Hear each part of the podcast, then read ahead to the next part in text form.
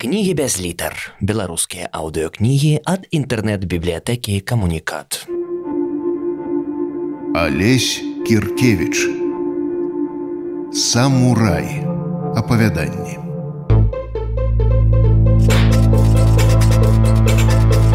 Імёны для вікі.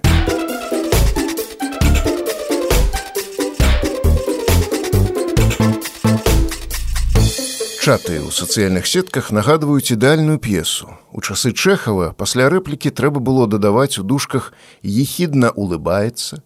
Цяпер для падобных выпадкаў ёсць легіёны карцінак з усмешкамі, сабачкамі, лісамі, кактусамі. Тысячы карцінак замест дзясятка слова ў дужках. Тысячы карцінак замест эмацыйнай бездані жывой размовы. Яна нагадала пра сабе нечакана. Я ўжо даўно не згадваў яе імя, не ведаў таксама, ці яна згадвае маё, згадала. Привет. У сэрцы закалола, яе мініяцюрны партрэт усплыў на маніторы. Вітаю. Как жизнь, володечка. Нічо жизнь, дурноваты смайл з вясёлай лісой. Жывы на свабодзе. Это хорошо смайл з расцягнутай да неіснуючых вушэй усмешкай. У меня такое дело, ты мне имя можешь выбрать, какое-нибудь белорусское, у меня будет дочка. Мля, я ледве с кресла не упаў. За кратамі рэбраў, дзе толькі што закалола ўтварылася пустка. Я застыў, утаропіўшыся вачыма в акрайчык экрана з чатам. Дрыготкія пальцы паклаў на калені далей ад клавіатуры. Наверное, отрываю, не злись. Не злую, я нешта прыдумаю. Грация. Тая ж самая задаволеная фізіяномія без вушэй. Працаваць ужо не хацелася. Хацелася, каб нічога вакол не было, ніколі. Тое лета не мела сканчацца. Горад глядзеў на нас і усміхаўся, калі мы кружлялі па брукаваных ходніках, па белым пяску ўздоўж абмялелай ракі, па асіметрычных вулачках драўляных кварталаў прыватнай забудовы.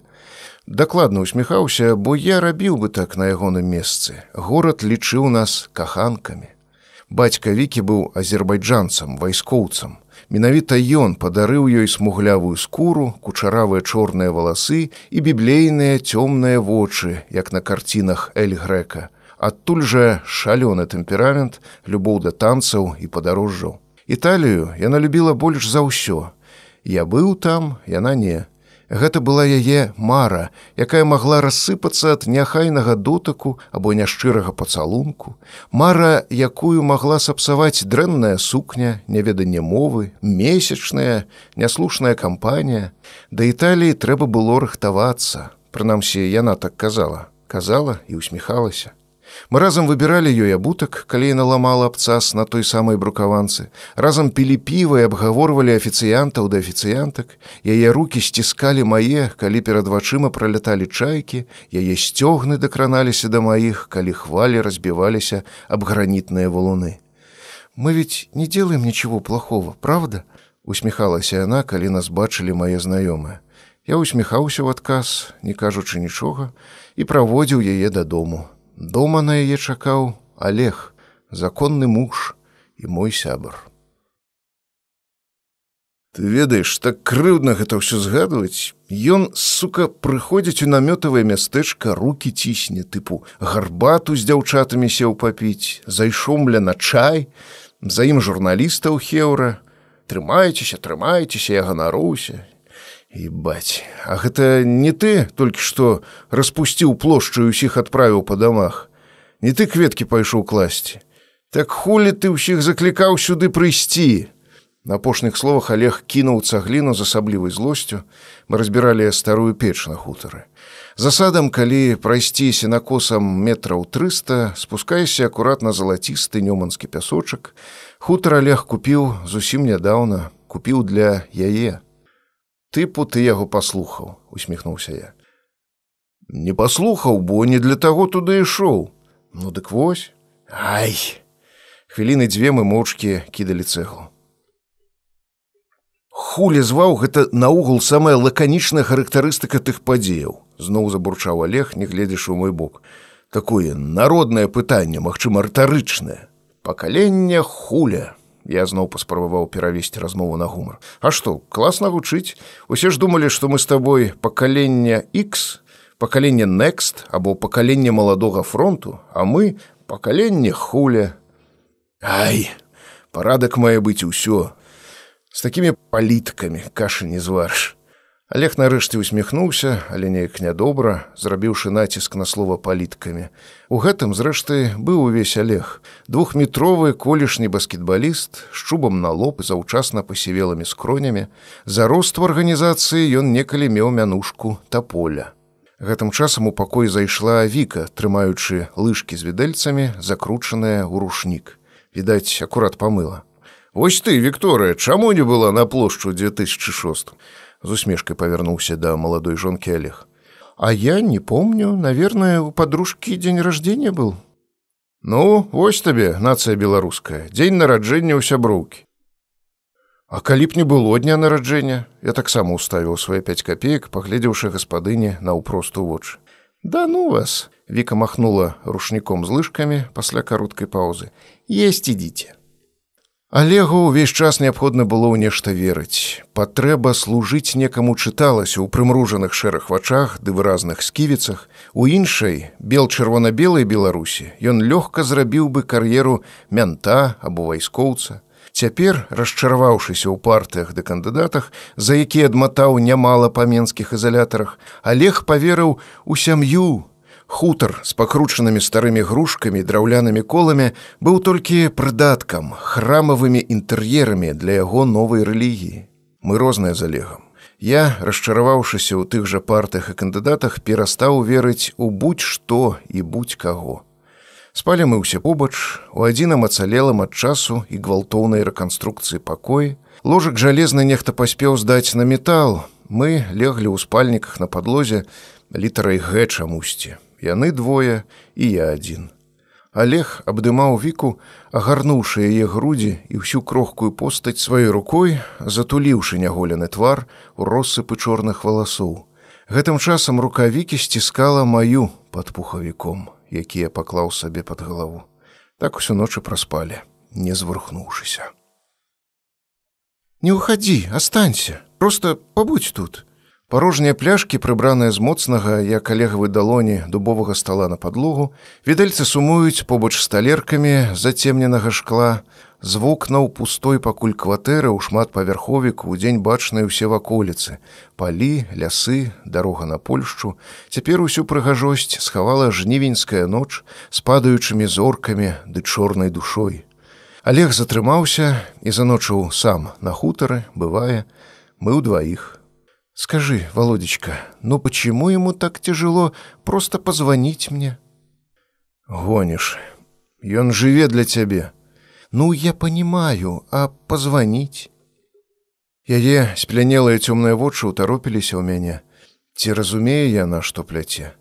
Яе сэрца білася хутчэй, чым звычайна, анамальны рытм дыхання быў заўважны па схаваных пад чырвонай цішоткай грудях, Яна сядзела, адкінуўшыся на спінку крэсла, а чорныя валасы спадалі на твар, ды злёгку прыкрывалі левое вока. Я пойду позна ўжо. Ну, пожалуйста, кару міо.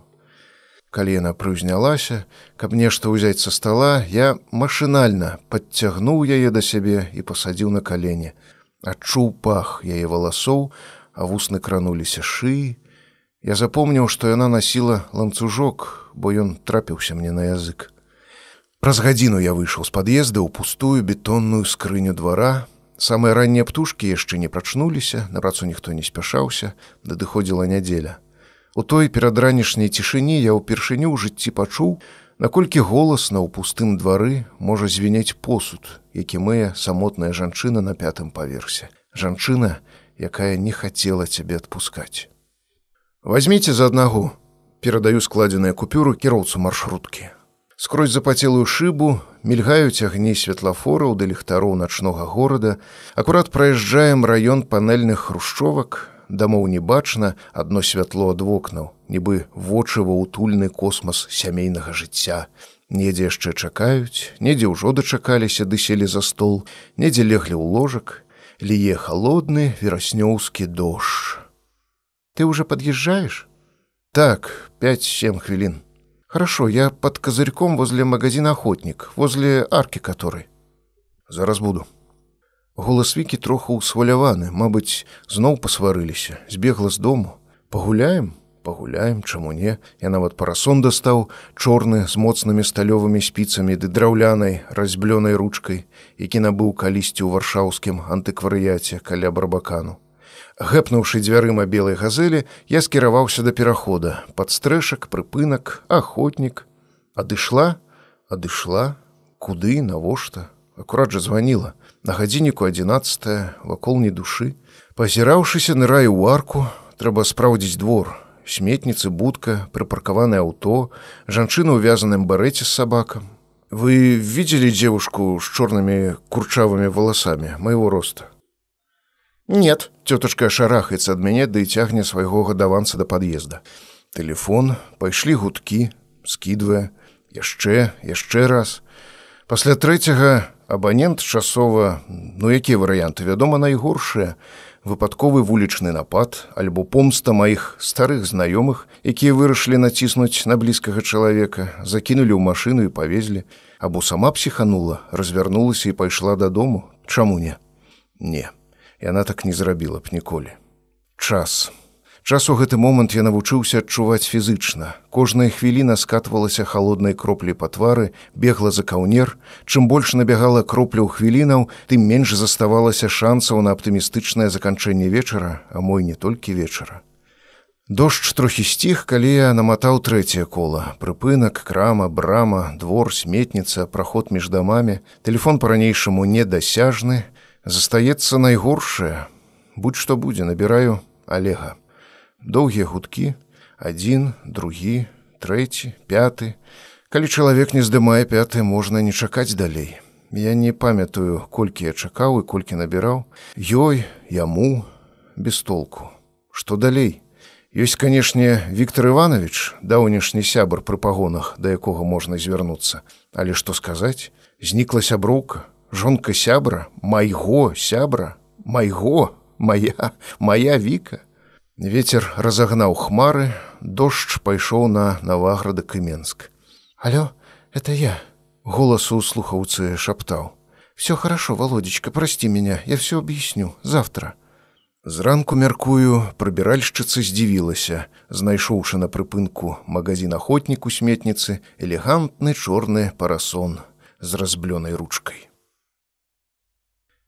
Вы разминулись буквально на пару минут, понимаешь?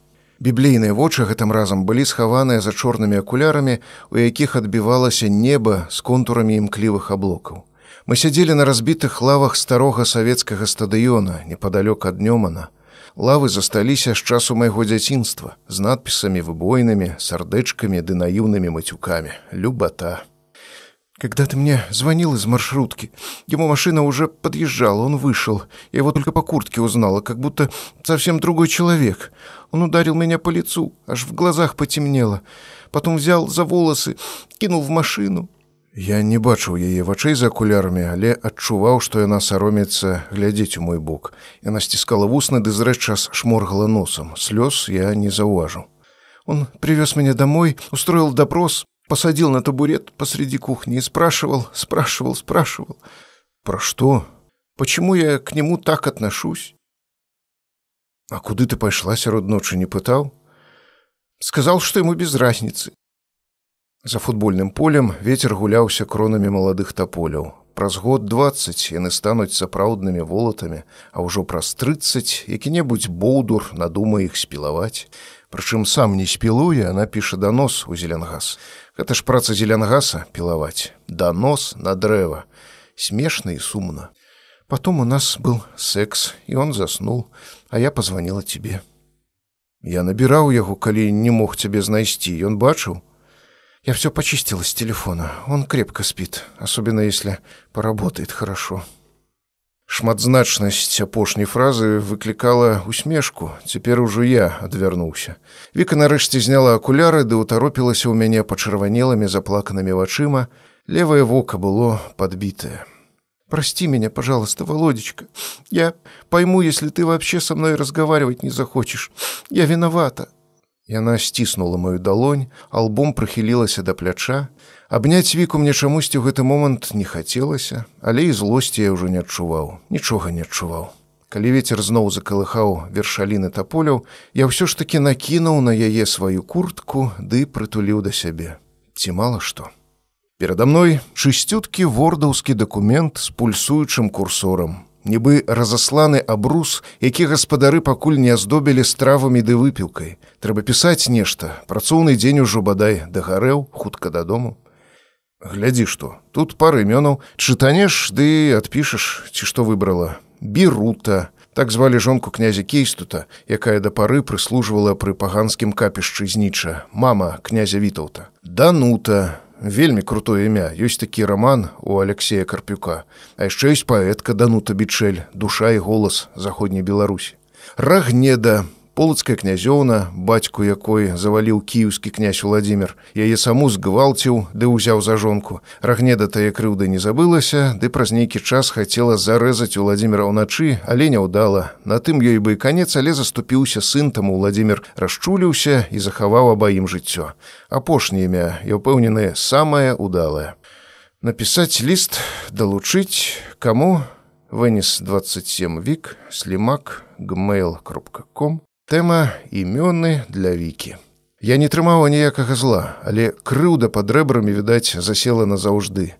На каго і за што не магу зразумець, ці магло б быць інакш, як менавіта таксама. Яна палічыла, што перастала быць мне цікавай, калі ўбачыла мяне на вуліцы з іншай праз месяц пасля. Хай лічыць. Я думаў, што паставіў для сябе моцную заслону ў тую дажджлівую ноч знікненняў. Памыляўся. Усё скончылася на наступны дзень, але не на стадыёне, дзе мы ўчапіліся адно ў аднаго на тым вятрыску, а праз паўгадзіны.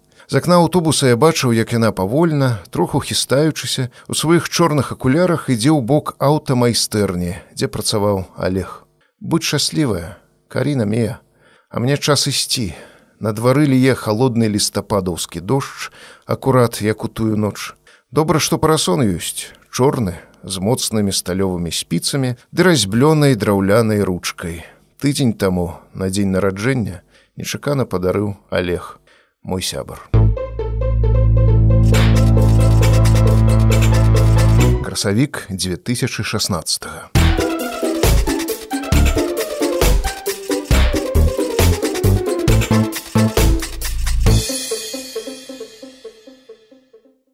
Кнігі без літар. Беларускія аўдыёкнігі ад інтэрнэт-бібліятэкі камунікат. Алесь Кіркевіч. Самурай. Апавяданні.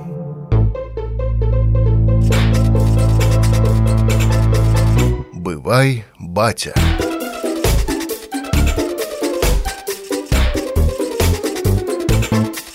Трое ў пухавіках і чорных вязаных шапачках валаклі аднаго. Той адзін то ішоў смірна, то нібыта спрабаваў вырывацца, тады руки яму выкручвалі яшчэ больш старанна. Найтаўсцейшы з канваіраў у сіняй падшыванай куртцы перыядычна рабіў палоннаму падножкі, гупаючы сваім востраносым ботам па ягоных зношаных кросах у раёне ахілесавых сухажылляў. Пайшлі пайшлі не барочвайся трымаючы дыстанцыю праслізнулі побач па сценачцы трансфарматарнай будкі два памаранчавыя супрацоўнікі жэсу вусаты дзядзька і жанчына хлопца валаклі ў напрамку сіняга бусіка. Калі адлегласць склала пару десяткаў метраў дзверы ў машыне ад'ехалі. Энергічная кампанія спынілася ля дзверак. Палонны нават выпрастаўся запхаў руки ў кішэні. Стал как барин, залазь, мля! Гаркнуў таўсташчокі з вачыма на выкаце і выпісаў хлопцу пад затыльнік. У салоне з завешанымі фіранкамі і чахламі са штучнай скуры сядзеў толькі адзін чалавек у кепцы. Калі ўсе расселіся, а мотор загудзеў, чалавек усміхнуўся і дастаў з унутранай кішэні дзве купюры. Красава!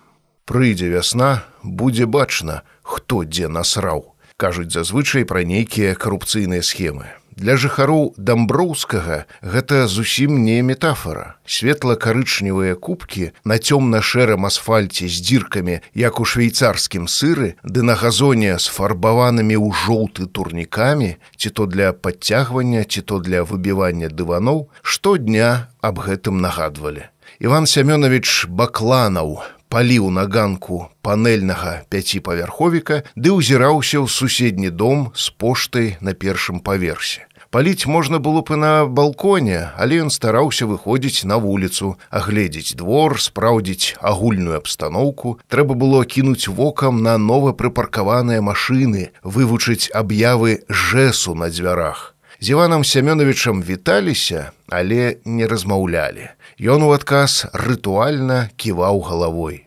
У гродна Іван Семёнович перабраўся ў 80е пасля службы ў вільдер-парку под дрэзденам. Пра тыя залатыя часы у трох пакаёўцы на першым паверсе на вуліцы дамброўскага нагадвала дэфіцытная гДраўская мэбля, дыван на сценцы з пастаральным сюжэтам. Ліса драпежна глядзіць на стаў з лебядзямі, а ззаду красуе вадзяны млын. А таксама белы парцалянавы слон з адбітым біўнем і кляймом Карль Энс. Панад пісьмовым сталом на кніжнай паліцыі стаяла некалькі тамоў акуніна у таннай мяккай вокладцы ды звезда генерала калчака.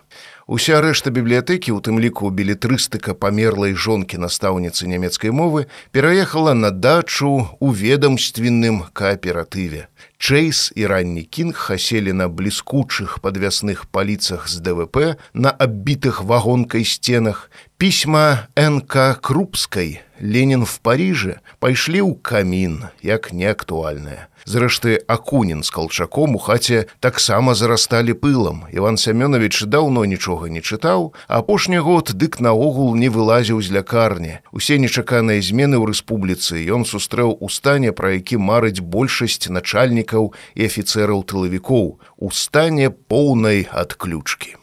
Над камп'ютарам сержука красаваў сцяг, утыканы значкамі як лялька вуду, ды партрэт лысаватага палітыка са стаічным квадратным падбароддзем. Калі гадоў 10 таму сяржук зайшоў на партыйны офіс аднаго пратэснага руху, каб напісаць заяву на ўступленне ў ягоны моладзевы прыдатак, то лічыў, што заскочыў у апошні вагон, рэжым у чарговы раз меўся вось-вось паваліцца, а сержуковыя аднакурснікі заняць цёплыя месцы ў гарвыканкаме у розных там упраўленнях па справах моладзі сталася па-іншаму. Рэжым памёр сам сабой за адну ноч, але тыя, хто быў нічым, так у гэтым стане засталіся піраміда просто пасунулася на одно дзяленне замы сталі начальнікамі замы замаў першымі замамі і гэтак далей. Канешне з еўропай стасункі наладзіліся. За мову ўжо ніхто нікога не цягаў па пастарунках але ўсё адбылося неяк не так як мелася не так як сяржук сябе уяўляў Рэжым не быў пераможаны, а сышоў са сцэны як акцёр, што страціў цікавасць да п'есы.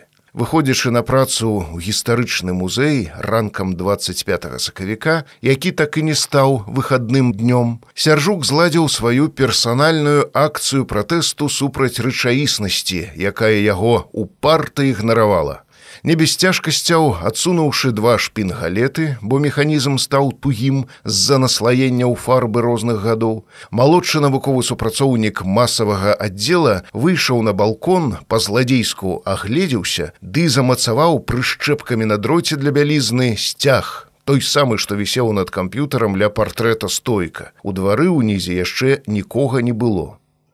Каму трэба, той убачыць пракруціў галаве сяржук зноў засоўваючы шпінгалет. Удзень усё адно ж на пошту пацягнуцца. У міколавым офісе было душна нягледзячы на сырасць і холодны паўночны ветер на двары. Тебя кажется бача искал праходзячы поруч кінуў віталік з пухлымі шчокамі ды вачыма на выкаце. Пасіб шча перазваню Мікола пацягнуўся праз увесь закіданы паперамі стол да гарадскога тэлефона, бацька не выносіў мабільнае. Ну што там? пасля пары гудкоў перапытаў мікола. Приезжай, надо паговорить.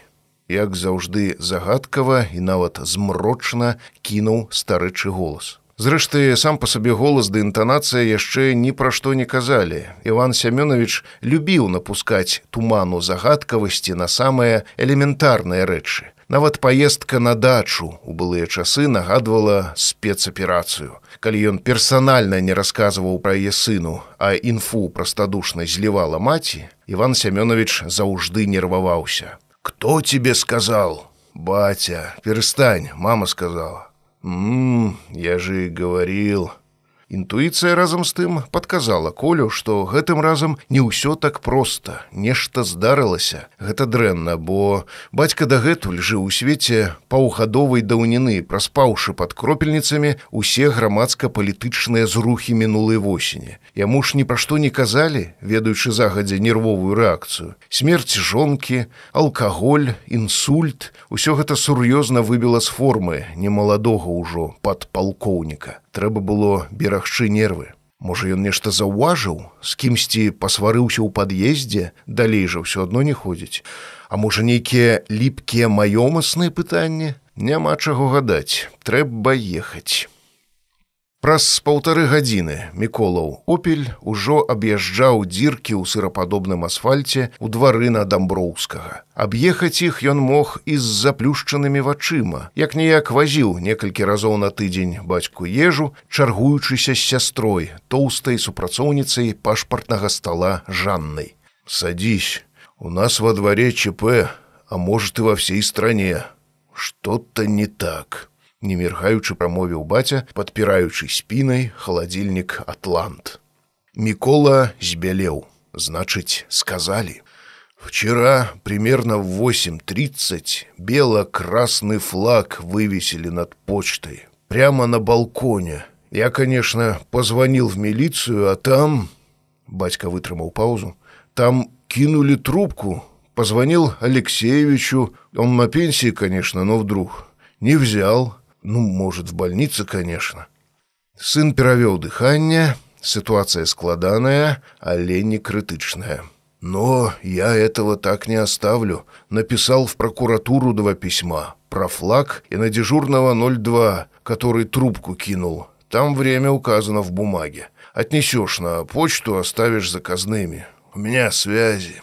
Увесь гэты спектакль, які яны з сястрой ігралі вакол бацькі апошнія паўтара месяца, рызыкаваў праваліцца. Зрэшты, а які тут спектакль? Старому ж не брахалі ў вочы, просто нічога не казалі. Жанна спачатку назвала колю прыдуркам за ідэю захаваць усё ў таямніцы, але пасля пагадзілася, каб не браць адказнасць і не даваць у руки самагубцу зараджаны пісталет у выглядзе стоса свежых рэспубліканскіх газет паштовую скрыню коля проста разбіў двума ударамі фомкі каб не было нават спакусы нешта выпісваць хуліганы ў пад'ездзе бывае.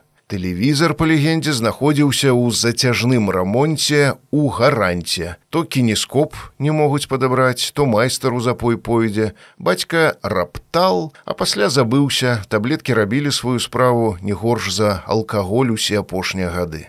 Да я все занесу баць не волнуйся Угу. Трэба было дзейнічаць, пакуль падпалкоўнік у адстаўцы бакланаў не пачаў апошні ў сваім жыцці крыжовы паход, не ведаючы нават, каму зараз належыць Ерусалім. Дзейнічаць тэрмінова. Адзіноту сержука падавалася нішто і ніхто не мог парушыць. Сцяг быў спакойна зняты ўвечары 25 і перавешаны на яго законнае месца. Ноут быў складзены схаваны недзе на шматпавярховых паліцах з альбомамі па мастацтве і стосамі савецкага фота. На стале, які на час ператварыўся ў хірургічны, быў распластаны фотоапарат Кэнан, набыты ў мядовыя гады паездак за мяжу і лёгкіх грошай. Любоў да фота, дарэчы, яшчэ адна супольная рыса з лысаватым стоікам, што ўзіраўся са сцяны. Мацюкнуўшыся пару разоў, сяржук нарэшце пакінуў свайго пацыента і пайшоў адмыкаць. Звонку настойліва званілі. Міліцыя? Не, не можа быць імгненна пранеслася ў галаве малодшага навуковага супрацоўніка. Дарова. Прывітанне, здзіўлена акінуў вачыма свайго колішняга дваровага кента сяржук. Есть мінутка. Без праблем у мяне выходны сёння праходзь. Мікола зайшоў, агледзеўся ў вітальні, разувацца, не разувацца, прамільганула непрыемная думка. Рамонту даўнавата не было, а не прыбіраліся хіба яшчэ даўжэй. У зал мікола прайшоў, не здымаючы карычневых лакаваных ботаў. Што чуваць, заняты троху. Я понял, такое дело, с бати беда. А тут ты, ну, накосячил трахец. Нужна помощь. Сяржук залыпаў вачыма і ўжо падумаў, што дарма адчыніў дзверы. Падчас міколавых энергічных тлумачэнняў музейшчык некалькі разоў бялеў, чырванеў, але так і не вымавіў ані слова, каб не перарываць дакладчыка. Нарэшце мікола скончыў. Не, я не згодны, заматаў галавой, склаўшы руки замком сяржук. Гэта прыніжэнне гонару і годнасці. Всего один раз. Не, это важно для старыка, понимаешь? Я разумею, ну подумай, это ж не просто так, ты ж без денег сядзіш, та? Мажліва, а тут сотня за полчаса. Паўгадзіны ганьбы. Какая разница, это игра. Ты мне менш. 150, сёга, не выебывайся. Прабач не. Ну, мля... Сяржук падхапіўся з дабітай чэхаславацкай канапы і стаў ля вакна бліжэй да сцяга з партрэтам. Сонца падкрэслівала ягоны сілуэт. Не крыўдуй мікола 200 менш не. Замётана, холодна адрэзаў коля, сцяўшы сківіцы. Усю працэдуру экзекуцыі Іван Семёнович уважліва назіраў з акна, канспектуючы ў галаве кожную дэталь. Увечары пра ўсё скупа далажыў сыну. Забралі підара з флагам каторы над почтай. Да, шчыра здзівіўся мікола, ты видел? А то, усміхнуўся падпалкоўнік в адстаўцы. Я все вижу. На столе парой дыхали два граненые кубки у подшклянниках с кремлевскими вежами. Письма закинул? Что? Да, да. Это хорошо. Я ответа все равно буду ждать. И по флагу отпишут, почему целый день провисел, и по дежурному. С кубком у руце Иван Семенович подышоў до окна, скрозь темру, осветленную желтым светлом ліхтароў, намацваючы позіркам абрысы пошты. Захотели, мля, как дедушка Ленин. Телеграфы, почты, вокзалы. Мало дали ему. Бать, не куры много, а? Сам знаю. Ответ тебе с прокуратуры по почте придут. Не звони зря. Ну, Сербануўшы гарбаты, Мікола пайшоў абувацца. Бацька запаліў, не адыходзячы ад акна. Засынаў Іван Семёнович гэтай ноччу з ледзьве заўважнай усмешкай на твары. Са сценаў на супрацоўнікаў зняважліва глядзелі дыпломы ў рамках. Лідар, намінант, удзельнік выставы, узнагароды зрэшты належалі не людзям, а прадуктам, маскоўскай каўбасе, едымінавым вяндлінам, сасіскам па-панску. Коля, у тебя мабіла пілікала, адазваўся да міколы таўсташчокі Віталік са свайго камп'ютарнага крэсла. Пасіп, гляну, абыякова кінуў шэф падыходзячы да стола сэнсорны экран спачатку не слухаўся можа не слухаліся пальцы няважна. Серж у прапушчаных. Что ему надо? Расчыталі свець пайшлі гудкі. Званіў? Так так слухай маеш хвілінку? По той бок зазвіняў фальцэт малодшага навуковага супрацоўніка. Маеш ледзьве чутна прашапеў мікола Я вось такой нагоды. Ты канешне сам глядзі але калі раптам для твайго старога трэба ну перыядычна нешта падобнае калі ёсць патрэба я сам не навязваю ты кажы. Умер баця. Не чакаючы адказу мікола скончыў размову ды кінуў мабілку ў шуфляду стола праз імгненне праўда дастаў назад і паклаў вонкі. Яшчэ мае пазваніць жанна наконт рэстарана а з ваенкамата паведамяць пра аркестр Хавалі Івана Семёновича з усімі вайсковымі ўрачыстасцямі, з духавым аркестрам, яловымі вянкамі і медалямі на чырвоных падушачках. Труна падпалкоўніка была сарамліва прыкрытая новым дзяржаўным бел-чырвона-белым сцягам. Люты 2016. -го.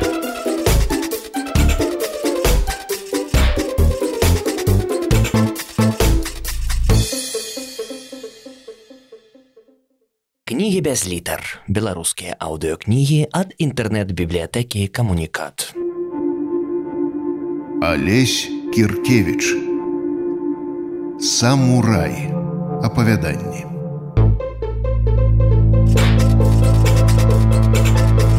Жнівень дагарае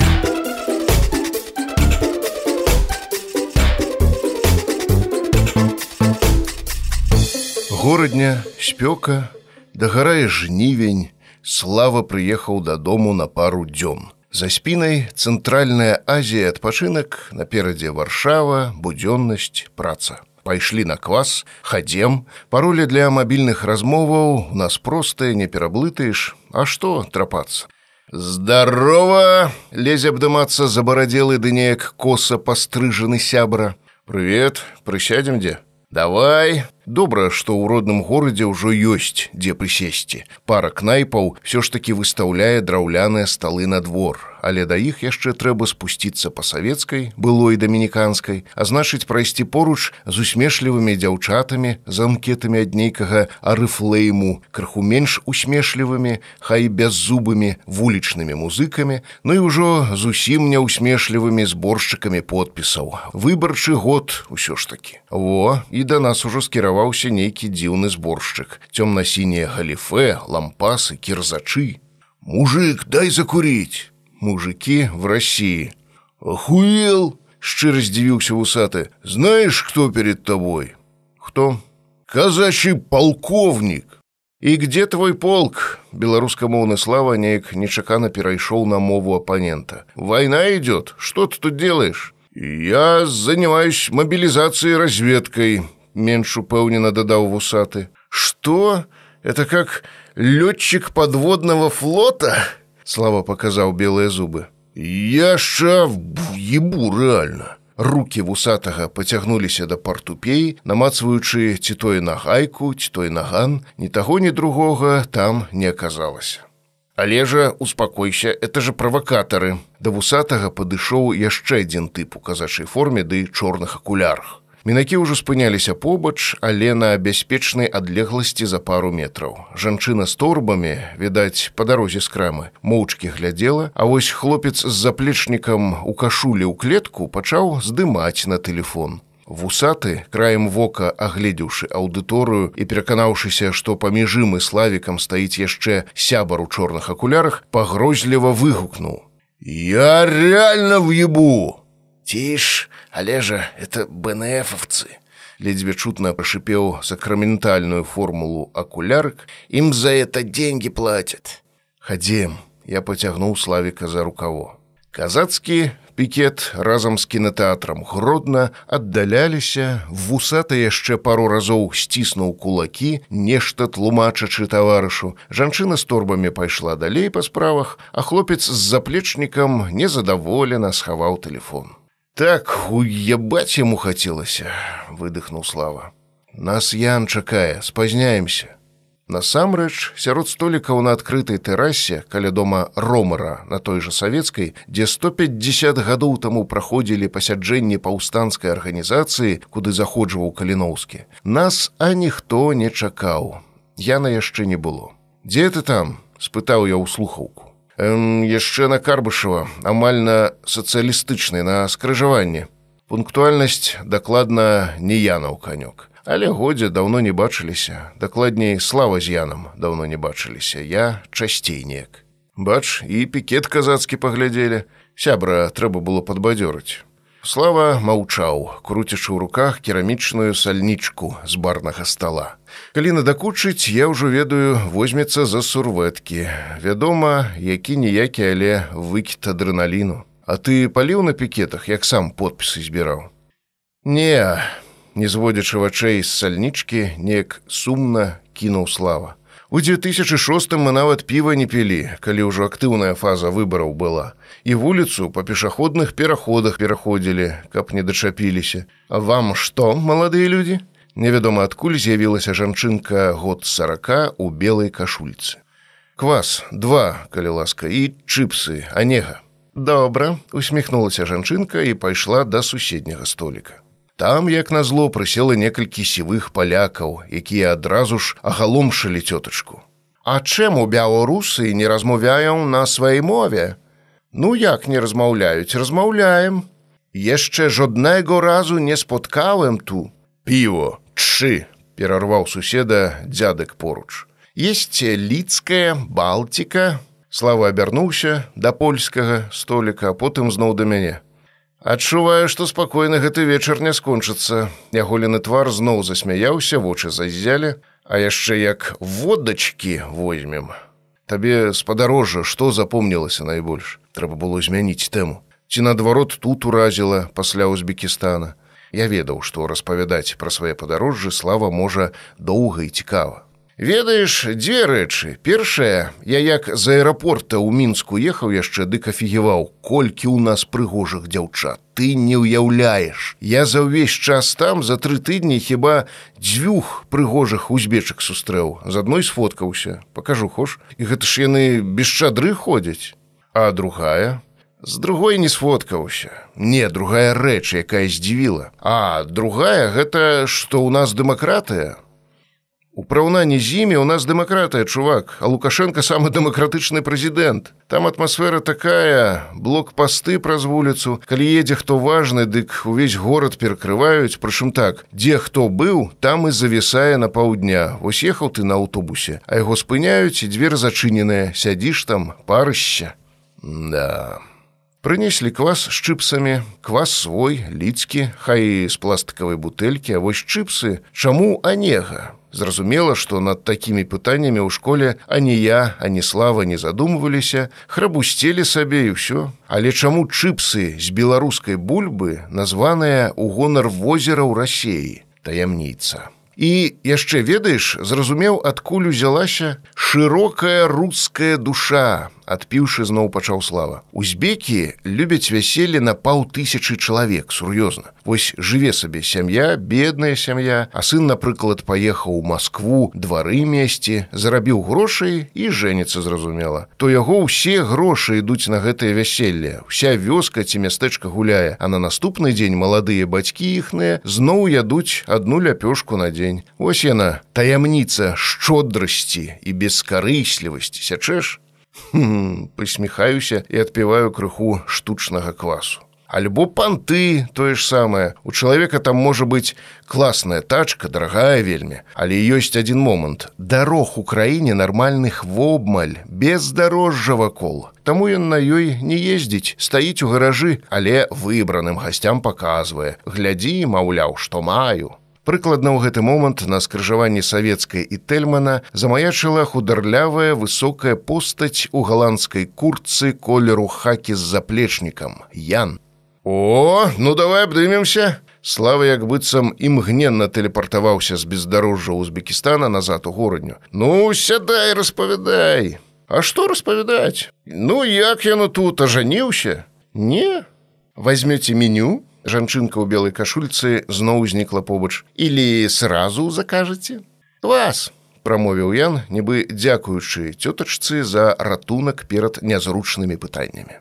Мля, колькі дзяўчат прыгожых! Слава ўжо ўзіраўся на плынь па-летняму апранутых людзей, якія штосекунды паліравалі сваімі сандалямі дэсланцамі міжваенную брукоўку колішняй дамініканскай кажуць, што нацыя стае нацыяй, калі пераадольвае этнацэнтрызм і вырываецца вонкі. Еўропа стала Еўропай, калі вырвалася за межы міжземнамор'я і балтыкі. Польшча сталася Польшчай. Калі польскія археолагі пачалі капаць в Егіпце, абжазінскі намаляваў для сусвету вялікую шахматную дошку. Каб адбыцца, нацыя мае асэнсаваць сваю місію, паглядзець на сябе і ўвесь свет збоку. Мажліва, таму Беларусь ведаюць, дзякуючы скарыну, які рэалізаваў глобальны праект, прынёс друкаваную кнігу ва ўсходнюю Еўропу. Дзякуючы касцюшку змагаўся за свабоду па абодва бакі акіяна, дзякуючы быкаву напісаў геніяльныя экзістэнцыйныя творы, актуальныя ў любы час, такія сабе евангеллі памежных псіхалагічных станаў, у якіх пілоткі з зорачкамі былі ўсяго толькі рэквізітам. А ці стаўся б скарына без прагі, касцюшка без Амерыкі, быкаў без адысеі па Еўропе. А што калі б скарына перапісаў за жыццё ад рукі некалькі псалтыроў, касцюшка адслужыў невядомым афіцэрам у арміі позняй рэчы паспалітай а быкаў пакінуў па сабе ўсяго толькі наіўна шчымлівыя ўспаміны пра бычкі ды іх насельнікаў. Слава нервова ставіўся да закідонаў накшталт мы тут сядзім пакутуем змагаемся а ты па еўропах ездзіш Па-першае, не па Еўропах, а па свеце, бо слава грамадзянин свету. Па-другое, а чаго сядзіцё, як змагаецеся, які з гэтага плён на штодзень, што вы канкрэтна вызмагалі сёння такога, што дае вам права папікаць іншых у бяздзейнасці. Таму па меры змяншэння колькасці фрэндаў на фэйсбуку змяншалася і колькасць падколак ад колішніх сяброў па першым беларускім ліцэі ў гародні ды маладым фронте сённяшніх айцішнікаў дробных бізнесоўцаў ды бацькоў сямействаў. Ты я не чым займаешся? Паціху музей цяпер у асноўным на раскопках. Ясна Скаральнік пустыняў зноў прыціх, Ян пачаў распавядаць сумную гісторыю пра карані русафільства ў беларускім нацыянальным руху. Дыскусія, маўляў, яго была нядаўна з нейкім гісторыкам пра Тарашкевіча, ластоўскага, Луцкевіча, дзясяткі імёнаў, якія чамусьці паспелі набіць аскоміну яшчэ ва універсітэце. Можа варта ўвесці нейкую адказнасць для няўдахаў, якія прапагандуюць айцоў заснавальнікаў так, што ад іх імёнаў пачынае нудзіць ці накласці мараторый на арганізацыі, якія сабе гэтыя імёны прыўласнілі разам з магіламі ды мемарыальнымі дошкамі, зрабіўшы так, што ад іх пахне мерцвячынай, ці проста забараніць чытаць кніжкі па гісторыі пэўнай катэгорыі нацыянальна свядомых грамадзянаў з псіхічнымі адхіленнямі. А я, ведаеш, калі прыязджаю, больш за ўсё з братам часу баўлю у момант зліўшы гістарычную дыскусію зноў лес слава. А ведаеш чаму, бо з паспяховымі людзьмі заўжды цікава, а тут яшчэ і брат, фірма свая, шафы ды кухні збірае, а з тых з майго пакалення часам сумна кагосьці бачыць. Калі час ідзе, а чалавек такі самы. Шведар выцягнуты з дзіркамі, ды размовы ўсе пра лукашэнку. Датычна ўлады у славы як у колішняга актывіста процьмы кампаніяў была свая канцэпцыя. Самае дурное гэта даць ворагу зняволіць сябе двойчы. Бо большасць дэмакратычных актывістаў спачатку на 15 сутак садзіць крывавы рэжым, а ўжо на рэшту жыцця на пажыццёвае яны садзяць сябе самі, дазваляючы рэжыму апанаваць усе свае думкі жаданні фантазіі ды фобіі. Такая яна знішчальная прырода зла. Таму слава шукае сэнсы жыцця ў арызоне, непале, альбо на дне высыхаючага аральскага мора, адкуль вярнуўся парудзён таму, каб праз пару паехаць у варшаву, а не ў пыльных офісах за сцяг і мову, дзе пануе маўчанне і скруха. Разлічыўшыся, выходзім з кнайпы. Палякаў за столікам ужо няма, Ян хутка развітваецца ды збягае на аўтобус, яму ў іншы бок шпацыруем уздоўж вуліцы дзяржынскага акурат па той частцы якая некалі была мастом над швейцарскай далінай. Пакуль за познім саюзам нехта не прыдумаў змяніць ландшафт ва ўсім старым цэнтры. Даліну засыпаць рэчку пусціць у трубы збудаваць плошчу і паставіць леніна. То бок пад леніным пустка на плошчы таксама велічэзная пустка архітэктары пустак. Глядзі якая! Хітая галавой слава ужо падыходзячы да прыпынку. Ды ну твар, а фігура, што фігура? Табе колькі гадоў, 25.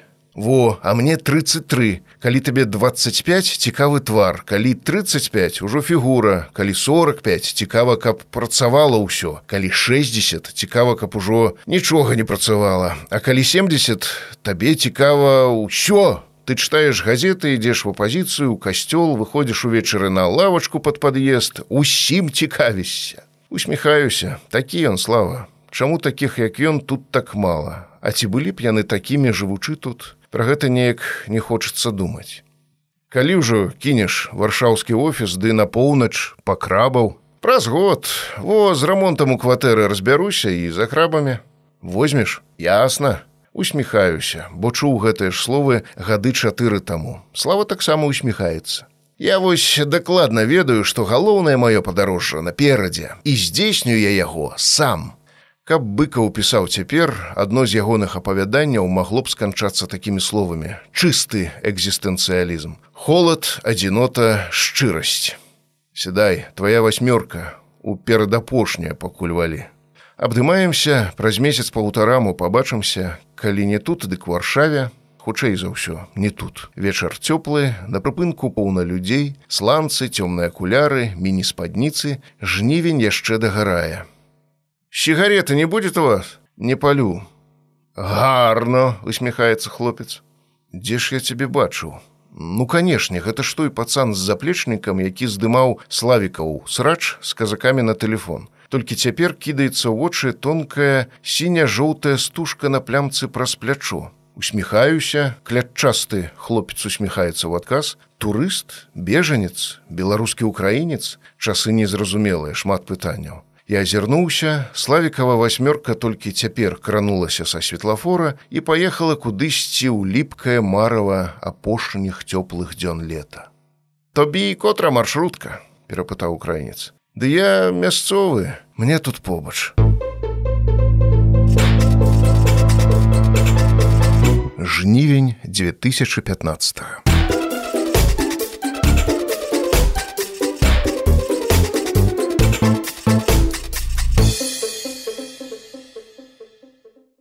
кнігі без літар беларускія аўдыокнігі ад інтэрнэт-бібліятэкі камунікат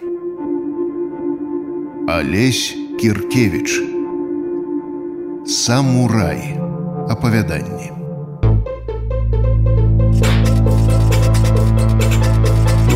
Задыяк.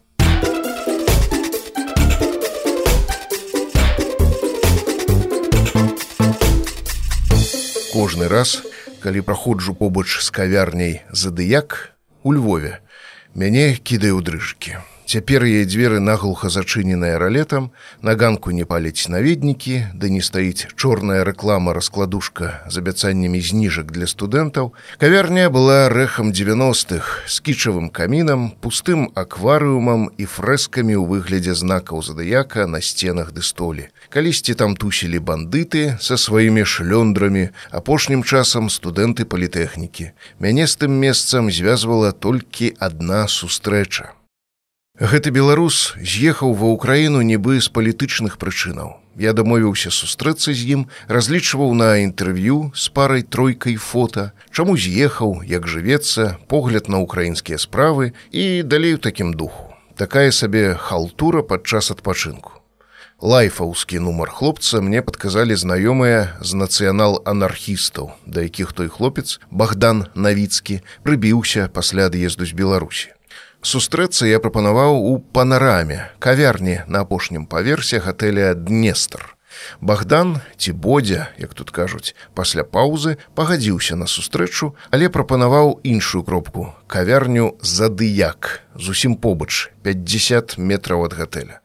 Амерыкана найкруцейшая кава, асабліва калі ты журналіст. Яе можна замаўляць, не зазіраючы ў меню блакнот, асадка, дыктафон, усё гатова. На Богдана я чакаю за сталом у самым куце. З паўпадвальнага памяшкання кавярні, праз вокны бачныя ногі мінакоў, падкатаныя джинсы, берцы, красоўкі, наведнікаў няма. Богдан спазніўся хвілін на 10, патлумачыўшы заторамі на гарадоцкай. Узяў эспрэса і шклянку вады. На выгляд хлопцу гадоў 30 светлыя валасы, выцягнуты твар з прамым носам, выразныя шэрыя вочы. Богдан попрасіў папяльнічку і закурыў. Тут оказывается можна паліць, я не ведаў, мо таму сустрэчы перанесеныя сюды. Што вас цікавіць? Па-першае, чым ты займаўся ў Беларусі, ці затрымлівалі, чаму з'ехаў, калі хочаш, прыдумай сабе нейкае псеўда для артыкула, як лічыш, што, напрыклад, у родных будуць праблемы. Насуперак канонам журналістыкі я наваліў адразу купу пытанняў, нічога пасля падрадагую і разаб'ю на асобныя тэмы. Мой суразмоўца запаліў цыгарету і пачаў дзелавіта і энергічна. Я тады вучыўся на гістфак у горадні кафедра гісторыя славянскіх народаў. Пачынаючы з чацвёртага курса я выконваў пэўныя просьбы сваіх сяброў, працаваў у студэнцкім сяроддзі. Я аўтаматычна глянуў на дыктафон, дзе высвечваліся лічбы ды ламаны графік гуказапісу. Запіс ішоў. Богдан, злавіўшы мой позірк, пасміхнуўся і працягваў. Я задаваў выкладчыкам нязручныя палітычныя пытанні на парах, цікавіўся, ці гатовыя студэнты дакцыяў пратэсту ў выпадку падвышэння аплаты, прамацваў, як ставіцца да пазіцыйных палітыкаў. Акурат выбары былі на носе. Сярод іншага я спрабаваў трапіць розныя кампаніі, шукаў інтэлектуалаў, Богдан зноў зацягнуўся і паглядзеў мне ў вочы. Ведаеш, ты хіба не пра гэта хацеў пагутарыць, але я хачу нешта распавесці, наўрад ці на тваім сайце гэта паставіць, але тым не менш ок, без праблем, Дык вось я працаваў з рознымі кампаніямі інтэлектуалаў. Асабіста мне было цікава з тымі, хто чытаў хайдагера і генона, на худы канец дугіна. Майго сябра, на жаль, цікавілі панылыя адэпты сахановіча і ластоўскага. Я зрэшты заўжды стараюся рабіць тое, што цікава мне. Ты ж таксама задаеш тыя пытанні, якія цябе цікавяць, каб атрымалася добрае інтэрв'ю. Інакш выйдзе прапаганда, штампы, як найчасцей бывае на ваших сайтах. Цікава, што ён добра размаўляў па-беларуску, як для анархіста ці нацыянал-анархіста, якім я яго папярэдне лічыў. Карацей, аднойчы мяне запрасілі ў дзіўнае месца. Кватэра ў старой камяніцы, акурат на колішнім гарадскім вале, адзін з самых высокіх пунктаў горада. Першы паверх, ведаеш, каваныя парэнчы, шахаўніца з белай чырвонай пліткі ў пад'ездзе. Кватэра належала нейкай старой, з яе здаваўся толькі адзін пакой, які нагадваў калідор, вельмі выцягнуты. Старую кватэру, мабыць, некалі парэзалі, так атрымалася гэтая кішка ад увахода да акна. Сцены былі застаўленыя кнігамі, там былі сотні тысяч кніг. Самаробныя паліцыі прагіналіся пад імі. Недзе кніжкі стаялі адна на адной, утвараючы вежы да столі. Верхняга святла не ўключалі, гарэла заўжды толькі лямпа на пісьмовым стале пад акном. Стол быў увесь завалены нейкімі паперамі, здымкамі, кавалкамі крэменю ці акамянеласцямі. У гэтай келлі ці бібліятэцы, не ведаю, як назваць, збіраліся тры-чатыры чалавекі, адзін з якіх і запрасіў мяне. Галоўная тэма іх размоваў улада, якая мае прыйсці. Не, там не ішлося пра пазіцыйных палітыкаў, якія ў мяне заўжды выклікалі ўсмешку. Антыпатыі да дзейнага прэзідэнта таксама не выказвалі. Тое, што мелася прыйсці на іх думку, павінна было змяніць усё жыццё ва ўсходняй Еўропе. палітыку, эканоміку, сацыяльную сферу, новы лад, новы парадак, сацыял-алігархія. Гэта, дарэчы, іх тэрмін нідзе больш не сустракаў. Мадэратарам размоваў быў чалавек без узросту, ну можа гадоў сарака, чорны такі смуглявы нос кірпаты у яго была праблема з нагамі. Цяжка хадзіў ці то кульгаў можа таму сядзеў заўжды ў цемры под кніжнымі вежамі. А нова запрошаны госць каля лямпы за сталом. Гэты чалавек несцер так его называлі быў такім сабе гуру Ён ведаў усё, верыш, каралеўскія дынасты, даты ўсіх перамогаў фрыдрыха прускага, падвіды бунчукоў ды барабана ў турэцкім войску. Гэта ўражвала. Размова ішла зусім не паводле плану, таму патрэбная была нейкая мадэрацыя з майго боку. Дык а што такое сацыял-алігархія? А ну так, гэта лад, згодна з якім большасць нашых суграмадзянаў мае быць знішчана, ператворана ў рабоў, ці памочніка ў гета. Улада належыць невялікай колькасці ідэйных, моцных і салідарных індывідаў, алігархаў. Яны кіруюць супольнасцю, знаходзяцца на вяршыні піраміды, гэтыя мудрыя аскеты ў чорных фрэнчах, якім нічога не трэба ад жыцця, акрамя улады, падтрымкі і распаўсюду сваёй сістэмы. Іх свет сістэма, уся рэшта антысістэма, якая мае быць вынішчана і перароблена на іншы лад. Ну, што тут арыгінальнага? Таталітарная мадэль на манер Оруэла, як крыху расслабіўся, нават глытнуў астылай кавы. Не зусім гэта квінтэсэнцыя, стрыжань, тое, што з супольнага ў камунізме з нацызмам у антыутопіях два стагоддзя. Дарэчы, пра Оруэла ён быў часткай вялікая трыяды. Чаго? Вялікая трыяда гэта Орэл, замяцін і Хакслі, аўтары, якія стварылі найцікавейшую антыутопію ў мастацкай форме. Калі дадаць стругацкіх і Лондона, жалезная пята атрымаецца пяцікніжжа. Пяць кніг, якія чытаў кожны ўдзельнік гэтых дыскусіяў. Хоць нейкай дыскусіі там не было, было толькі меркаванне гэтага несцера. Угу, Я паглядзеў у акно, за якім прайшоў нехта ў бундысе ды амерыканскіх берцах, хіба атошнік. Узгадка пісьменнікаў фантаста ў мяне троху дабіла. Ты не ўяўляеш, наколькі ў гэтай канцэпцыі ўсё было распрацавана. Людзі падзяляюцца на некалькі катэгорыяў, вышэйшыя, сярэднія і зброд. Зброд мае шмат падтыпаў, напрыклад, прадажнікі, кар'ерысты айцішнікі, паспяховыя людзі, пазбаўленыя ідэі. Ёсць атавісты, людзі з традыцыйнай свядомасцю, сям'я, дом, машына, атавізмы мінулага. Вышэйшыя інтэлектуалы, вышэйшыя ідэйныя інтэлектуалы, якія трымаюцца канцэпцыі сацыял-алігархіі. Гэта была нейкая секта? Ды не, яны ж не пакланяліся нікому хутчэй нейкі гурток або таварыства, але са сваёй вычварнай ідэалогіяй. Разумееш, згодна з ёй, Богдан паказаў шыхт белых зубоў. Людзі без ідэі нічога не вартыя, іх трэба саджаць у гета. Дарэчы, гета зручна ствараць у мікрараёнах, у шматпавярховіках. І доўга ты туды хадзіў? Я далажыў пра ўсё, мне падзякавалі, але праз два тыдні параілі больш туды не лезці, а займацца уладальнікамі значыкаў заня кляева ды зборшчыкамі подпісаў. І ты не хадзіў больш? Схадзіў яшчэ раз. Богданаў твар сур'ёзніў. Там ужо не было нікога дзверы кватэры адчыніла старая сказала што пакой зноў здаецца прапаноўвала ўзяць па добрай цане пакуль аб'ява не трапіла ў газеты. Мой знаёмы па гістфаку які мяне туды запрасіў упершыню таксама знік. На факультэце я яго больш не бачыў. Ну цікава. І ўсё?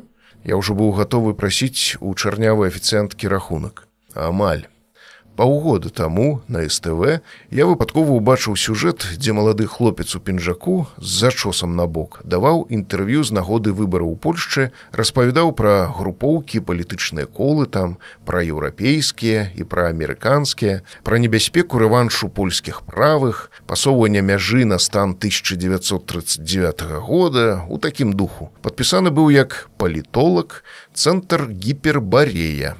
Гэта быў ён. Несцер гэты? Не, той з гістфака, Гурэвіч прозвішча. Я пагугляў крыху, аказалася, што ён паспеў скончыць акадэмію кіравання пры прэзідэнце, удзельнік еўразійскіх форумаў, аналітык, стваральнік цэнтра гіпербарэя. О, цікава! Я усміхнуўся, але Богдан заставаўся сур'ёзным. Тады я канчаткова прыняў рашэнне з'ехаць. А чаму? Што чаму? Значыць, усе пра ўсё ведалі. Усе гэтыя дзівакі, гарадскія сумасшедшыя, якія абчыталіся навуковай фантастыкі троцкага ды шпенглера, яны былі пад кантролем. Іх пачалі даставаць з далёкай шуфляды, дзейны чакалі свайго часу. Так я нагугліў яшчэ аднаго, чыё прозвішча было мне вядома. Ёсць інтэрв'ю ў інтэрнэце, ён семінарыст і арганізатар праваслаўных спартовых клубаў для моладзі на берасцейшчыне. А несцера нагугліў? Не, я не ведаю нават прозвішча. То бок вы, ты баішся вяртацца ў Беларусь? Давай не будзем пра страх. Бодзя дастаў яшчэ цыгарету. Зразумей, як гісторык табе кажу, перад кожным пераломам і паўстаннем новага таталітарнага рэжыму, недзе ў падваротнях ды закутках бібліятэк корпуюцца такія дзівацкія кампаніі. І калі іх нешта ці нехта кліча, яны выпаўзаюць з кніжных пячораў, каб расказаць усяму свету, хто вінаваты і як жыць, як у фантаста Лаўкрафта. Кліч ктулху чытаў, Тысячагоддзямі пад вадой жыла пачвара, якая праз сны заклікала розных людзей да практыкі свайго культу. І гэтым дзівакам сніцца у іх кніжных мроях панаванне над думкай, аўтарытэт, новы свет з сабой на чале. Я ўдумліва пахітаў галавой па нормах журналісцкай этыкі. З Богданом я сустракаўся яшчэ разы два. Нічога прынцыпова новага ён не сказаў, пагутарылі, пазгадвалі Менск, горадню. У Львове я пачаў бываць рэгулярна. А пасля Богдан знік, нібы расчапіўся на малекулы. Ягоныя украінскія кінты толькі разводзілі рукамі з часу нашай першай сустрэчы мінуў год. Цэнтр гіпербарэя стаў мільгаць па тв ледзьве не кожныя выхадныя. Пра казацкія летнікі ды сетку сепаратыстаў якая нібы выбудоўваецца вакол прыходаў праваслаўнай царквы не пісаў толькі лянівы. Я шмат разоў узгадваў богдана і яго вусцішныя аповеды. Пра гета у шматпавярховіках ды алігархаў у чорных фрэнчах Праглядаючы навіны, я мімаволі шукаю несцера, такім, якім мне яго апісаў Богдан, кірпаты, смуглы, кульгавы, калі у контурах або панараме з'явіцца гэты эксперт. Калі яго выкарыстаюць або наадварот, гэта ён выкарыстоўвае. Я гляджу ў акно на заснежаны дзіцячы садок за нямелымі арэлямі, чорнымі венікамі кустоўя, крытымі шыферам пляцоўкамі з сілікатнай цэглы, з наіўнымі кветкамі на сценах. Праз гадзіну зусім сцямнее і панад усім гэтым нібы змрочнае сонца узыдзе вялікі воз або вялікая мядзведзіца гіпербарэя як яе называлі грэкі. Трэба брацца за працу каб зноў не класціся трэці ночы дакумент на працоўным стале адчынены яшчэ з абеду але я не ведаю як яго скончыць. У кгб рб по городу гродно и гродненской области докладная записка о мерах по поиску агента «Зодиак». В ходе служебной командировки в город Львов, Украина, мною были предприняты следующие действия для обнаружения агента «Зодиак», который перестал выходить на связь. Первое – поиск через средства мобильной связи. Второе – поиск по временному месту жительства. Третье – опрос знакомых агента «Зодиак» из числа неформальных группировок молодежи. В результате поисков... снежань 2015 студзень 2016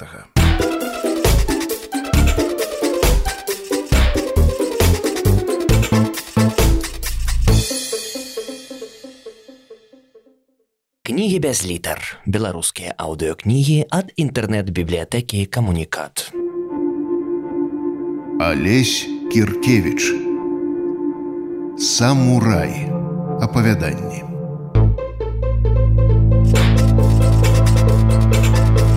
застацца.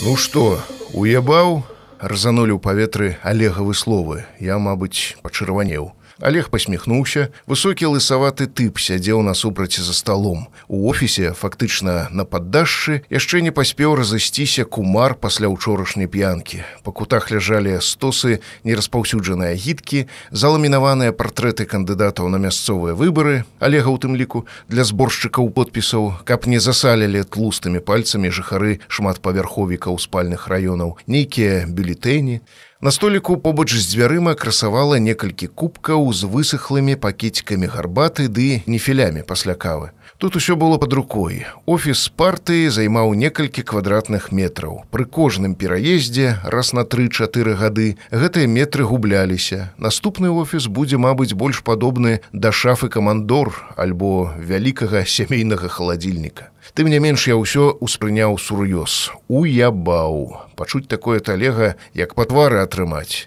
Які б не быў, а ўсё ж такі дзядзька аўтарытэтны, з салідным досведам і бэкграундам, які, як кажуць, не прап'еш. А хулі яны са сваім бандерам, палесся наша ажно пасарны, адазваўся збышак, які сядзеў тут жа за камп'ютарам. Прыходзь ва ўторак, будзе прэзентацыя кніжкі ўспамінаў F. Мне спадабалася, як чытаў. Ці ты ўжо паедзеш?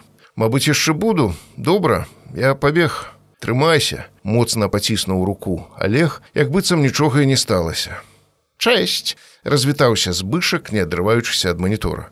Калі выйшаў, то сярод прапушчаных званкоў знайшоў нумар славы, ды, націснуўшы выклік, пачаў спускацца нядаўна вымытымі прыступкамі. Будынак разам з усімі офісамі, дарэчы, належаў раману Васілевічу, буржую, які ў свой час пры пасярэдніцтве алегавай партыі зваліў за мяжу. Але дабро, вядома, забываецца хутка. Разам з плошчай офіса менілі і шансы партыі дагрукацца да каменных сэрцаў беларусаў, а шансы рамана Васілевіча вярнуцца на радзіму. Здарова, ты быў званіў. Ага, са шпіталя выходжу на дзяржынскага. Давай каля помніка Мецкевічу праз 10 хвілін. Згода.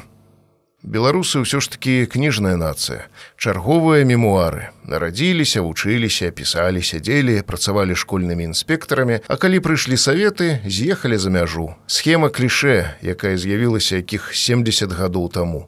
Кніжная нацыя паэтаў і пісьменнікаў узбагачае суседнія народы. Узбагачае вугля копамі, будаўнікамі, працоўнымі рыбзаводаў. Пасля фізычнай працы, вядома, і вершы лепш пішуцца. Здарова, паціскаю руку ды прыабдымаю славу. Вітаю, пасядзім дзе, маю з гадзіну пасля да зубнога. Слава уябаў значна раней. Будоўлі літвы, Польшчы, Швецыі, злучаных штатаў, вынік валіза ўспамінаў шмат фота, некалькі татуды патрушчаныя зубы за дрэннай вады, здаецца яшчэ ў літве. Цяпер у рэдакцыі свабоднага радыё, якое працуе для несвабоднай Беларусі. Свабодны слава. Ведаеш, я да медсястры рудой такой лісічкі по-беларуску, а яна, а яна бнфавец. Не, пакаленне змянілася, здраўляецца нацыя. Дзякуй алегу. Ага, мы ішлі паўз парк, мінаючы вечны агонь, швейцарскую даліну, гарбаты мост з замочкамі маладажонаў, праходзячы пад яшчэ адным старым мостам, дзе на ізаляцыі, якая шматкамі намагалася сагрэць трубы, пушчаная верхам, было напісана ўсё пра ўсіх. Карына шлёндра, Адельск сіла, Вася, Рома, Пеця, менты са і гэтак далей. А я люблю прыязджаць у горадню інкогніта. Ідзеш па пустой вуліцы, валіць дождж альбо снег, Сябры, а што ім званіць? Я мінулыя сам магу узгадаць, так расчароўвайся толькі. Ды кажаш, Олег сказаў, што ты уябаў, Ды не пераймайся. Яны хутчэй уябалі, хто ў алкаголь, хто ў сям'ю, а ты яшчэ можаш вярнуцца, інкогніта. Унізе вода палакала пясок, ды дробныя каменьчыкі выцягвала на ўсю даўжыню водарасці. Качкі час почас занурвалі галовы, старанна шукаючы свой інтарэс, які цяжка было разгледзець з гары. Вада не была аж занадта чыстай, хоць гараднічанка сама па сабе неглыбокая. Мы скіраваліся ў бок піўнухеля вакзала. Піўнуха была легендарнай, бо назва яе рыфмавалася з прозвішчам кандыдату прэзідэнта ад апазіцыі на паза мінулых выбарах. Гэта была яе адзіная, хай немалаважная адметнасць. Так ну яшчэ яна знаходзілася непадалёк ад будынка рамана Васілевіча, які апошнім часам побач з турфірмамі ды курсамі нямецкай мовы сабраў офісы бадай усіх апазіцыйных арганізацый горада ў адно утульнае гета альбо інтэрнат калідорнага тыпу з прыбіральняй у канцы гэтага калідора. Недавно гостила в чудесной стране, Там плещутся рифы в янтарной волне. У піўнуся чуўся надрыўны голас агузаравай альбо алегравай вечных блытую. Некалькі сталоў былі накрытыя брусамі з жалезнымі пенальчыкамі для сурвэтак на кожным. Сцены былі аббітыя вагонкай, подлога выкладзеная пліткай невыразнага колеру. Прыбіральня адсутнічала, але гэты недахоп кампенсаваўся пышным кустоўем каля выхада ды застарэлай буд пляцоўкай, таксама зусім побач. Нарэшце чарга дайшла да нас. Класная у вас тут музыка. Жыцця радасна падміргнуў слава бялявай афіцыянцы, якая, імаверна, шмат паспела ўбачыць за час працы тут. Ага, ахуенная, радыё, адрэзала фарбаваная бландзінка з маленькімі карамі вочкамі, ды пайшла грэць нашыя чабурэкі. І сервіс таксама класны, праз смех дадаў слава ўжо значна цішэй. За суседнім столікам сядзелі двое пралетарыяў. Адзін у спартовым касцюме, другі у польскіх джинсах з процьмай маланак ды замочкаў, абодва з барсеткамі. Акурат насупраць сядзеў лысы з прыплюснутым носам, які перыядычна зыркаў у бок нашага століка ды круціў у руцэ пусты стапарк. Далонь была надзьмутая парафінам, ад чаго нагадвала баксёрскую пальчатку без пальцаў. Яго сусед, які сядзеў да нас спінай, быў, мабыць, не дужа гаваркі, пацаны сумавалі. Ну што, за твой новы этап падняў слава бутэлечку жыгулёўскага. Смяешся, хопіць ужо тых этапаў. Ну, ты ж мяне зразумеў, калі едзеш. У сераду можа, паглядзім. Чаго так сумна? Не хачу ехаць.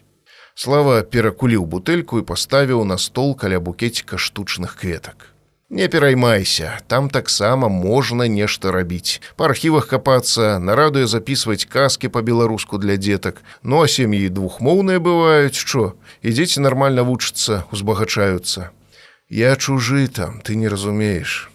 Я не разумею, смешны. У славы з'явіўся настрой. Я ведаю, што такое хадзіць з закрытым ротам, бо ты ў той краіне нікога не ведаеш, табе няма з кім паразмаўляць, таму ты маўчыш, цэлымі днямі маўчыш. Ведаю, калі ў варшаўскай электрычцы нейкі кончаны кібец лезе табе ў морду, бо ты размаўляеш з акцэнтам і не кібіцуеш за легію. Ты ў гэтым свеце не патрэбны нікому, час ужо ўсвядоміць, дарослы.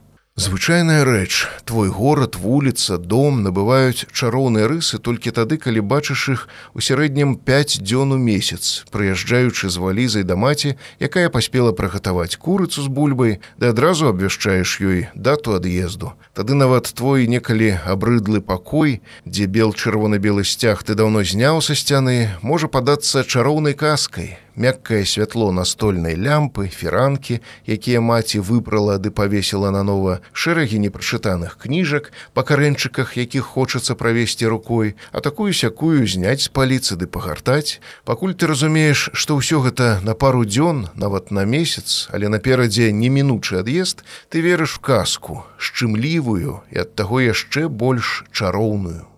Не ведаю, што табе параіць, а яна сюды, Зразумела, што табе тут? Сесці хіба опыт ёсць ведаеш што вочы славы загарэліся зялёнымі агеньчыкамі ты падыдзі да гэтых двух вот там дзе лысы зыркае на нас і скажы рабятыя піць гарэлку поўная хуйня інтэлігентныя людзі п'юць піва слава зарагатаў і адкінуўся на жалезную спінку крэсла. Даўно я не ўжываў алкаголь нават піва хмель мне такі удар у галаву а агульны стан выматаных праз унутраны канфлікт нерваў толькі спрыяў сітуацыі Я адсунуў пустую бутэльку жыгулёўскага разам з пластыкавай белай талерачкай з халодным недаедзеным чабурэкам са слядамі кетчупу, высунуў крэсла і нетаропкай хадой, за якую мяне дражнілі яшчэ ў школе, зрабіў некалькі крокаў у бок суседняга століка.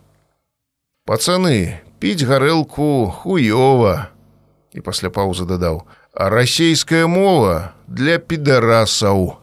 Апошнім, што я паспеў пачуць з радыёкалонак быў радок агузаравай, а можа алегравай вечных блытую. Меня ты поймешь, лучшей страны не найдешь. Травень-чэрвень 2014. -го.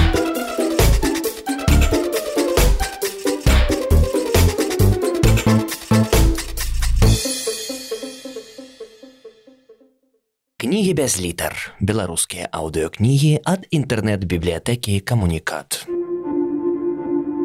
Алесь кіркевич самурай. Апавяданні.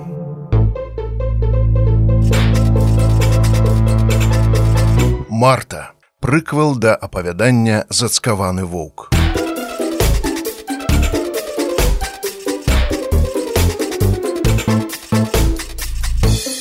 вільня конец траўня 1924 года два месяцы таму з менску сюды прыехаў михаил гурын. Ягоная мэта арганізацыя паўстання у заходняй белапсі таварыш кожухаў здавалася піў больш за ўсіх. Можа так толькі здавалася бо разліваў заўжды ён. Піў больш а размаўляў менш.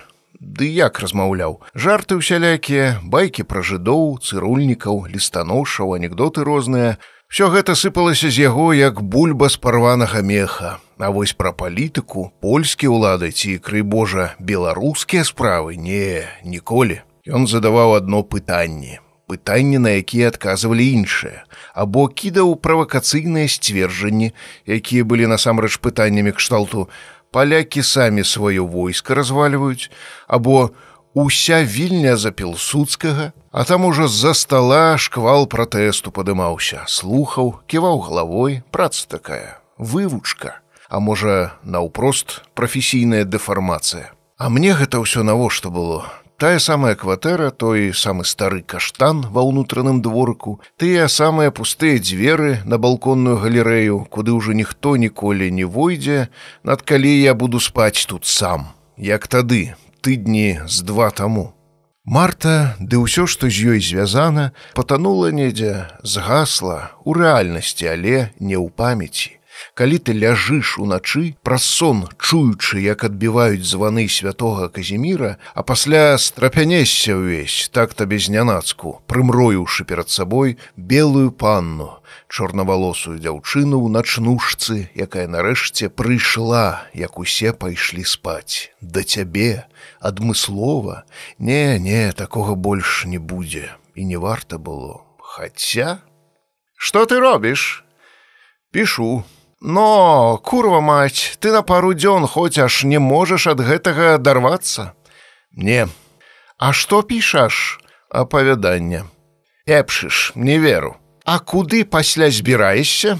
У горад. Не, зараз прыйдзе Сергіюш, пойдзем разам. Ведаю, што прыйдзе, але я сам пайду. Чарнявая дзяўчына з блытанай польска-беларускай гаворкай звешвалася праз парэнчы, пускаючы струменьчыкі дыму ў сусвет, які пакоіўся на ветці таго самага велічнага каштану. Сусвет, дзе было ўсё, Нябёсы з праведнікамі, святымі пакутнікамі, ды пакаяўшымися грэшнікамі месціліся недзе вышэй, панад страхой з бляхі ды чырвонай дахоўкі. Ніжэй былі напаў высохлае вецце з вялым лісцем. Для людзей гэтага свету, з іх заганамі і дабротамі, бліжэй карэння, якое пяшчотна аплятала падмуркі барочнай камяніцы, пакоіліся душы зацятых грэшнікаў, бязбожнікаў ды заходне беларускіх камуністаў недзе там под пліткамі з пазнакай віленскага магістрата некалі спачну і я.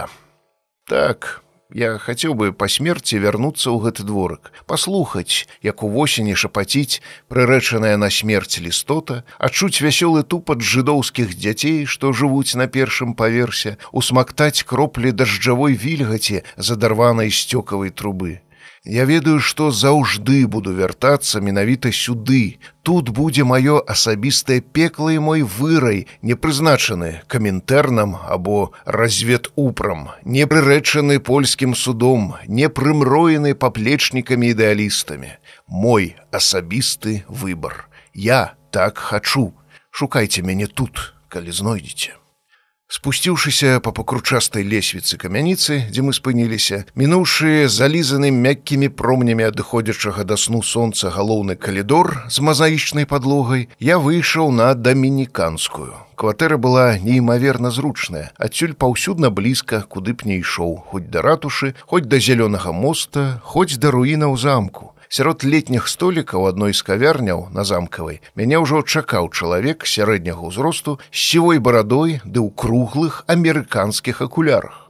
Ягоны столік знаходзіўся троху воддаль ад іншых, а твар толькі мільгаў з-за газетных разваротаў, якія той час почас нервова перакідваў. На стале кава ды нязменная шклянка вады, побач з крэслам такі ж нязменны чорны кій. Вітаю! Чэсць стары, хадзем у сярэдзіну, няма чаго тут свяціцца. Барадаты акуратна склаў газету ды прысунуў да стала гнуткае драўлянае крэсла.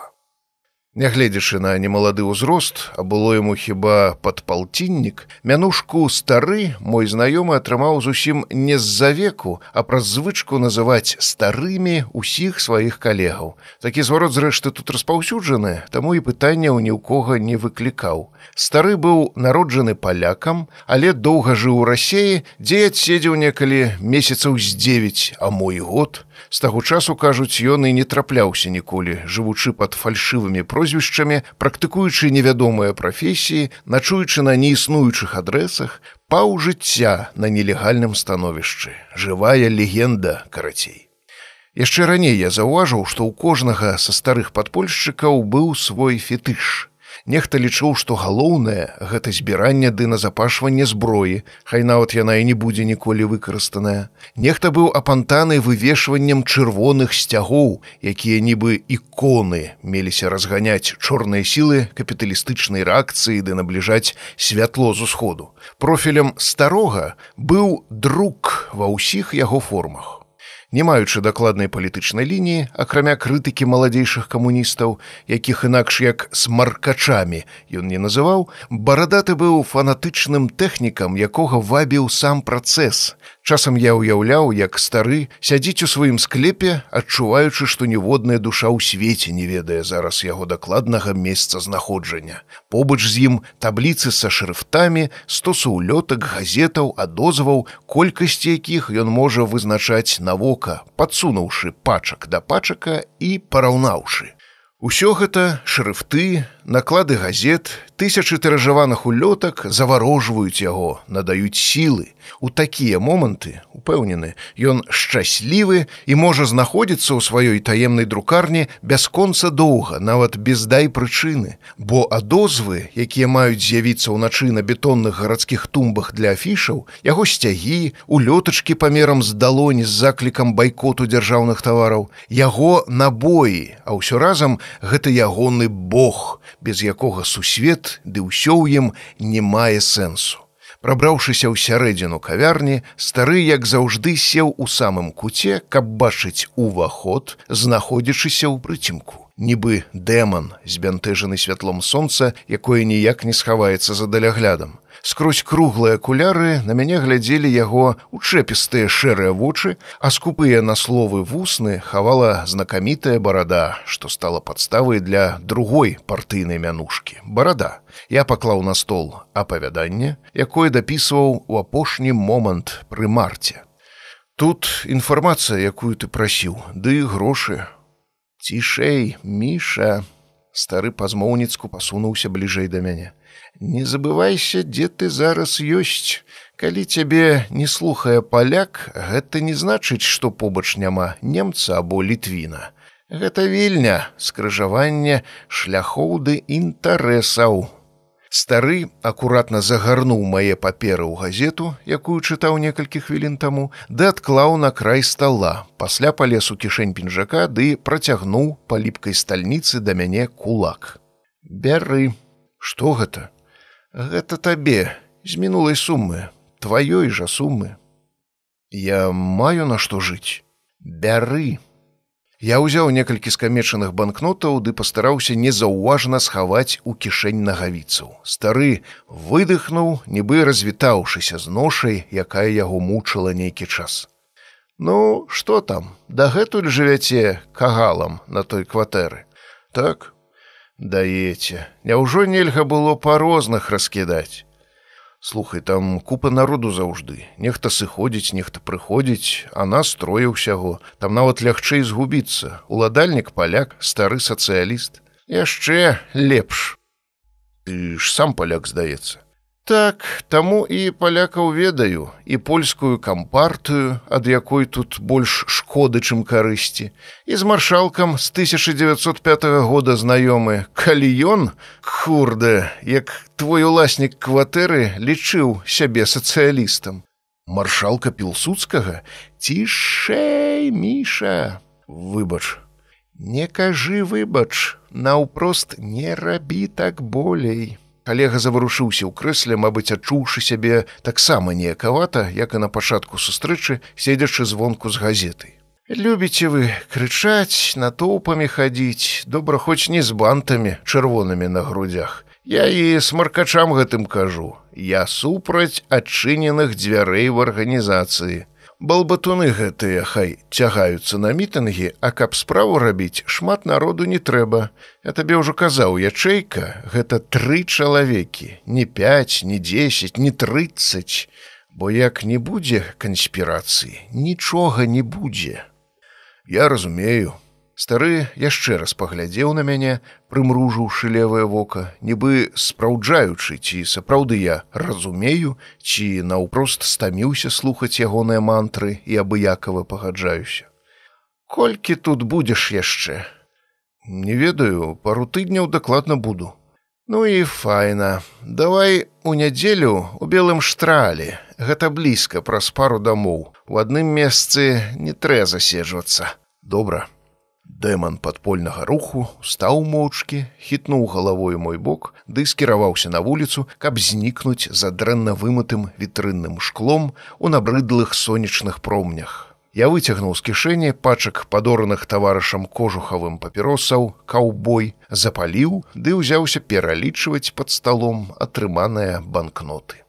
Наш караван цягнуўся пад цьмянай ды мокрай пасля дажджу вільні, нібы нейкі начны дазор або працэсія памерлых са старых сярэднявечных гравюраў, прысвечаных апанаваным пошасцю гарадам. Наперадзе, найбольш цвярозая, у бок кватэры ішлі прафесор Вальдак з верай, ціха пра нешта шапталіся. Імаверна, ён распавядаў ёй пра горад. Наш сябар Вальдак, дарэчы, быў гаспадаром тых апартаментаў з шырока адчыненымі дзвярыма. Далей ішлі мы з таварышам кожухавым, добра выпіўшыя лікёру ды гарэлкі недзе на рагу міцкевічай арсенальнай апошнімі цягнуліся марта з нейкім польскім афіцэрам вечаровым знаёмцам. Яна ўжо не мела сілы ісці шмат смяялася нешта крычала рэдкім мінакам трымаючы свайго збянтэжанага і шчаслівага адначасна знаёмца пад руку Вера, невысокае дзяўчо з каштанавымі валасамі па плечы, часамі азіралася, ветліва робячы выгляд, што уважліва слухае вальдыкавы гавенды пра гідэміна, жалезнага воўка ды іншыя гістарычныя бакі. Я апускаў вочы, калі яе пранізлівы і крыху жаласлівы погляд сутыкаўся з маім, бо ўсё разумеў, гэты погляд я ведаю з Менску, дзе ў казармах на нямецкай вуліцы нас усіх рыхтавалі да камандзіроўкі, з якой Бог ведае, ці каму давядзецца вярнуцца. Мы ехалі па Беларусь, а рыхтавалі нас развальваць Польшчу. Тэрор, дыверсіі, выведка, час почас я таксама абарочваўся назад, назіраючы, як марта нешта даводзіць паляку, то павышаючы на яго голас, то падаючы в абдымкі, у гэтым была ўся сутнасць гэтай чарнявай бесты, якая рэдка каго пакідала абыякавым. Яна была абсалютна выпадковым спадарожнікам нашай групы, у адрозненне ад прафесара Вальдыка не сімпатызавала ані камуністам, ані польскім урадоўцам, якіх зрэшты называла скарумпаванымі свіннямі. Яе наўпрост цікавіла жыццё ва ўсіх яго праявах. Мужчынам, як не дзіўна, гэтай цікавасці перападала значна больш. Таварыш кожухаў, наш інструктор, хутка зарыентаваўся ў сітуацыі, таму не перашкаджаў ані папойкам у вальдыка, ані тлумам народу, якія штодня праходзяць праз кватэру з адчыненымі дзвярыма, ані выхадкам марты, знаёмай прафесара, якая прыклеілася да нас пару тыдняў таму. Лепш так, чым соўгацца па гатэлях ды кватэрах надзейных таварышаў. Хочаш схаваць нешта, пакладзі на самае віднае месца. Хочаш абдурыць паліцыю, пій з намеснікамі начальнікаў камендаў, з якімі нават знаёміцца не трэба, самі за мартай прыйдуць. У адрозненне ад нас ягоная камандзіроўка мела тактычныя задачы. Доўга затрымлівацца ў вільні ён не планаваў. Прозвішча, вядома, было несапраўдным. Кожухаў наогул быў літоўцам, хоць камуністаў латышоў я сустракаў набагата часцей, але не меў для сваіх землякоў аніякага сантыменту. Чыя вільня? Савецкая адказаў бы паголены пад ноль афіцэр якога я ані разу нават у менску не бачыў апранутым па форме. Чалавек з амаль празрыстай да ружовага скурай белымі вейкамі ды халоднымі блакітнымі вачыма. Не ведаю ці быў ён фанатыкам ідэяў каментэрну хутчэй фанаткам сваёй працы да разведупра які яго сюды скіраваў. Сёння вільня заўтра магчыма рыга львоў ці данцых. Не абарачвайся з усмешкай, зацягваючыся папіросай, кінуў кожухаў. Я не абарочваюся. Я вижу страх и жалость, Гурин, твои враги, а еще сопли и романтика. Літовец подміргнуў, ды зноў лёгка посміхнуўся. Я прамаўчаў, хоць быў, здаецца, больш выпіўшым за калегу. Мы ж не ў БСР, квіток наш з верай быў толькі ў адзін канец, таму падавалася акурат зараз я мог сказаць яму ўсё, што думаю. І пра беларускі дом на ўсходзе, чысты і светлы, дзе кіруюць усе апроч беларусаў. І пра развед упр, які толькі прыкрываўся ідэямі сусветнай рэвалюцыі, але прасоўваў палітыку чырвонай рассеі і пра марту, але я стрымліваўся. Вам бы кніжкі пісаць, сціхі, п'есы, працягваў паголены цвярозы як шкельца. А тут революцию делать нужно. Дадут денег на агитацию, вы буквари детям напечатаете. Дадут на оружие, театральный кружок откроете. Сами как дети. Не все ж такие. Все, все. И ваш Игнатовский, который тебя провожал в Минске, и твой здешний знакомец в круглых американских очках. Ни рыба, ни мясо. Моя далонь была поцягнулася ў кішэнь па улюбёны вальтар на шэсць набояў. Абхапіўшы маленькую ручку з рэльефнымі шчочкамі па баках, я адчуў, як пальцы імгненна зрабіліся вільготнымі. Указальны лёг на халодны гачок. Хопіць, хай усё ідзе да чорта. У Мску ўжо наслухаўся гэтага. Раптоўна ззаду пачуўся жаночы войк. Я азірнуўся. Марта, здаецца, паслізнулася да ўпала. Паляк з усмешкай узяўся яе падымаць, махаючы нам рукой, маўляў, все под контролем. Пашлі, пашлі. Кожухаў прыабняў мяне за плячо. Без тебя справяцца. Я выцягнуў успацелую руку з кішэні ды палез па цыгарету. Калі я прачнуўся, там, на галерэі пад каштанам ужо пачынала світаць. У пары метрах ад мяне на плеценым крэсле сядзела марта з нязменнай папіросай, захутаная ў польскі вайсковы шынель. Абярнуўшыся ў мой бок, яна посміхнулася. Хей, Табранак. Я прысеў, машынальна абмацаў рукой шыю і патыліцу, нібы правяраючы, ці ўсё на месцы. Скінуў на бок плахту, якой прыкрываўся, калі спаў на двары. Кожухаў прыкладам заўжды спаў у пакоі, бо паходных умоваў яму па жыцці і так хапала. Намацаўшы пачак папіросаў, я выцягнуў адну ды падышоў да дзяўчыны.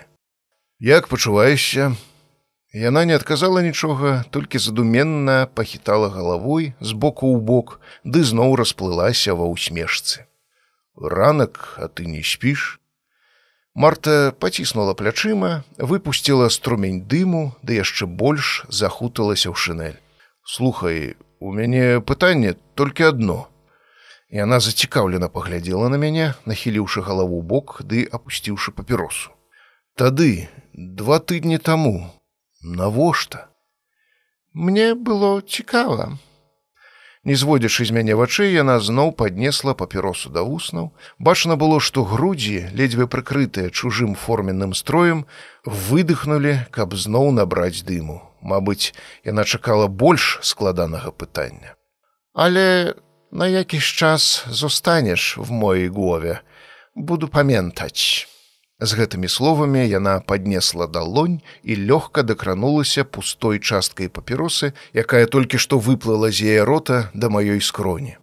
Але мы можам так сабе гутарыць, гэта ж файна, не? Ну так. Зрэшты, міхаў, вера толькі на цябе і глядзіць, таму лічы маеш пэвен аўтарытэт у паненак. Я крыва усміхнуўся і паглядзеў бок. Гэтым часам яна аж бурнула недапалак у калодзеж двара. Знічка даляцела да падножка каштану, ды разбілася на некалькі палаючых аскепкаў, каб у момант згаснуць. Праходзячы поруч, Марта правяла рукой па маім плячы, ды не абарочваючыся, знікла ў дзвярах кватэры. Недзе высока над кронай волата быў чутны гром, над якім старое дрэва не мела аніякай улады. Гэтым жа ранкам я прачнуўся яшчэ раз увесь мокры. Было ўжо даволі светла, хоць неба і зацягнула шэрамі хмарамі. Дождж пайшоў раптоўна да адразу сцяной, як гэта бывае ўвесну. Стары каштан быў не пры справах, яго лістота шапацела пад ударамі кропляў, нібы прабачаючыся перада мной за тое, што не папярэдзіла ўчасна. Я адкінуў мокрую шмату, ды асцярожна, каб не вылеціць у калодзеж за недапалкам марты, пасунуўся па слізкай плітцы ў кватэру, трымаючыся за хісткія поручні. У сярэдзіне было ціха, на стале на кухні ўзвышаліся некалькі парожніх бутэлек ад гарэлкі ды недапітая шкляніца з нейкай мутнай наліўкай, помнікі учорашняму вечару. На пасрэбранай тацы з карункавымі мадэрнымі ўзорамі стаяла некалькі кілішкаў, Са спінкі крэсла звісала нядбайна кінутая афіцэрская партупея. Спакояў было чутно, як нехта пахрапвае, Мабыць, той жвавы паляк, а можа і халасцяк вальдык, які, здаецца, не замарочваецца такімі дробязямі. Трэба было недзе прылегчы, каб схапіць яшчэ гадзінку сну. У першы пакой не, не зараз. Да кожухава таксама не пройдзеш, бо каморка, дзе ён ночць у самым канцы, Усё адно ісці праз паляка і, дарэчы, ёсць яшчэ калідор, можна тудой. Паміж дзвярыма, за якімі ўжо пачыналася лесвіца да параднага і карычневай кафлянай печчу, стаяў маленькі ложак. Пад коп'яй рацлавіцкай бітвы матэйкі у залачонай гіпсавай раме, тварам да сцяны, скруціўшыся слімаком, спала дзяўчо з каштанавымі валасамі. Калі я прыпадняў коўдру ды лёг побач, ахінуўшы цёплае трапяткое цела сваім, яна не сказала ані слова, адно моцна, як магла, сціснула маю далонь. Насупраць нас, нібы прыхадзень у сваёй хаце, на лаве храпеў прафесор вальдык. За вакном шапацеў каштан, граючыся кроплямі веснавога дажджу. Михаил Гурын Маразоўскі, звінавачаны ў здрадзе, загіне падчас другога замаху на сябе ў вільні ў 1928 годзе страляць будзе яго былы падначалены баевік КПЗБ Клінцевіч. Вера народзіць сына падчас вайны прыме актыўны ўдзел у дзейнасці савецкага падполля, ды будзе закатаваная немцамі. Пра яе будуць пісаць кнігі, яе імем назавуць дзясяткі вуліцаў. Марта стане выпадковай ахвярай цягам аблавы на вуліцах гродна вясной 1944. Таварыш кожухаў, ён жа без стане легендарным савецкім дыверсантам, перажыве ўсе чысткі, даслужыцца да высокіх чыноў у МДБ і ціха памрэ ад інфаркту на дачы пад Масквой у 1970-х. Лёс старога застанецца для ўсіх таямніцай. Розныя беларускія дзеячы будуць яшчэ доўга лічыць яго агентам дэфензівы альбо другога аддзела польскай выведкі. Чэрвень ліпень 2016.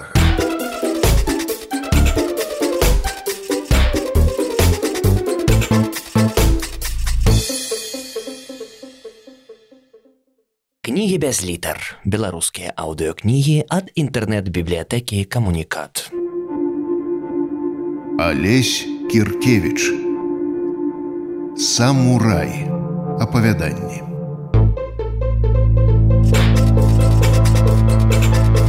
Зацкаваны воўк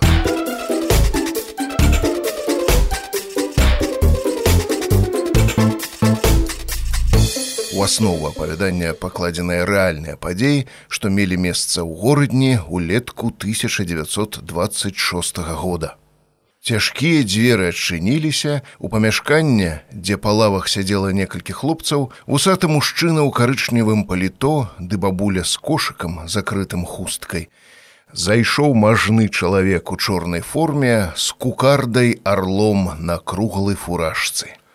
Кто tu jest Клінцевіч? Я естым. Хоць за мно.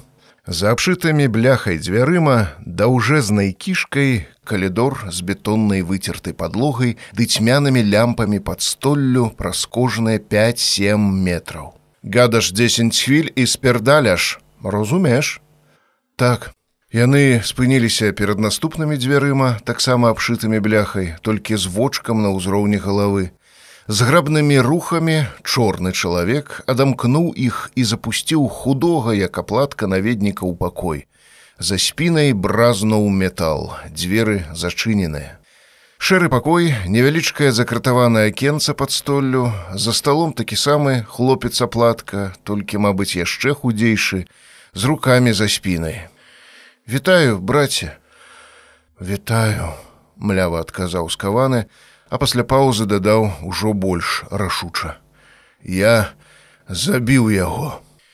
Нешта ты зашмат паліш, міша, прамовіў паголены пад нуль чалавека, гуляючыся з попельніцай. Зрэшты, не дзіўна, не дзіўна для таго, чый партрэт надрукаваў чырвоны сцяг. Твар лысага чалавека, які сядзеў за сталом у пакойчку гатэля, нагадваў маску з вузкімі шчылінкамі вачніц. Праз іх пазіралі цёмныя вочы, колер якіх і ўдзень цяжка было вызначыць, а тут яшчэ і святло бляклае. Ён вытрымаў паузу, перакруціўшы некалькі разоў алюмініевую попельніцу ў форме галавы касцюшкі. Як яе не паварочвай, з'яўляецца твар правадыра паўстання, партрэт пярэкрут. лысага чалавека звалі Васіль Рагуля. Нават на паліграфію не пашкадавалі, манатонна працягнуў маска. Ты ж ведаеш, што гэта значыць?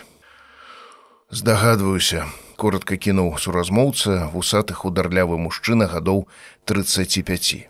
Ну вось, а чаго ты хацеў міша? На сустрэчы ты прыходзіш з дзіўнымі людзьмі якія гавораць па-расейску але з выразным польскім акцэнтам.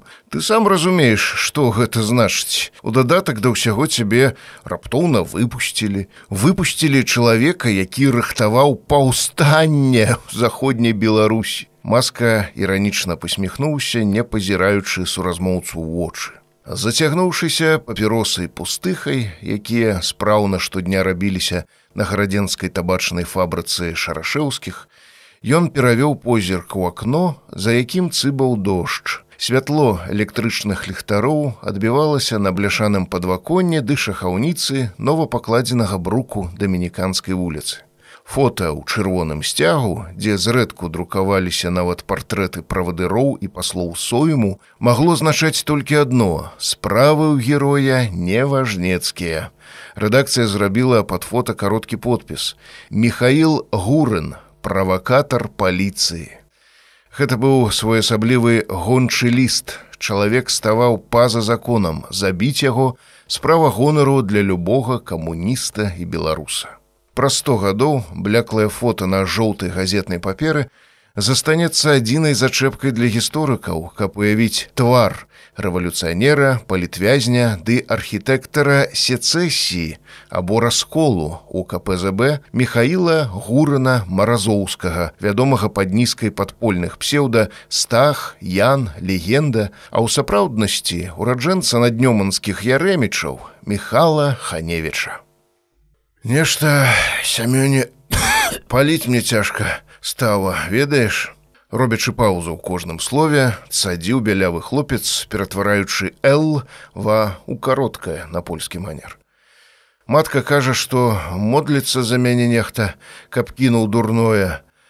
Яна сама хіба і модліцца на ружанцы, бо так казала.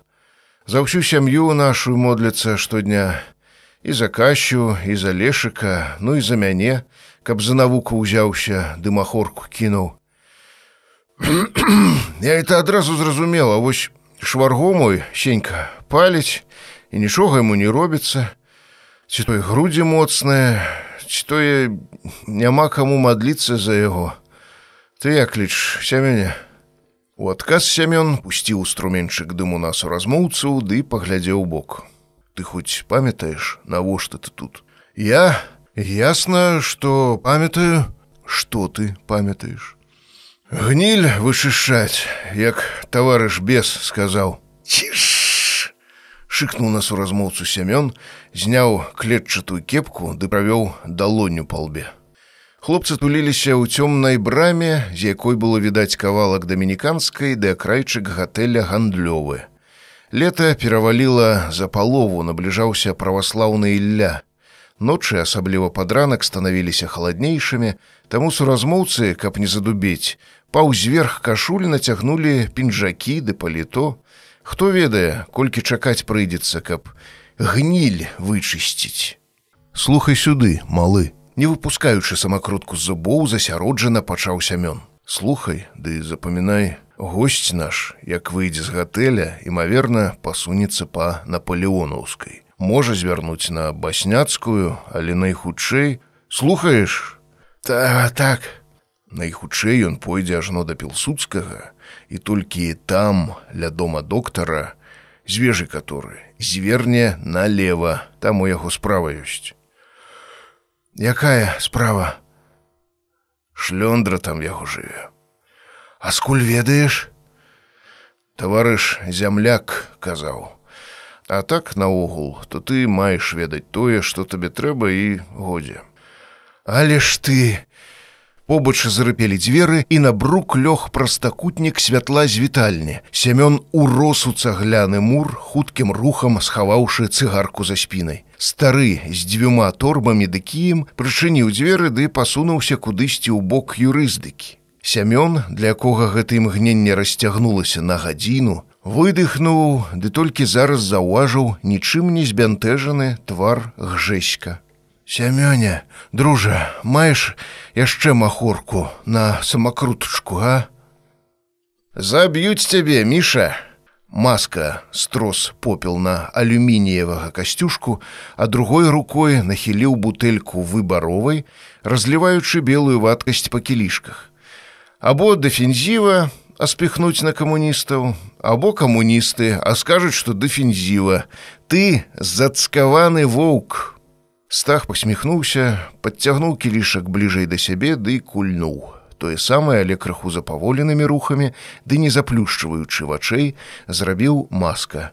Сцягнуўшы са стала лусту сала з паўкругам шэрага хлеба, праз імгнення гуран зноў запаліў. Ведай што, Мы цябе пашлём у нямметчыну ад пасольскага клуба. Выціраючы белай сурветкай вусны, зноў азваўся да госця маска. Будзеш там нашым прадстаўніком, перасядзіш, пачакаеш, заадно і пазнаёмішся з людзьмі, карыснымі для беларускай справы. Не хачу, дядьку, прамовіў гурн, нібы вярнуўшыся гатэль са схаванага свету сваіх думак і планаў. Не для таго я сюды прыехаў тры гады таму. А для чаго ты прыехаў з сяброўкай сваёй, Для чаго цябе сюды развятупр закінуў, падняў ты паўстанне ці не?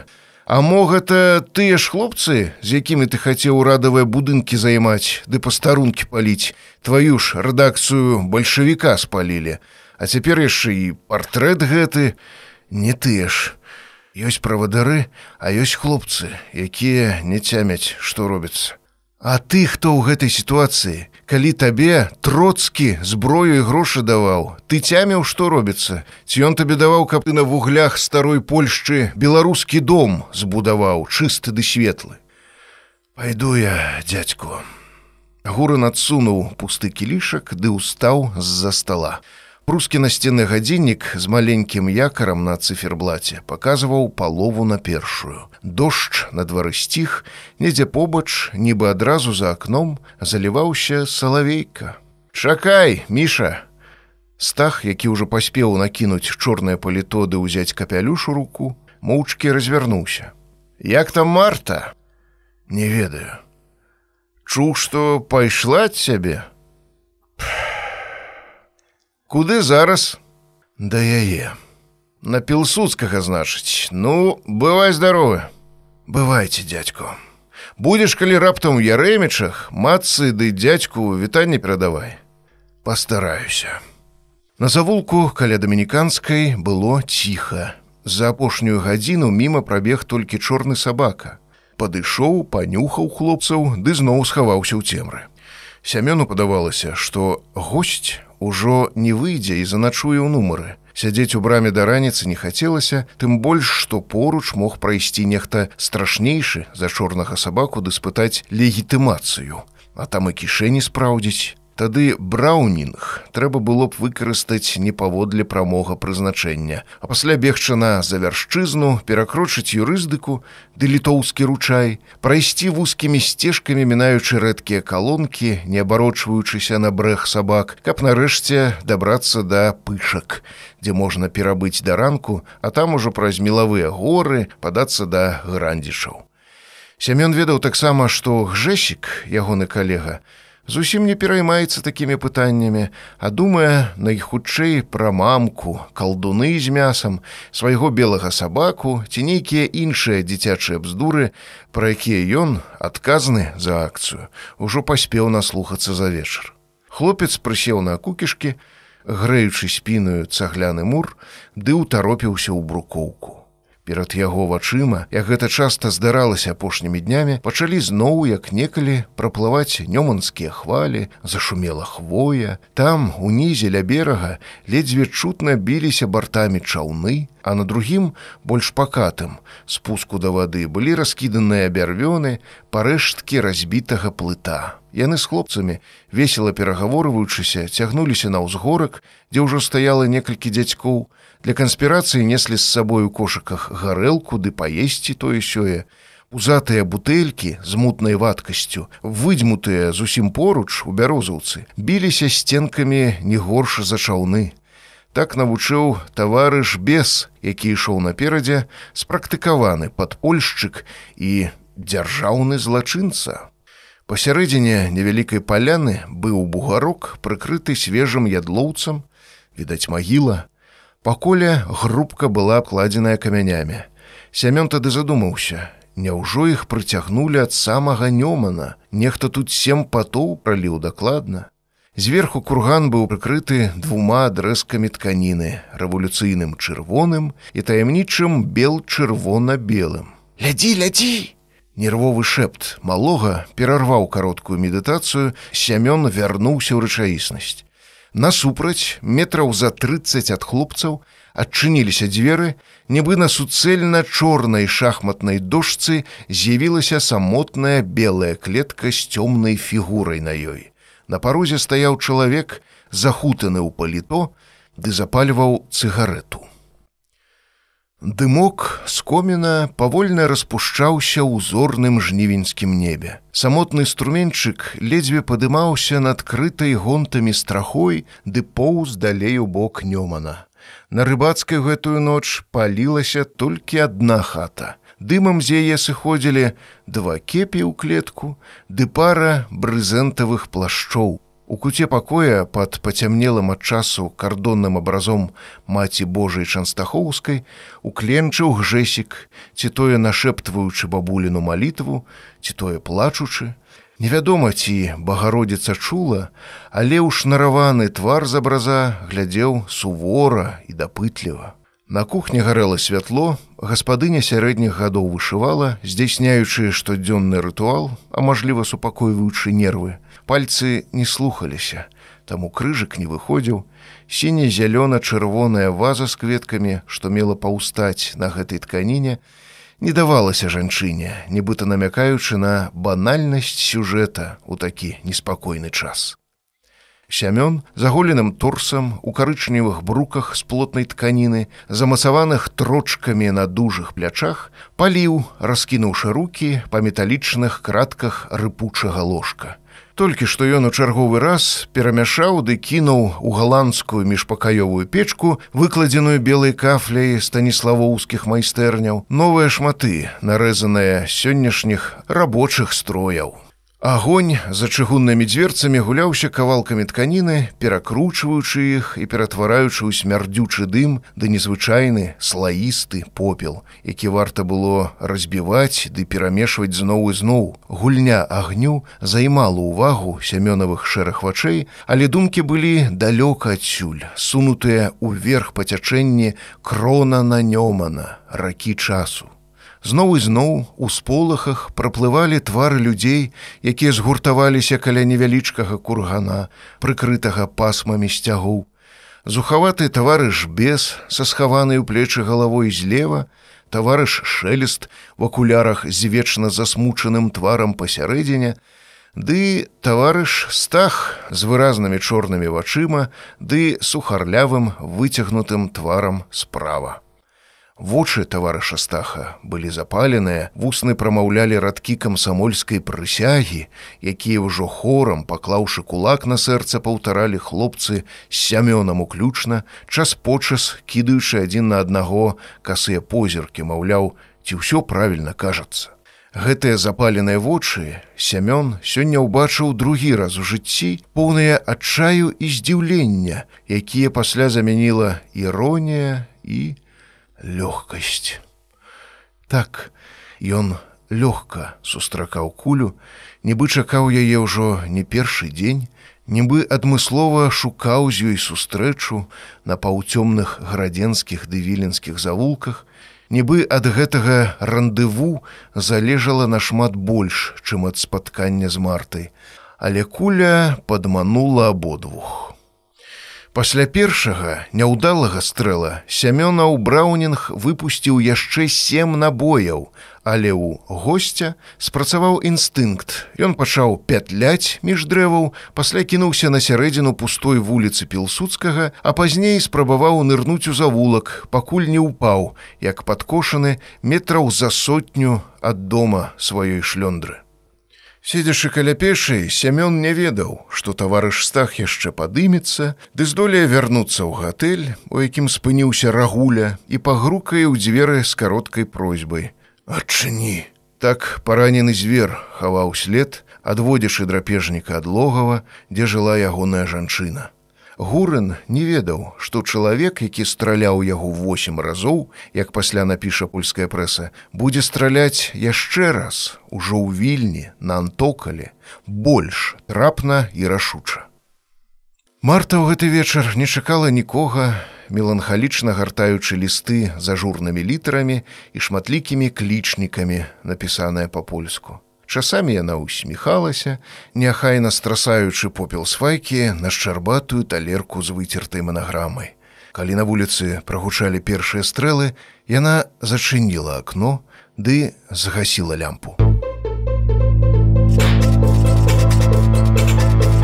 Травень 2016. -го.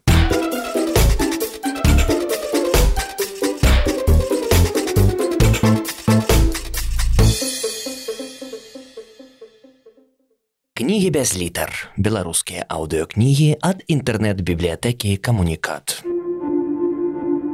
Алесь кіркевич самурай. Апавяданні.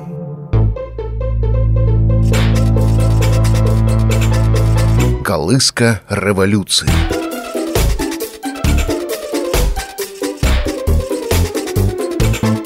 Так так вот тут стань за ронда я патэлю Што? Ну заронда, гэта кольцо па-польску. А Во, будзеш у Польшчы, спытайся дарогу, табе скажуць заронда, а ты ўжо будзеш ведаць, бо табе чэсік сказаў.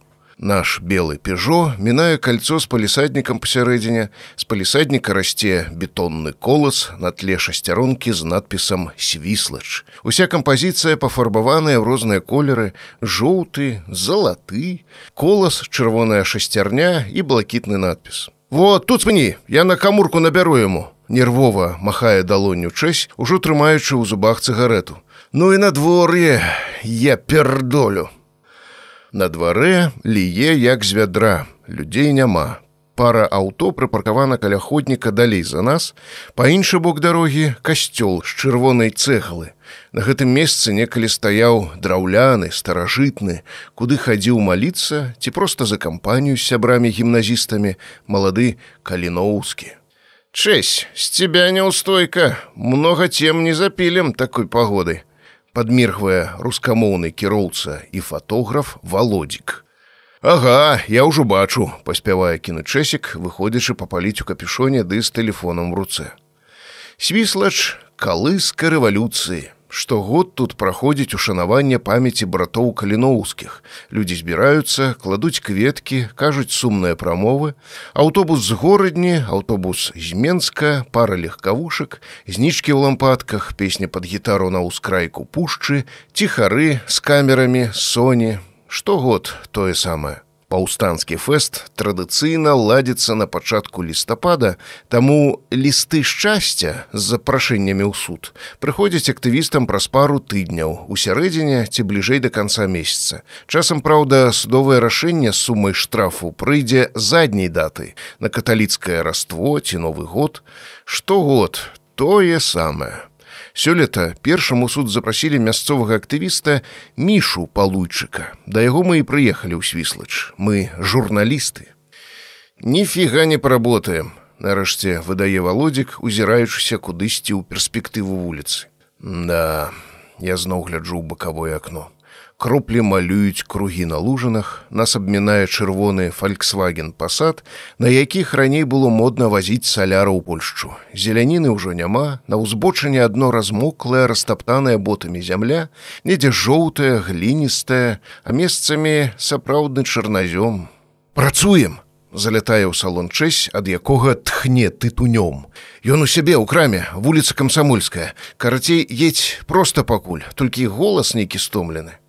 Мястэчка выглядае як мёртвае. Жыццё затаілася ў драўляных старасветскіх хатах, двухпавярховых стандартных дамках сілікатнай цэглы, тлее ў сталоўцы, дзе праходзяць усе мясцовыя вяселлі і памінкі. Падазрона глядзіць праз наноў пастаўленыя сёлета шкло пакеты ў лякарні.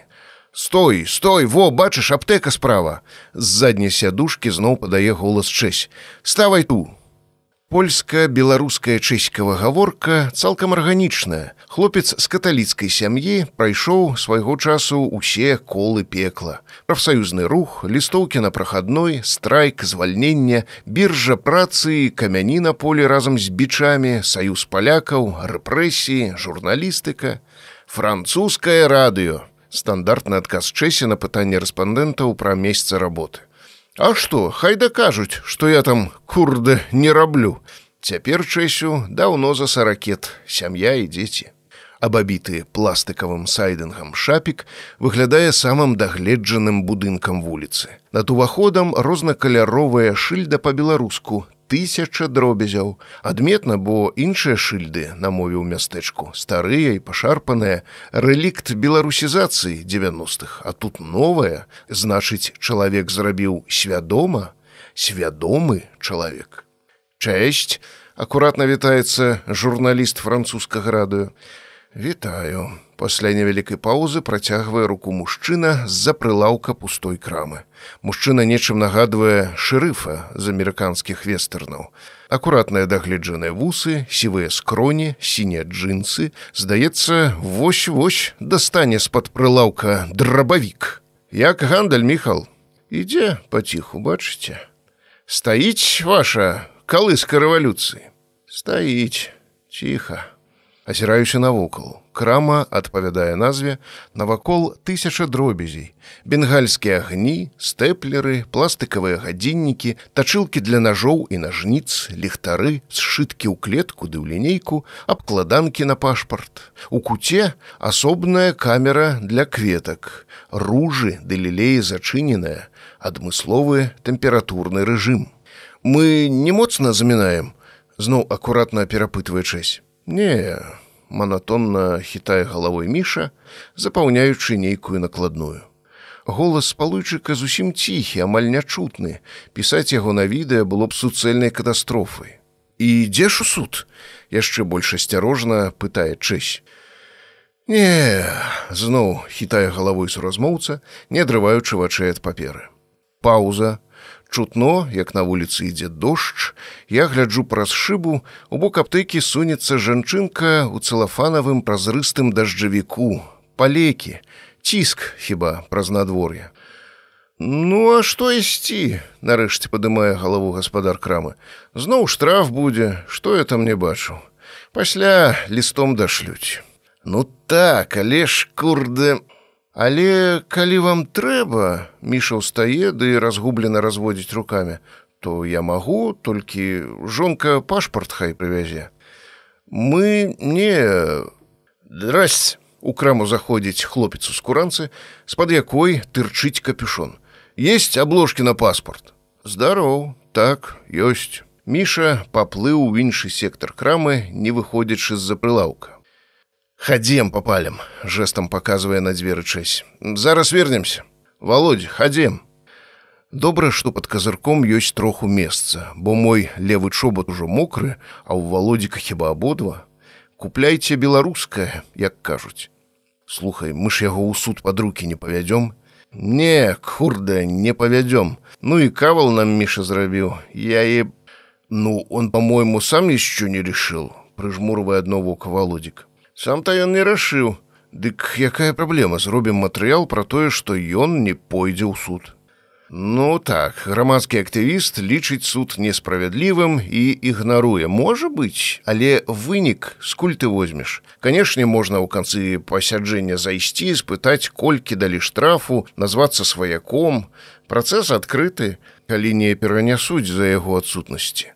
Курде быць актывістам у мінску і ў свіслачы дзве розныя рэальнасці. У вёсцы ці ў мястэчку звычайна адзін ці два сябры фронту. Іх усе ведаюць, яны ўсіх ведаюць. Перад кожным 25 сакавіка міліцыя іх правярае, цікуе зранку пад хатай на недарагой отечественнай легкавушцы, зазвычай чамусьці срэбнага колеру, каб толькі дзядзька не паехаў мінск ці не выйшаў з якім плакатам на вуліцу калі цябе затрымаюць у мінску пра цябе будуць пісаць усе сМ праваабаронцы пачнуць абзвоніваць русы ды ізалятары на крэсціна на наступны дзень пацягнуцца чуллівыя жанчынкі з пакетам дзе будзе цёплая вопратка цыгареты мінералка і туалетная папера. А тут кому ты трэба у цябе можа згарэць машына табе атруціць сабаку абрэжуць дрот паламаюць паркан. Каму што ты дакажаш ты адзін так людзі співаюцца кагосьці спойваюць паміраюць кагосьці знаходзяць з праламанай галавой. Але міша іншы упарты міша палучык не проста шчыры беларус з гатунку абняць і плакаць але круты. Мясцовых маштабах бізнесовец мае дом аўто крамку з тысячай дробязей. Штогод ён дапамагае ладзіць паўстанскі фэст на які прыязджаюць мінчукі каб памахаць сцягам ды выступіць перад журналістамі цягам некалькіх гадзінаў. Штогод адграбае калі мінчукі звальваюць. Мінулая канфіскацыя з крамы пацягнула на 100 мільёнаў Але міша не адзін. Іх было раней трое мясцовых фронтаўцаў. Адзін спіўся другі памёр. Белыя пластыкавыя дзверы адчыніліся з крамы выйшаў шчаслівы ўладальнік новай вокладкі на пашпарт. Чэсь кінуў бычок і мы падаліся ў сярэдзіну слухай міша няма праблемы як не хочаш ісці то не ідзі курды зробім матэрыял маўляў ты грамадскі актывіст Не, хлопцы, я пойду, я вырашу. Ты падумай, не спяшайся. Шэсць, здаецца, пачаў разумець, што міша наўпрост не можа адмовіць гарадскім, якія дзеля яго прыехалі сюды за 100 кіламетраў. Мы пакуль у сталоўку пазней сюды пад'едзем. Слухай во, а маеш тачылку для ножа. Жонка даўно прасіла. Міша згінаецца і пачынае нешта шукаць пад прылаўкам. Яшчэ раз азіраюся на астракаты асартымент тавару, гляджу на кошты: 7 тысяч 20 тысяч. Колькі ўсяго тут трэба канфіскаваць на 100 мільёнаў. Колькі чалавек тут мае адпрацаваць, каб адбіць такія грошы і гэтыя мільёны яму не вернуць праваабаронцы. Гэта ж не камп'ютары з партыйных офісаў з якімі можна развітацца з усмешкай. Дабрадзеі кампенсуюць. Тут ніхто нічога не кампенсуе бо артыкул стапудова быў эканамічны бо міша не круты партыйны босс які можа разагнаць сітуацыю як палітычную атрымаць грошы бо гэта свіслач. Гэтую не бяры за паўгода сточыцца па-гаспадарску з веданнем справы тлумачыць палучык, які цяпер у сваёй стыхі. Во гэтая за 25 тысяч. Беларускамоўным зніжка 20соткаў. Апошнія словы міша дадае з добразычлівую смешкай і глядзіць чэсь у вочы, бо ён здзяйсняе грамадскі ўчынак, робіць зніжку сваім. Брусок падае валодзіку ў заплечнік, каб не выпаў з кішэні, выходзім. О, вітаю! Нос у нос сутыкаемся з валерам, рэдакцыя якога канкуруе з рэдакцыяй французскага радыё, а значыць ён таксама на суд. А чаго не сказалі, што едзеце? Дык мы не збіраліся, усміхаецца чэсь. Ясна, то ўбачымся. Валер усміхаецца ў адказ. Ага, белыя дзверы зачыняюцца за валеравай спінай. Всё, пиздец, сплёвае чэсь. Што? Што што, калі тут валера, то ён дакладна мішу ў суд павалачэ, ці ён дарма сто км піліў на сваёй аўдзе пад дажджом. Думаеш? Но яснае курдэ. Будынак суда ў свіслачы нагадвае фартэцыю, пастарунак і чу, дэпартамент аховы, суд. Усё ў адной камяніцы з пляцыкам агароджаным бетонным парканам з маткамі ягазы наверсе. Нібы, каланіяльная крэпасць для крыолаў, каб абараніцца ад індзейцаў, якія жывуць навокал. У часы каліноўскага расійскі гарнізон тут хіба выглядаў падобна, толькі з брамай, пафарбаванай у чорна-белыя палоскі, ды з куластым вусатым казаком на варце.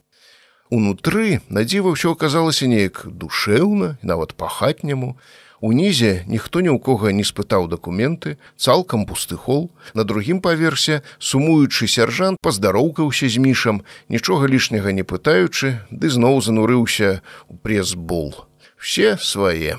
Поручні на сходах, мэбля, стэнды, абшыўка, усё з дрэва, пушчаш побач. Дакладны кантраст са сталічнымі судамі з пліткай ды стэрыльнасцю якія нечым нагадваюць моргі.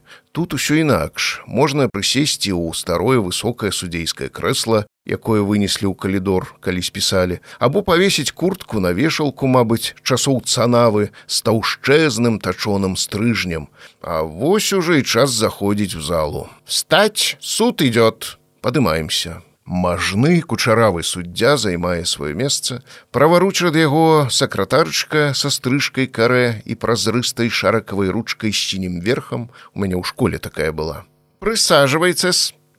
Што робіць журналіст на судзе? Нешта піша або малюе ў нататніку. Я звычайна малюю пагонькі ды крыжыкі натую прозвішчы, трапныя слоўцы, вывучаю абрысы беларусі на гербе, якія чамусьці ў кожнай установе розныя, то гарадзеншчыны няма, то абрысы краіны набліжаюцца да ідэальнай формы шара, як таго і хацеў карскі. Сведкі, як заўжды два меліцыянты, чэмер і гарбачонак, прынамсі я так запісаў. Адзін начальнік рауса, другі начальнік ічу. Парачка твікс, абодва ахоўвалі ўрачыстасці па братах каліноўскіх. Ахоўвалі ад кого? А што делали демонстранты ну с флагамі стаялі рэчы толкалі водзіць рукою паветры лысаваты начальнік рауса. Как всегда. А гражданин получык там быў? Был гражданин. Міша сядзіць спінай да нас на першай лаўцы Твару і эмоцыяў не бачна, толькі патыліцца, але міша хвалюецца, вядома, хоць і трымае сябе ў руках. Ягоны голас падчас дачы паказанняў такі ж ціхі, як у краме, поўны нейкага фаталізму. Скажыце, міша звяртаецца да міліцыянта, а бел чырвоны белы сцяг забаронены ў Беларусі. Ну, как вам сказаць, перамінаецца з нагі на нагу чэмер. Я такой информации не имею. У нас есть наш флаг, вот, показывая рукой на державный штандар у куте. А бело-красный не знаю. Дякуй. Гэты дзякуй Міша дадае кожны раз, калі гаворыць суддзёй ці задае пытанне міліцыянтам. Задаючы пытанне міша стаіць, трымаючы далоні разам у замку, як падчас малітвы. Дякуй, за што? Тарованный Брайя нес службу вместе с группой видеофиксации. Сначала на кладбище, потом возле памятников, позже в деревне Якушовка, отрывисто, як друковальная машинка, дая показания горбачонок. А гражданина Получика видели? Так точно, на кладбище с флагом, возле памятников тоже с флагом, в Якушовке уже без флага. Отдал товарищам гарбачонак зусім іншы за расхлябанага пузатага чэмера. Акуратны падцягнуты выканальны граматна выказвае думкі. Цікава чаму яго не паслалі адсюль на павышэнне. Скажыце зноў стае міша а бел чырвоны белы сцяг забаронены ў беларусі? Да он запрещен дзякуй. Пасля выступаў міліцыянты просіць суддзю іх адпсціць. Праца суддзя не супраць вырак не яшчэ рано засталіся відэаматэрыялы к сожалению наш зал не оборудован для просмотру визя поэтому перайдем в кабинет а можа не трэба аккуратно схіляе суддзю скончыць усё хутчэй міша все ж ясно почему же все посмотрим пройдемте Міша з суддзёй ды сакратаркай ідуць па чырвонай дарожцы з арнаментам па баках нейкім бясконцым калідорам. Мы сядаем па лавах у сенцах. Володзік адразу лезе ў тэлефон, чэсь з валерам, як старыя калегі, закінуўшы нагу за нагу, павольна пра нешта гавораць, часам усміхаюцца. Я нарэшце пачынаю разумець адну рэч. Усё гэтае шоу для нас, журналістаў, Каб нас не было, міша наўпрост зайшоў бы да суддзі ў кабінет, павітаўся б ды атрымаў штраф. Хвілін 10 на ўсё пра ўсё разам з пісаннем заявы на атрыманне копіі пастановы. Тым часам на пляцоўку перад залам падымаецца яшчэ адзін сяржант, за якім ледзьве валачэ ногі няголенае дзядзька нявызначанага ўзросту у камуфляжы ды брудных гумовых ботах сапраўдны індзеец сяржант пальцам паказвае на лаву маўляў сядай той сядае здзіўлена аглядаючы нашу кампанію пасля чаго з нямым пытаннем на твары глядзіць на міліцыянта хто гэта я адкідваю позірк на драўляны штапік на сцяне заплюшчваю вочы ды спрабую адключыцца Дзіўныя думкі лезуць у галаву. Вось міф Цоя заснаваны на тым, што ён загінуў рана. Той ж з каліноўскім, рэвалюцыянер, рамантык, такі малады на шыбеніцу. А як бы выглядаў каліноўскі, скажам, у 50 гадоў, пасля паразы паўстання, каб вярнуўся на бацькаўшчыну з высылкі. Ідут, пашлі, володзік целяпае за рукаў. Сумны, стомлены міша вынырвае па чырвонай дарожцы з калідора, Чэсь валер володзік і я падскокваем з лаваў, ды ідём у залу. Суддзі сакратаркай пакуль няма. Фоткай володзік курды, бо зараз прыйдуць. Глядзіць то на мішу, то на дзверы чэсь. Володзік здымае падсуднага на айфон моўчкі не першы раз.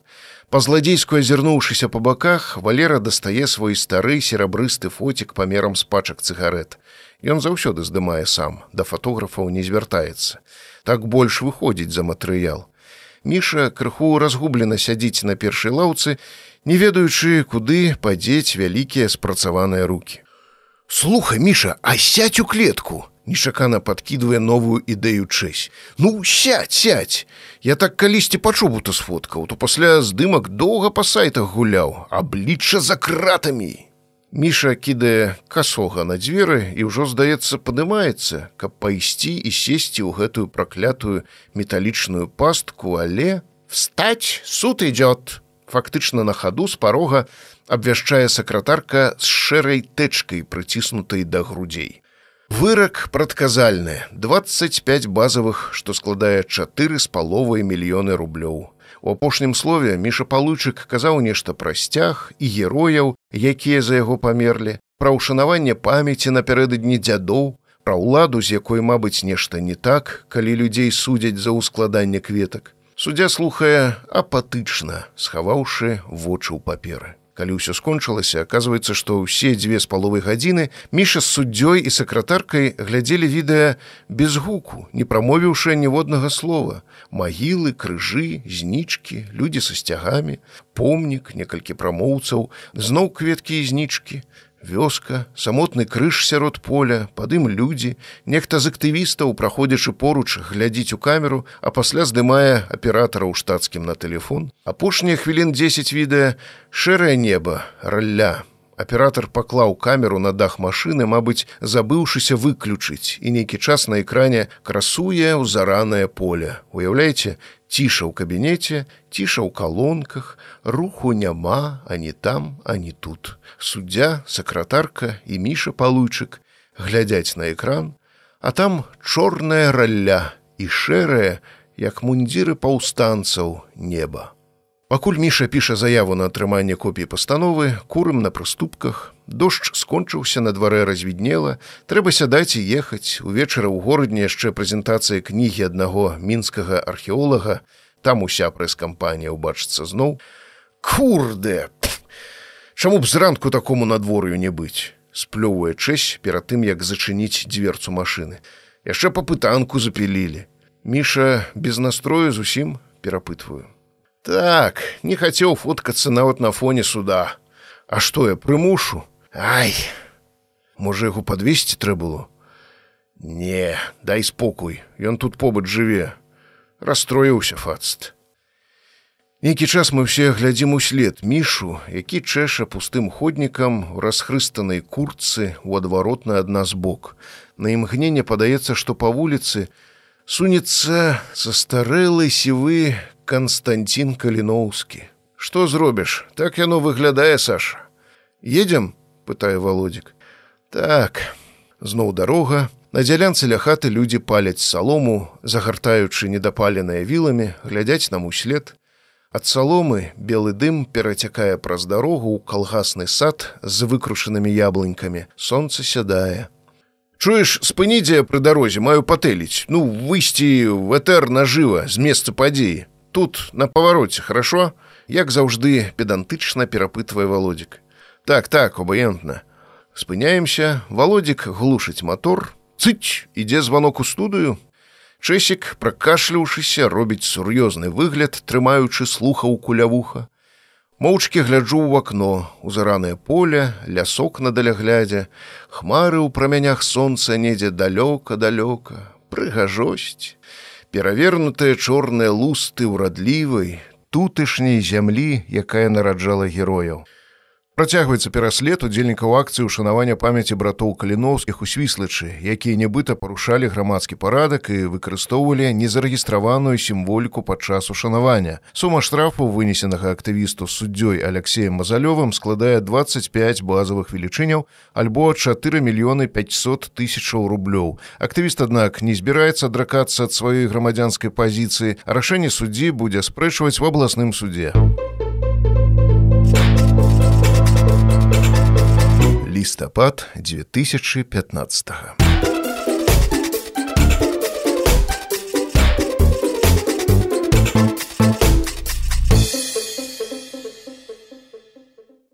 Кнігі без літар. Беларускія аўдыокнігі ад інтэрнэт-бібліятэкі камунікат. Алесь Кіркевіч. Самурай. Апавяданні.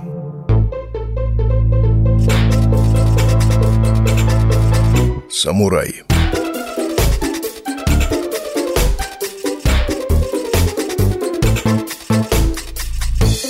Харакіры у іх гэта называется.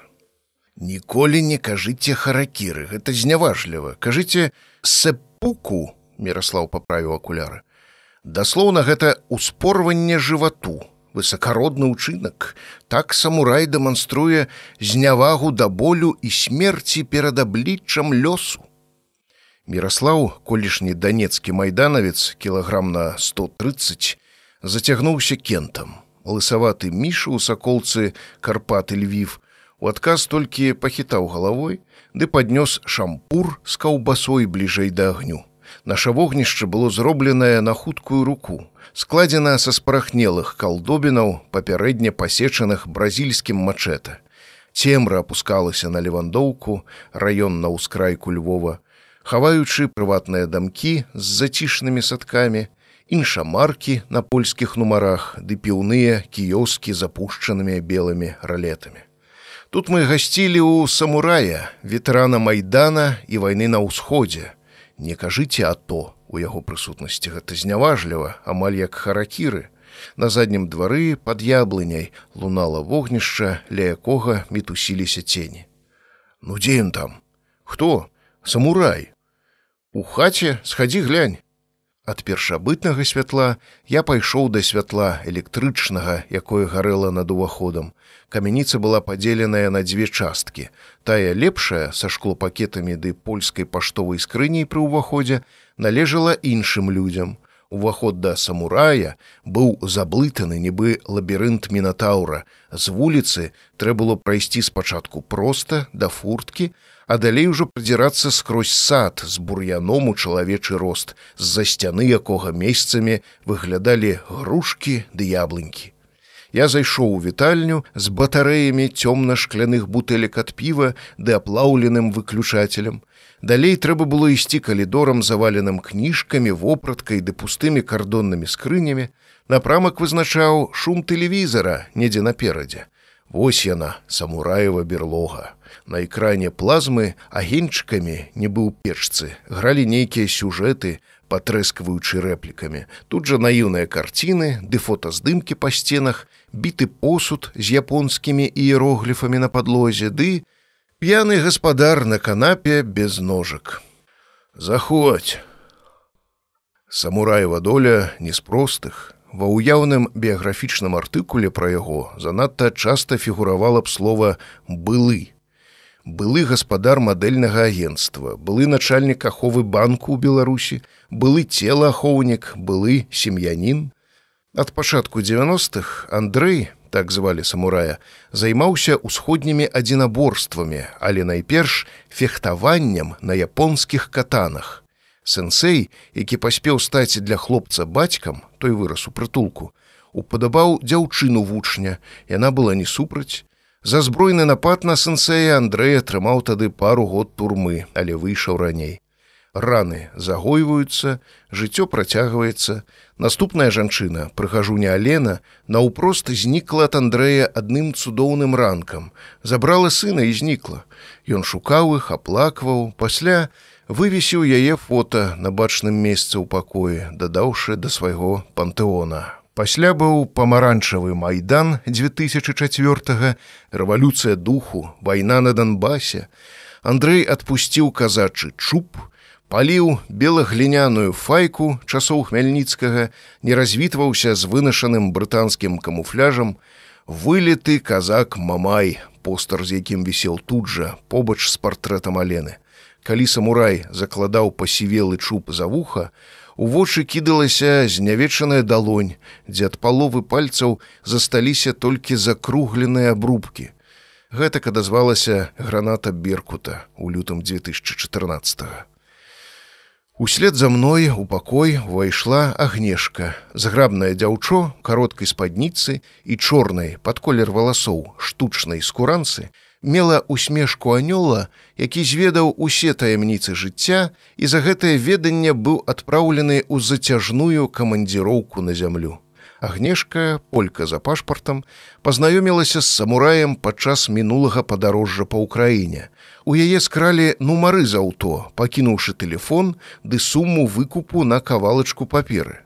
Тады самурай, знаёмы ейных знаёмых, прыйшоў па форме ў аддзяленне паліцыі, каб тэрарызаваць службоўцаў, пакуль тыя не знойдуць прапажу.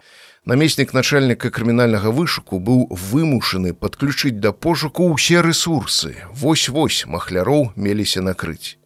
Гэтым часам нехта з агнешчаных сяброў паклаў патрэбныя 500 грывень на рахунак крадуна, ды знайшоў нумары ў адным з двароў побач. Даведаўшыся пра гэта, самурай лінчаваў, сябра дзяўчыны даў галаву некалькі разоў. Нічога дзіўнага бо ўсё донкіходства з паходам у паліцыю пайшло сабаку под хвост. Мент з крымінальнага вышку таксама вкурвіўся. Ягоны аўтарытэт быў парушаны. Незадаволеная аказалася агнешка назваўшы самурая хамскай мордай дзяўчына сышла ды не адказвала больш на званкі а праз пару дзён з'ехала ў польшчу. Самурай быў няўцешны. Шмат піў біўся з рэальнымі ды выдуманымі нягоднікамі ў розных частках Львова. Апошні раз яго бачылі каля помніка шаўчэнку, дабіваў нагамі нейкага няшчаснага, які скраў у яго спальнік. Калі нікога не было побач, уключаў сабе балканскую мелодыю з фільму Сэвер, адпускаючы з душы ўсё, што было і што магло б быць разам з нямым плачам. Але агнешка вярнулася праз месяц ды патэлефанавала самураю, З гэтай прычыны мы ўсе зрэшты і былі тут. Андрэй, а хто гэта? Агнешка злёгку не выгаворвала Р. Алена, моя жонка, такая тоўстая. Варта дадаць, што на здымку Алена зусім не падавалася поўнай. Наўпрост сукенка развівалася на вятрыску, але агнешка ніколі не лезла за словам у кішэнь. Самурай насупіўся. Пайшла вон! Пераступаючы на каленнікі вайсковыя разгрузкі ды мятыя старонкі з рэстаранных меню, дзяўчо скіравалася да выхаду, не абраніўшы ні слова. Я застаўся сам насам з гаспадаром. Што рабіць? Пачаў зірацца навокал. На адным з фота самурай стаяў яшчэ малады у модным чорным гарнітуры з валасамі да плячэй ля нейкага замка ў поле. У руках катана, персанаж таранціна, не інакш. Пакажы нажы, а, ведаю, што маеш. Зараз. Самурай перакруціўся на канапе ды зухавата палез пад ложак. Адтуль пачалі выплываць нейкія похвы ды сувоі з закручанымі лёзамі. Гэта вальтер, так яны халадняк робяць. Гэта гербер такі самы, як у бэра грылза. Во гэты глянь, кізляр, трафейны. Самурай ужо быў на падпітку, таму бесперапынна дыхаў мне ў скронь моцным перагарам.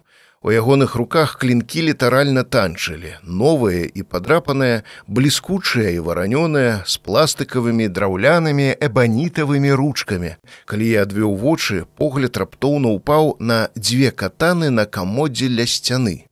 Паклаўшы чарговы нокс на столік, завалены немаведама чым, я ўстаў ды пайшоў да сцяны. Японскія клінкі на адлегласці падаваліся дасканалымі, з доўгімі аплеценымі ручкамі, мінімалістычнымі эфесамі, бліскучымі чорнымі похвамі. Я возьму? Не! Я абярнуўся на крык з-за спіны, прыязны імгненне таму самурай прыўстаў з канапы сціскаючы той самы кізляр на ўзроўні пояса злёгку падагнуўшы калені нібы перад бойкай некалькі секундаў мы глядзелі адзін аднаму ў вочы. Я не вытрымаў першы і паказаў пустыя далоні. Все нормально я не бяру ніхто не мае права запаволена і ўжо значна цішэй выцадзіў з сябе самурай. Ніхто у вітальні пачуліся крокі бразнула нейкая пасудзіна. У памяшканне троху мядзведзявата уваліўся юра які некалі нас і пазнаёміў па сваёй натуры юра быў міратворцам і чалавекам божым вечным валанцёрам і пакутнікам за чужыя грахі у вас усё нармальна так так усё гуд пайшлі на двор ты ідзі а я з самураем пасяджу далучуся пазней Ну что там? Міраслаў акурат прыкурваў ад галавешкі з вогнішча. Нічога, самурай мяне ледзьве не зарэзаў. Бывае. Волат у акулярах флегматычна пусціў струмень дыму. Гэта не самае горшае. Ён у мяне жыў у ківе пару тыдняў. Мая жонка была самым шчаслівым чалавекам у свеце, калі ён з'ехаў. Таксама з ножом кідаўся. Ты романтык, расплыўся ва ўсмешцы Міраслаў просто піў штодня. З лавы, якая стаяла пад яблыняй, ля самага вогнішча ўзнялася агнешка. Троху прыгубіўшы, дзяўчына пачала актыўна жестыкуляваць. Слухай, зараз прыедзь Богдан, можаш яго сустрэць. Які Богдан? Ну той з паліцыі, крымінальны вышук. Я сказала яму адгас. А, но будзе праз хвілін 10 сказаў. Без праблем. На двары ўжо добра сцямнела, бутэлькі на пашарпаным століку ды цэлафан пакетаў з закускай асвятляліся водбліскамі вогнішча. Міша, не выпускаючы цыгаркі з рота, здымаў з дапамогай мачэтэ засмаглыя сасіскі з прута, які выконваў ролю шампура. А вось і юра, валанцёр выйшаў з камяніцы з пабялелым тварам. Так, толькі не здзіўляецеся, што б зараз не адбылося, Не рабіце рэзкіх рухаў і не смейцеся ні ў якім разе. Мы пераглянуліся. Ш Юра паднёс указальны палец да вуснаў і абвёў усіх позіркам нібы настаўнік вучняў падчас культ паходу ў тэатр. О Божа! Міраслав узяўся за галаву. Андрэй сказаў, што будзе рабіць гэта трэці раз у жыцці, таму гэта вельмі важна. Я нічога не зразумеў, але паспрабаваў узгадаць што-небудзь сумнае, каб раптам мне засмяяцца. Агнешка стала каля юры, склаўшы руки на грудях. І толькі самураяў сусед і сабутыльнік міша працягваў займацца сасіскамі, прысеўшы бліжэй да вогнішча. О Божа! Міраслаў узяўся за галаву. Праз хвіліну на ганку паказаўся гаспадар. Пад электрычнай лампачкай ён стаяў басанож у чырвоным кімано, перавязаным шырокім поясам, з-за якога былі бачныя два клінкі, карацейшы і даўжэйшы. Мяне здзівіла, што самурай амаль не хістаўся. Моўчкі ён пайшоў у наш бок і спыніўся за пару метраў ад вогнішча.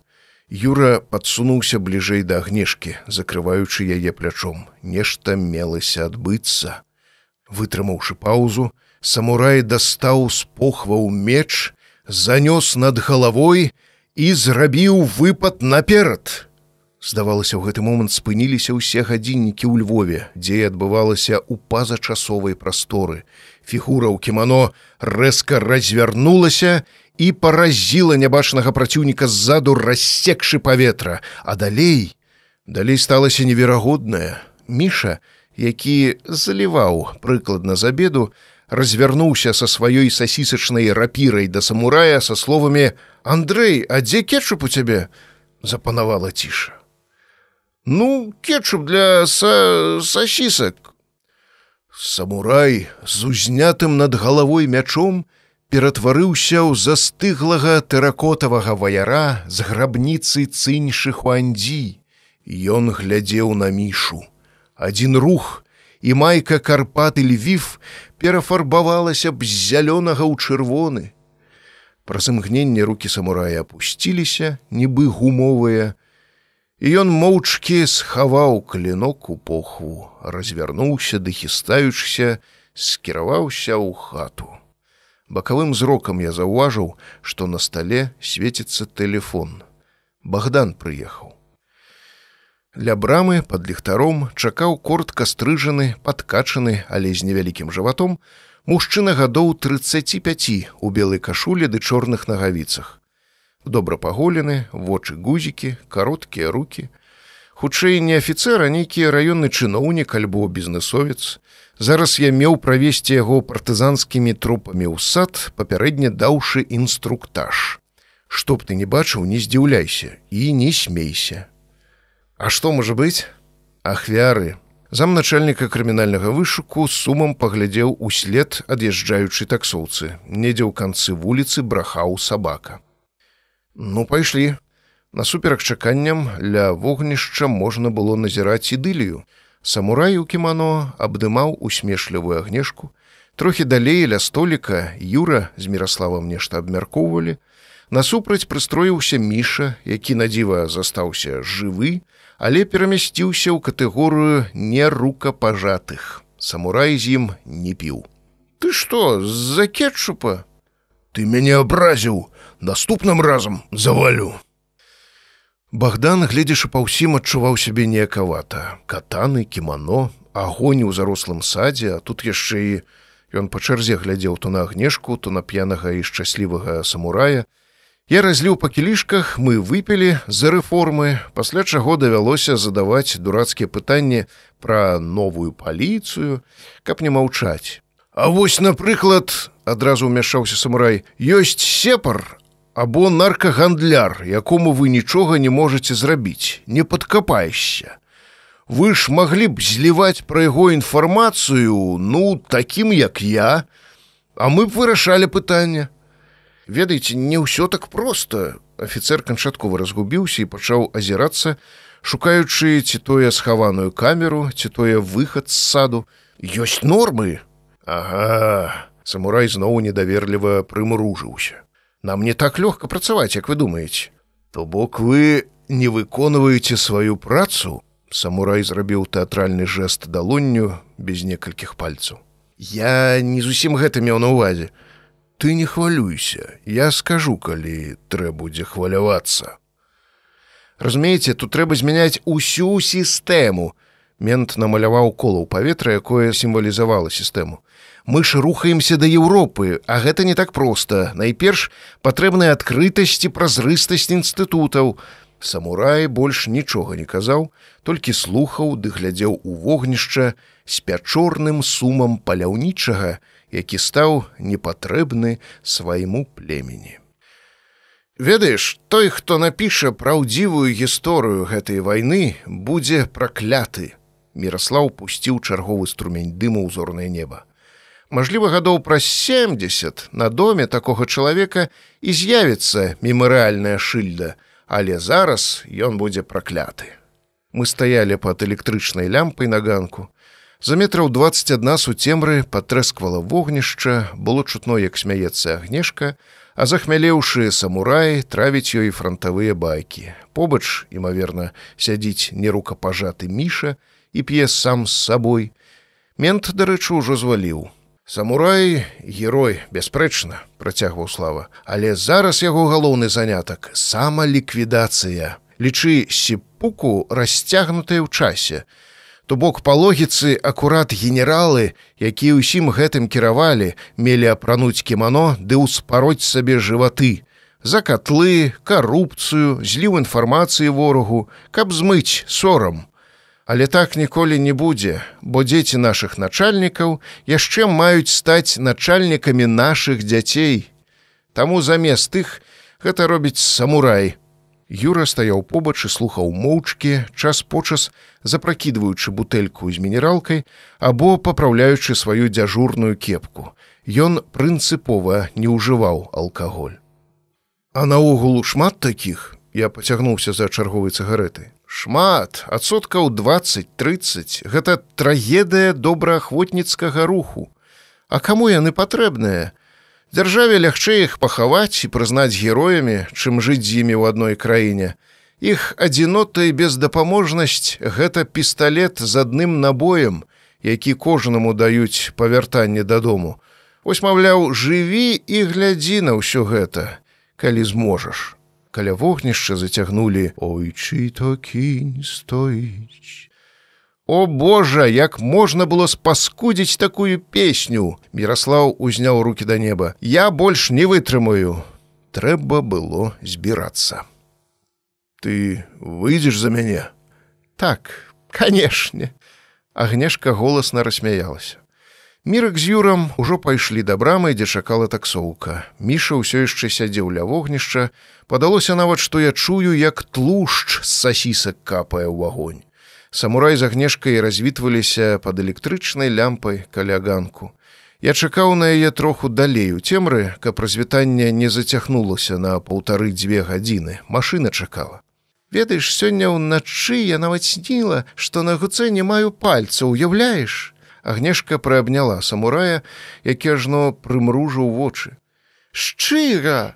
Ён узяў яе правую далонь і моўчкі расцалаваў кожны палец паасобку. Пасля прыклаў далонь да свайго ілба і заплюшчыў вочы, нібы сумы скруха, накопленыя стагоддзямі, мелі пакінуць яго такім чынам. Яна усміхнулася. Чакай, гэта табе. На далоні самурая з'явіўся прамакутнічак памерам з паштовую марку. Што гэта? Фота. Дзіўнае. Гэта з пасведчання ўдзельніка АТО, іншага не маю. Андгею, то маеш уклеіць назад, а мне дашлеш мэйлам. Я не маю зараз камп'ютара, а пасведчання мне не трэба падумаўшы імгненне агнешка хуткім рухам выхапіла фото ды паклала ў кішэнь чорнай курткі са скура займенніка. Ён глядзеў ёю вочы, нібы чакаў цуда. Ты такая Но перастань, яшчэ пабачымся, не сумуй. А калі ты ад'язджаеш? Заўтра. Агнешка яшчэ раз павісла на шыю самурая, пацалавала ў няголеную шчаку, ды зноў усміхнулася. Калі яна сабралася адыходзіць, Самурай спачатку нядобра глянуў мой бок, а пасля спрабаваў затрымаць, але алкаголь зрабіў сваю справу. Пакалечаная далонь зачарпнула пустку ды шлёпнулася аб сцягно гаспадара, які стаяў як саляны слуп на ганку пацалаванага смерцю дома. Сцяжыны да фурткі я вёў яе за руку, каб не ўпала. Юра з Міраславам, мабыць, ужо зачакаліся. Стой, мне звоняць! На яе твары зноў залунала усмешка. О, гэта Богдан, планы змяняюцца. Праз галінкі грушы, пад якой мы спыніліся, ледзьве блішчэлі ці тое зоркі, ці тое адлятаючыя іскры нашага вогнішча, якія больш ніколі сюды не вернуцца. Наступнага дня па абедзе на стол нявыспанага намесніка начальніка львоўскага крымінальнага вышуку, лягло кароткае паведамленне. У двары прыватнага будынка на вуліцы Аляшэўскага знойдзены труп мужчыны на выгляд 35-40 гадоў. Прычынай смерці стала страта крыві у рэзультаце удара вострым прадметам, стылізаваным самурайскім клінком, які застаўся ў целе ахвяры. Ніндзямля. Богдан правёў далоню па твары і ўздыхнуў. Дакументаў пры трупе і ў доменя знойдзена асабістыя прыкметы шнар на левай шчаце, Пра пальцы нічога не напісалі, эксперты ёбаныя. Быў апрануты ў сінія джинсы і майку карпаты львів. У дзверы пагрукаў, а пасля асцярожна зазірнуў лейтенант у цёмна-сінім кіцеле. Богдан Александрович, да вас прыйшлі. Хто? Атошнік знаёмы, кажа, заходзіў ужо раней. Хм, давай сюда. Галава лейтенанта схавалася, дзверы зачыніліся, каб праз хвіліну адчыніцца зноў. На парозе стаяў чалавек у выцертым брытанскім камуфляжы з шаўронам добраахвотніцкага батальёна на адным плячы і маленькім чырвона-чорным простакутнічкам на іншым. Богдан адкінуўся ў мяккае крэсла і ўважліва глядзеў на госця, які прычыніў за сабой дзверы, не выцягваючы рукі з кішэняў. Госць моўчкі прабегся вачыма па кабінеце. Поруч са сталом віселі спартовыя граматы, стаяў бліскучы кубак з выявай футбаліста. У куце красавала вялізная залачоная ікона багародзіцы і партрэт сцяпана бандеры. Чалавек у камуфляжы усміхнуўся. Добрага дня, нарэшце спахапіўся Богдан. Калі вы па нейкай справе, то ёсць парадак прыёму, ты не хвалюйся. Самурай глядзеў на афіцера добрымі, як у лаудзы вачыма. Я табе скажу, калі трэба будзе хвалявацца. Правая рука з абрубкамі фалангаў выслізнула з кішэні, ды вокам гненна паклала на дубовы лакаваны стол цёмна-зялёную кульку памерам з вялікую сліву. Богдан яшчэ паспеў заўважыць, як рычах адляцеў кудысьці ў бок за камп'ютар, а РГДшка без кольца прокатилася по гладкой поверхні стола і уперлася у абцягнуты скурай штодзённік з бліскучымі металічнымі куткамі падарунак міністра ўнутраных спраў сёмага жніўня 2016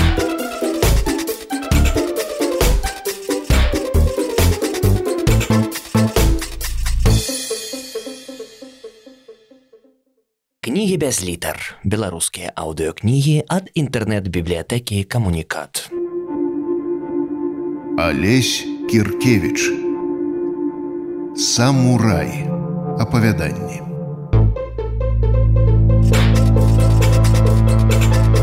Пясчаны бераг.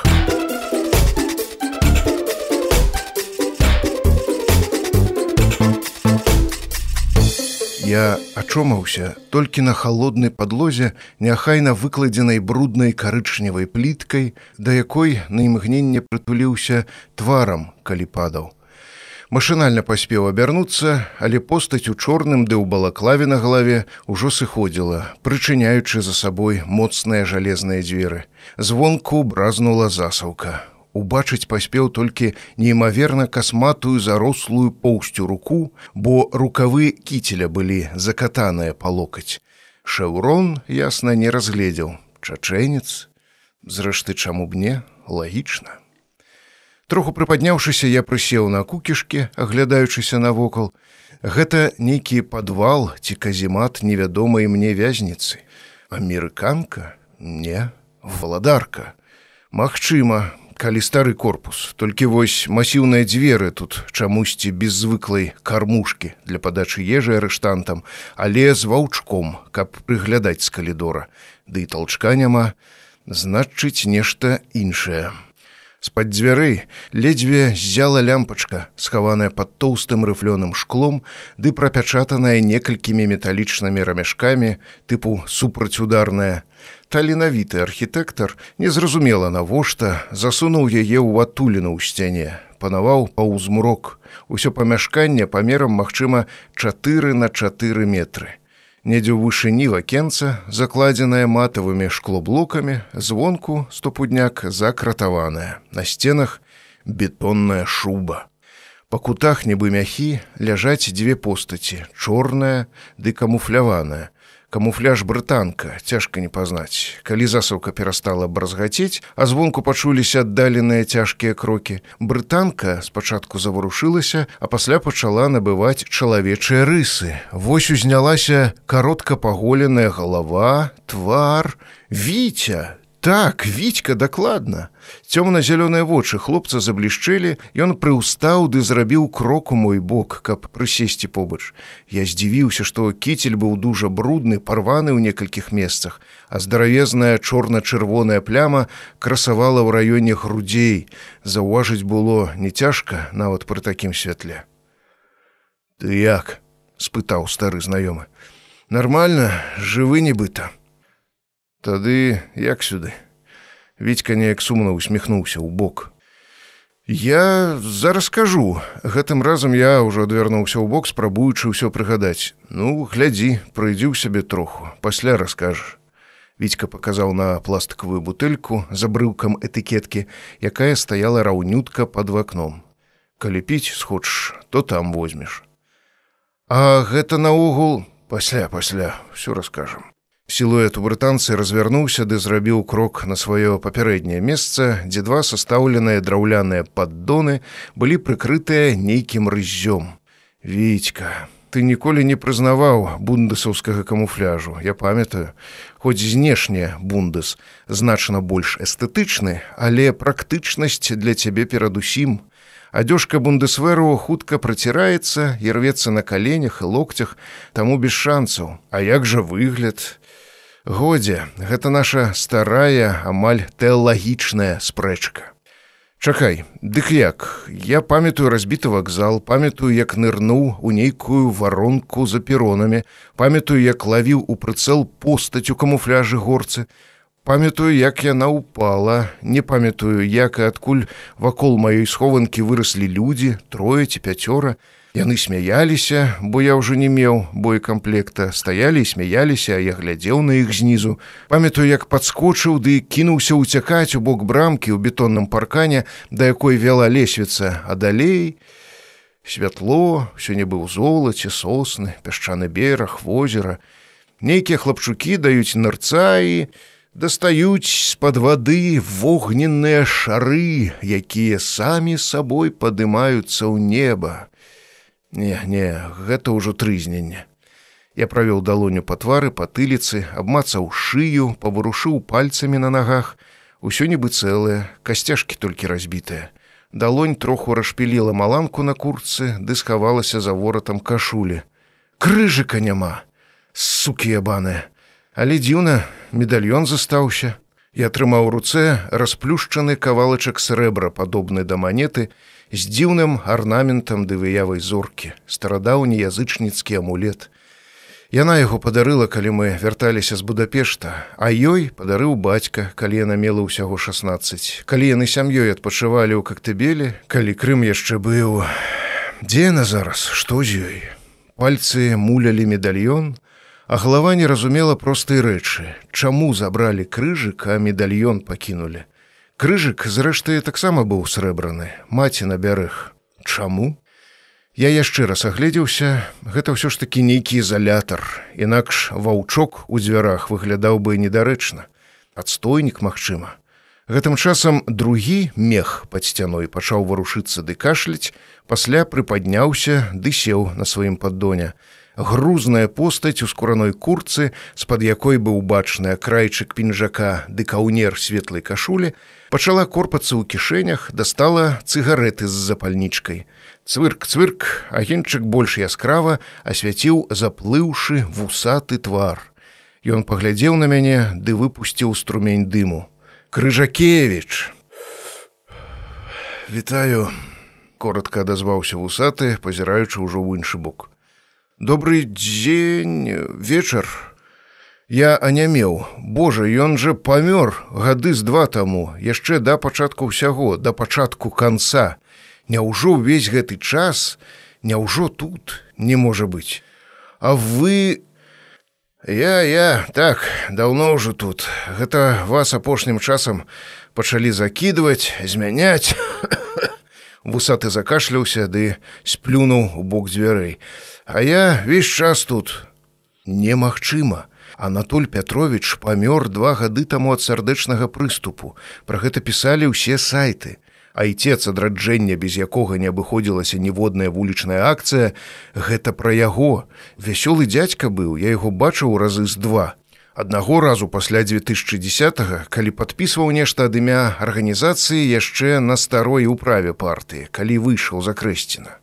Дзе, што гэта? Я паспрабаваў абвесці рукой наш каземат. Гэта чысцец. Я разумею, але ніхуя ты не разумееш, Анатоль Пятрович зноў сплюнуў. Ты ў Бога верыш? Так, а ў раі пекла, ну так, Ну, дык гэта чысцец. Ты ж не думаў, што цябе па той бок святы Пётр сустрэне з экскурсіяй. Альбо што ў казан са смалой кінуць. Гэта чысцец для нас, нацыкаў такі, якім яго можа ўспрыняць наша свядомасць. Бо мы пра гэта думалі ўвесь час, чакалі, папярэджвалі, нас не слухалі, я не дачакаўся там, вы з ім, Крыжакевич паказаў на спячага віцьку, дачакаліся, то бок для сепараў іншы чысцец. Не ведаю, моих там гей брусельскія будуць трахаць. Дядька усміхнуўся, ды зноў закашаўся.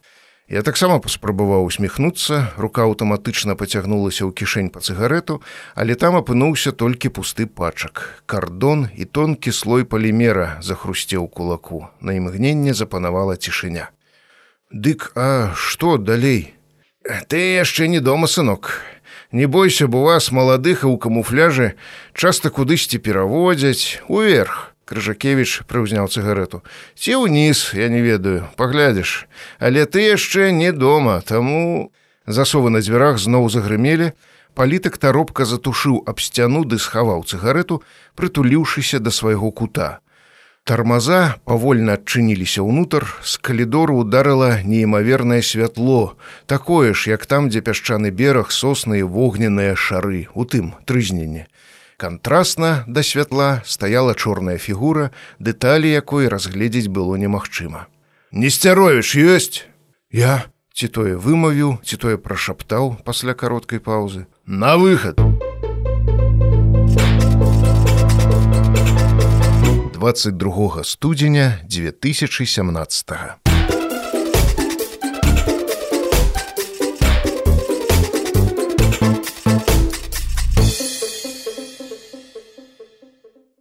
Кнігі без літар.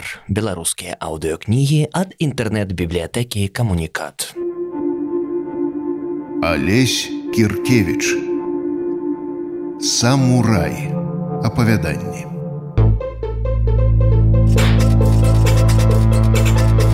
Казка пра моцных і прыгожых людзей.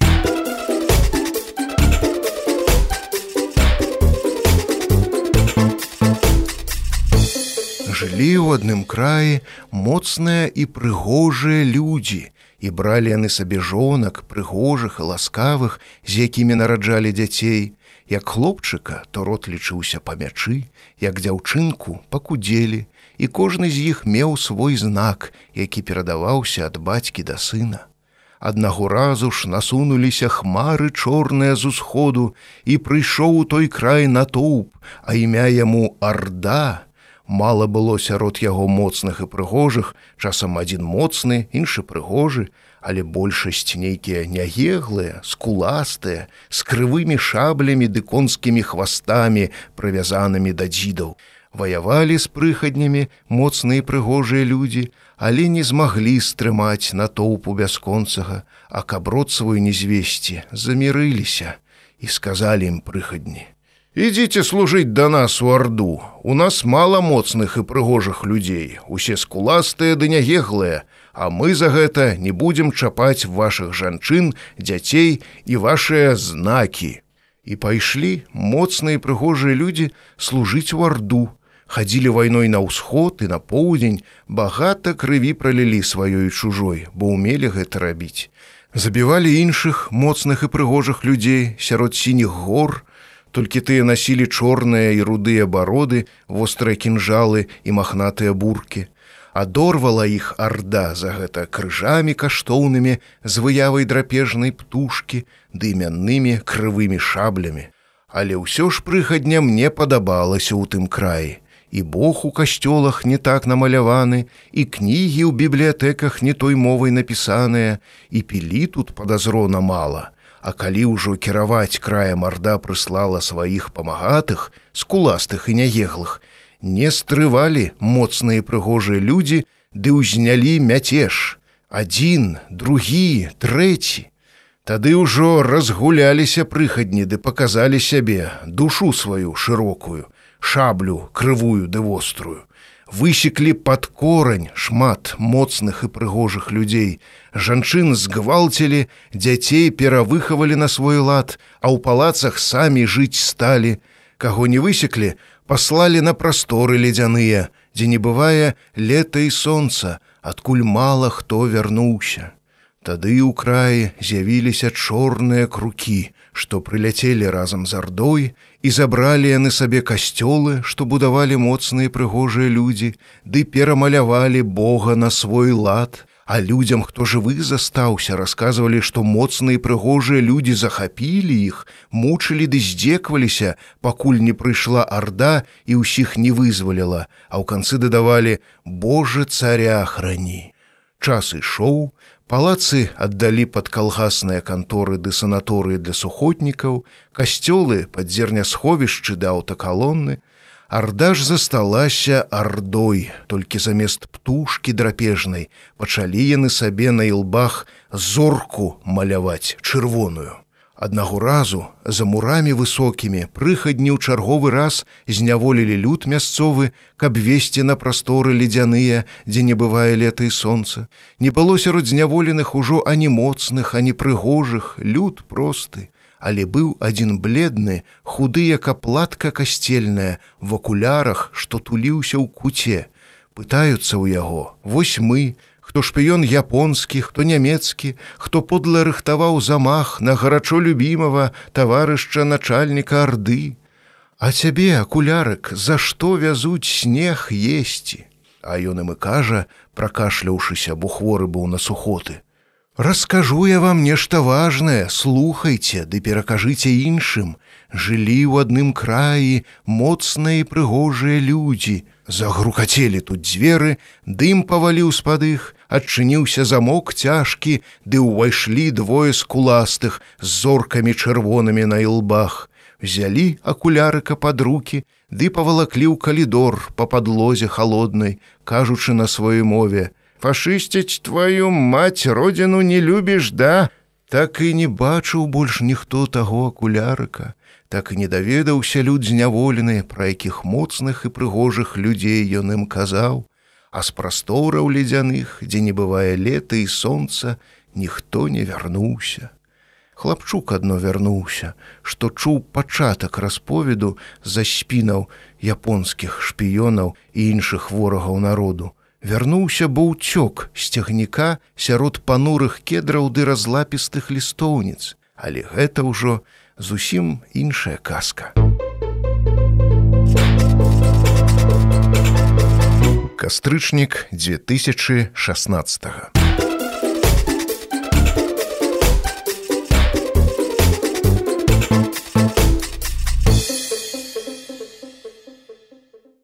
кнігі без літар беларускія аўдыокнігі ад інтэрнэт-бібліятэкі камунікат Алесь кіркевич самурай апавяданні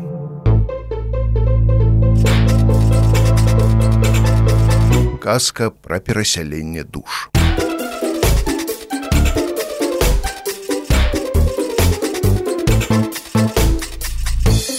Жыў у адным краі князь ванька жахаў кіраваў ён сваім княствам жорстка каго ў цямніцу пасадзіць каго да слупа ганебнага прыкуе а рэшту абкладаў аброкамі непамернымі але як любіць каго дык дровы секчы запросіць кавун падорыць або харомы белакаменныя затое яго шанавалі і баяліся і быў у князя вораг са старых часоў, калі толькі на княства ішоў, баярын Андруша курбскі. Але і той з княства з'ехаў, пачаў кніжкі шчымлівыя пісаць ды праклінаць ваньку пры кожнай дай нагодзе. Затое князь зневажаў яго, а люд просты чакаў, чакаў, што вернецца баярын, а пасля забыўся на Андрушу. Аднаго ж разу сталася такое, што не магло ніколі стацца. Праляцела над краем тым навальніца. Дубы стогадовая паламала, кавуны градам пабіла, ды ў харомы княжыя завітала. Прачынаецца наступнага ранку Андруша Курбскі і не пазнае нічога навокал. Столі высокія, печ кахляная, паліхромная, шкура мядзвежая на сцяне, а побач з ім на ложку княжна, маладая і незнаёмая, спіць белую руку з дарагім манікюрам яму на грудзі паклаўшы. Устаў, падышоў да люстэрка дрэздэнскай работы, глянуў і ўсё зразумеў, глядзеў на яго з бездані люстэркавай ванька жахаў А тут дзверы адчыняюцца, на парозе стаіць баярын ва ўсім чорным з каменным позіркам ды сякерай руцэ. Ну, ўсё, падумаў курбскі, а баярын яму: Добрае утро, Іван Анатольевич, тут банкіры прыехалі драва рубіць. Тым часам за тысячы вёрстаў на здымнай кватэры, заваленай кніжкамі, лістамі ды факсамі, прачнуўся ванька жахаў. Падышоў да люстэрка, пабачыў твар забыты і ненавісны, ды закрычаў страшным крыкам. І крычаць перастаў толькі калі мурыны пачалі ў дзверы грукаць ды пагражаць паліцыі. Пасля ж піў тры тыдні з гора, не мог паверыць, што так сталася. Курбскі ж, заняўшы цялесную абаронку жахава пасля начной навальніцы, пакрысе ўваходзіў у смак княжання. Дровы пачаў секчы, кавуны падліваў шторанку, звыкся нават да чужых палюбоўніц з дарагім манікюрам, якія гойсалі па харомах княжых, збылася яго мара пра ўладу. Першай справай змяніў ён герб ды харугву князскую, заняўся вяртаннем старажытнай мовы да ўжытку, якую скасаваў ванька жахаў, Адно толькі яго засмучала, не ведаў, як пісаць мемуары, ад якога імя вырашыў рэшце складаць у форме алегарычнай вершаванай паэмы у стылістыцы вагантаў і мінізінгераў. За гэтай справы і праходзілі ягоныя дні і ночы. Ванька жахаў тым часам, працверазеўшы, ды звыкшыся да прысутнасці мурынаў на вуліцах далёкага горада, нарэшце раз'юшыўся і вырашыў вярнуцца і ўсё вярнуць. Ніхто не сустракаў яго ў аэрапорце, акрамя пары тройкі збяднелых баяраў ды хударлявых летапісцаў, што яго памяталі. Была восень. Збіраўся кангрэс незалежнага баярства, рытуал бессэнсоўны і беспанповы. Але ванька прыйшоў на яго, чым зрабіў фурор. Вы тут гранты стрыжоце, у вас князь не настаяшчы, заявіў у цялесіны ў курбскага жахаў, аглядаючы анямелую публіку страна в опасности. Так заклаў ён штаб народнага паратунку даўшы яму сваё імя. І паехаў жахаў па краіне збіраючы сходы чэрні прапаведаваў ім пра ненастаяшчага князя на якога ў яго пяць вазоў кампрамату. Выходзіла з яго словаў што князь фальшыўка зробленая ў кароне польскай Народ слухаў моўчкі, пераглядаўся, але грэчку ды замарожаных курэй, якіх раздавалі з грузавікоў служкі жахава, браў з удзячнасцю. І вось напрыканцы лістапада сабраў жахаў сход вялізны пад сценамі баярскай думы.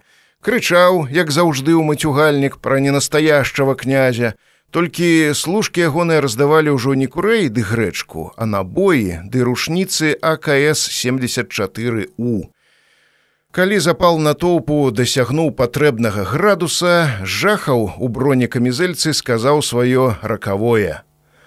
Всем боеспособным мужчынам построиться возле памятника князю Членіну.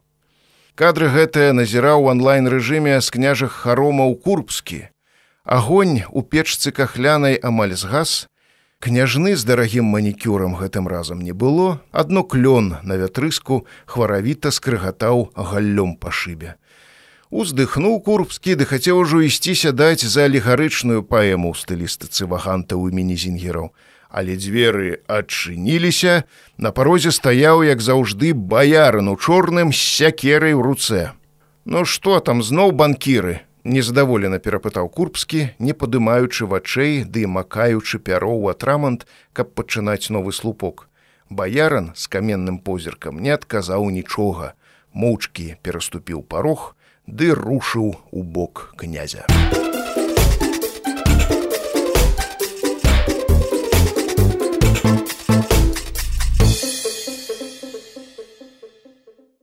кнігі без літар беларускія аўдыокнігі ад інтэрнэт-бібліятэкі камунікат Алесь кіркевич самурай. Апавяданні.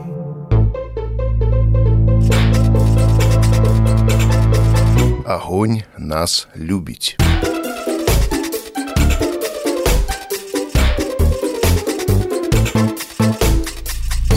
Па салоне павольна ішла усмешлівая сцюардэса сярэдніх гадоў, трымаючы перад сабой тацу з ледзяшамі, нібы памочнік святара, які пасля цалавання крыжа раздае кавалачкі прэснага хлеба грэшнікам, якія не атрымалі прычасця.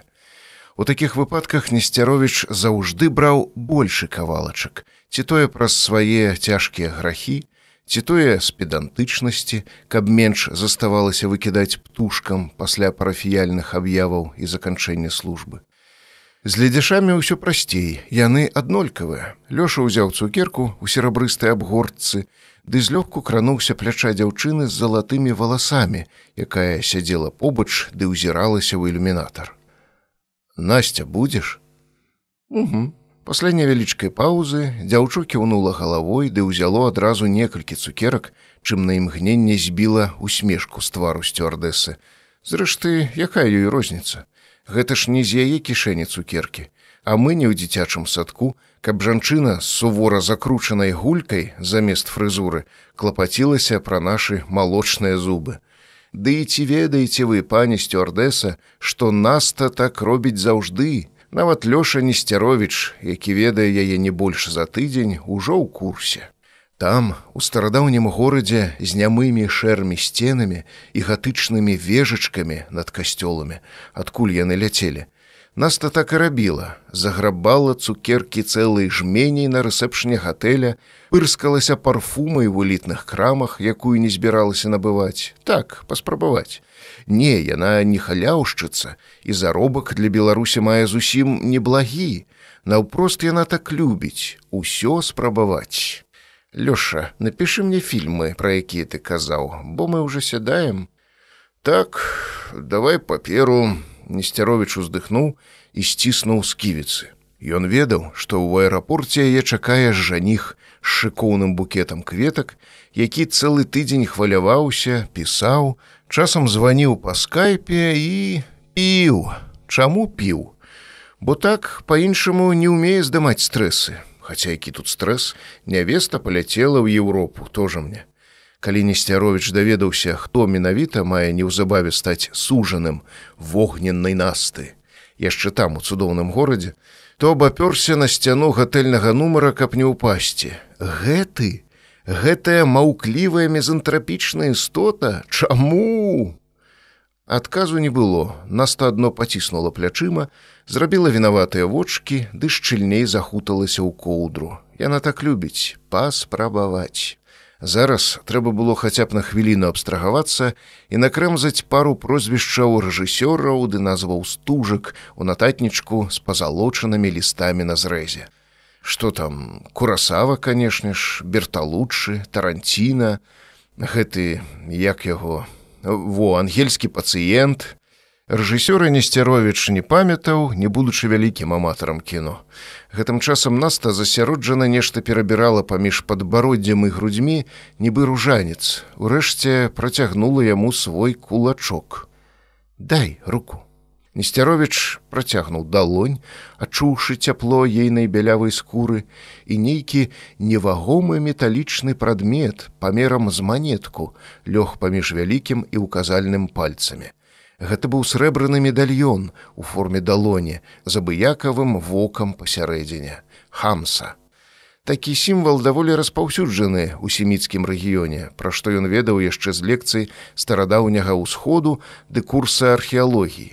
Не дзіўна, наста была габрэйкай. У аэрапорце ўсё пайшло па загадзе вызначаным сцэнары. Ён ішоў першым, яна апошняй. На выхадзе несцяровіч нават павітаўся з даўгалыгім жаніхом з ужо выпіраючым з-пад скуранкі піўным жыватом, які падавалася не ведаў, куды падзець букет жоўтых ружаў пад колер яе валасоў хваляваўся.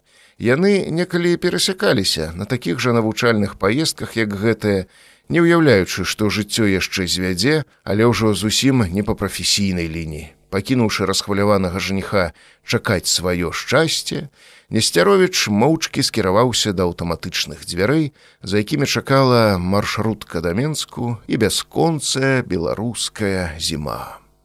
Частуйцеся, хлопцы, Альшэўскі працягнуў пластыкавы кантэйнерчык з акуратна раскладзенымі лустамі парэзанага сала, пад якімі хаваўся чорны хлеб. Несцяровіч таксама ўзяў кавалачак, На свежым паветры ежа заўжды заходзіла добра, асабліва калі гэта сала, асабліва калі ад альшэўскага. Пратэст у курапатах трываў ужо некалькі дзён, А сёння з'явілася яшчэ вялізная жалезная бочка, у якой абаронцы нацыянальнага некропаля расклалі вогнішча, прарубіўшы металічны панцыр пачвары сякерай у некалькіх месцах, каб паветра лепей кружляла. Над курапацкім хваёвым лесам, бетоннымі скрынямі спальнага квартала з рэдкімі агеньчыкамі, пяціметровым гафраваным бляшаным плотам будоўлі, якая і сталася прычынай пратэстаў, лагерам абаронцаў, якія круціліся вакол бочкі нібы жамяра вакол лямпачкі. Узышлі халодныя зімовыя зоркі, бачыць, якія не перашкодзілі нават агнім каду, які пролягаў тут жа праз некалькі метраў. Зрэшты, некалькі ліхтароў з трасы, якія кідалі сваё святло і на лагер, чамусьці сёння не працавалі. Бруд, утвораны ад частых раз'ездаў будаўнічай тэхнікі, перамешаны гумовымі ботамі рабочых, берцамі пратэстоўцаў, белымі ды жоўтымі польскімі няўцепленымі красоўкамі журналістаў, ды чорнымі вастраносамі чаравікамі марка, якія нават узімку насілі таптуны з маленькімі відакамерамі, застых, захаваўшы тысячы арнаментаў падэшваў ды аўтамабільных шынаў некалькі прамерзлых турыстычных намётаў ды шыхт з пластыкавых касак, ці тое адабраных у рабочых падчас сутычак, ці тое прынесеных сердабольнымі мінчукамі, былі злёгку прыхутаныя срэбнымі крышталікамі снегу. Несцяровіч запаліў цыгарету ды адышоў ад бочкі гонару, якая вельмі хутка сталася гарачым пульсуючым сэрцам пратэсту. Хай бліжэй падаідуць іншыя пагрэюцца. Тым больш зараз вакол бочкі ўжо пачалі з'яўляцца паддоны, нагам не так холодна. Малпа, кшталту цябе некалі ператварылася ў чалавека.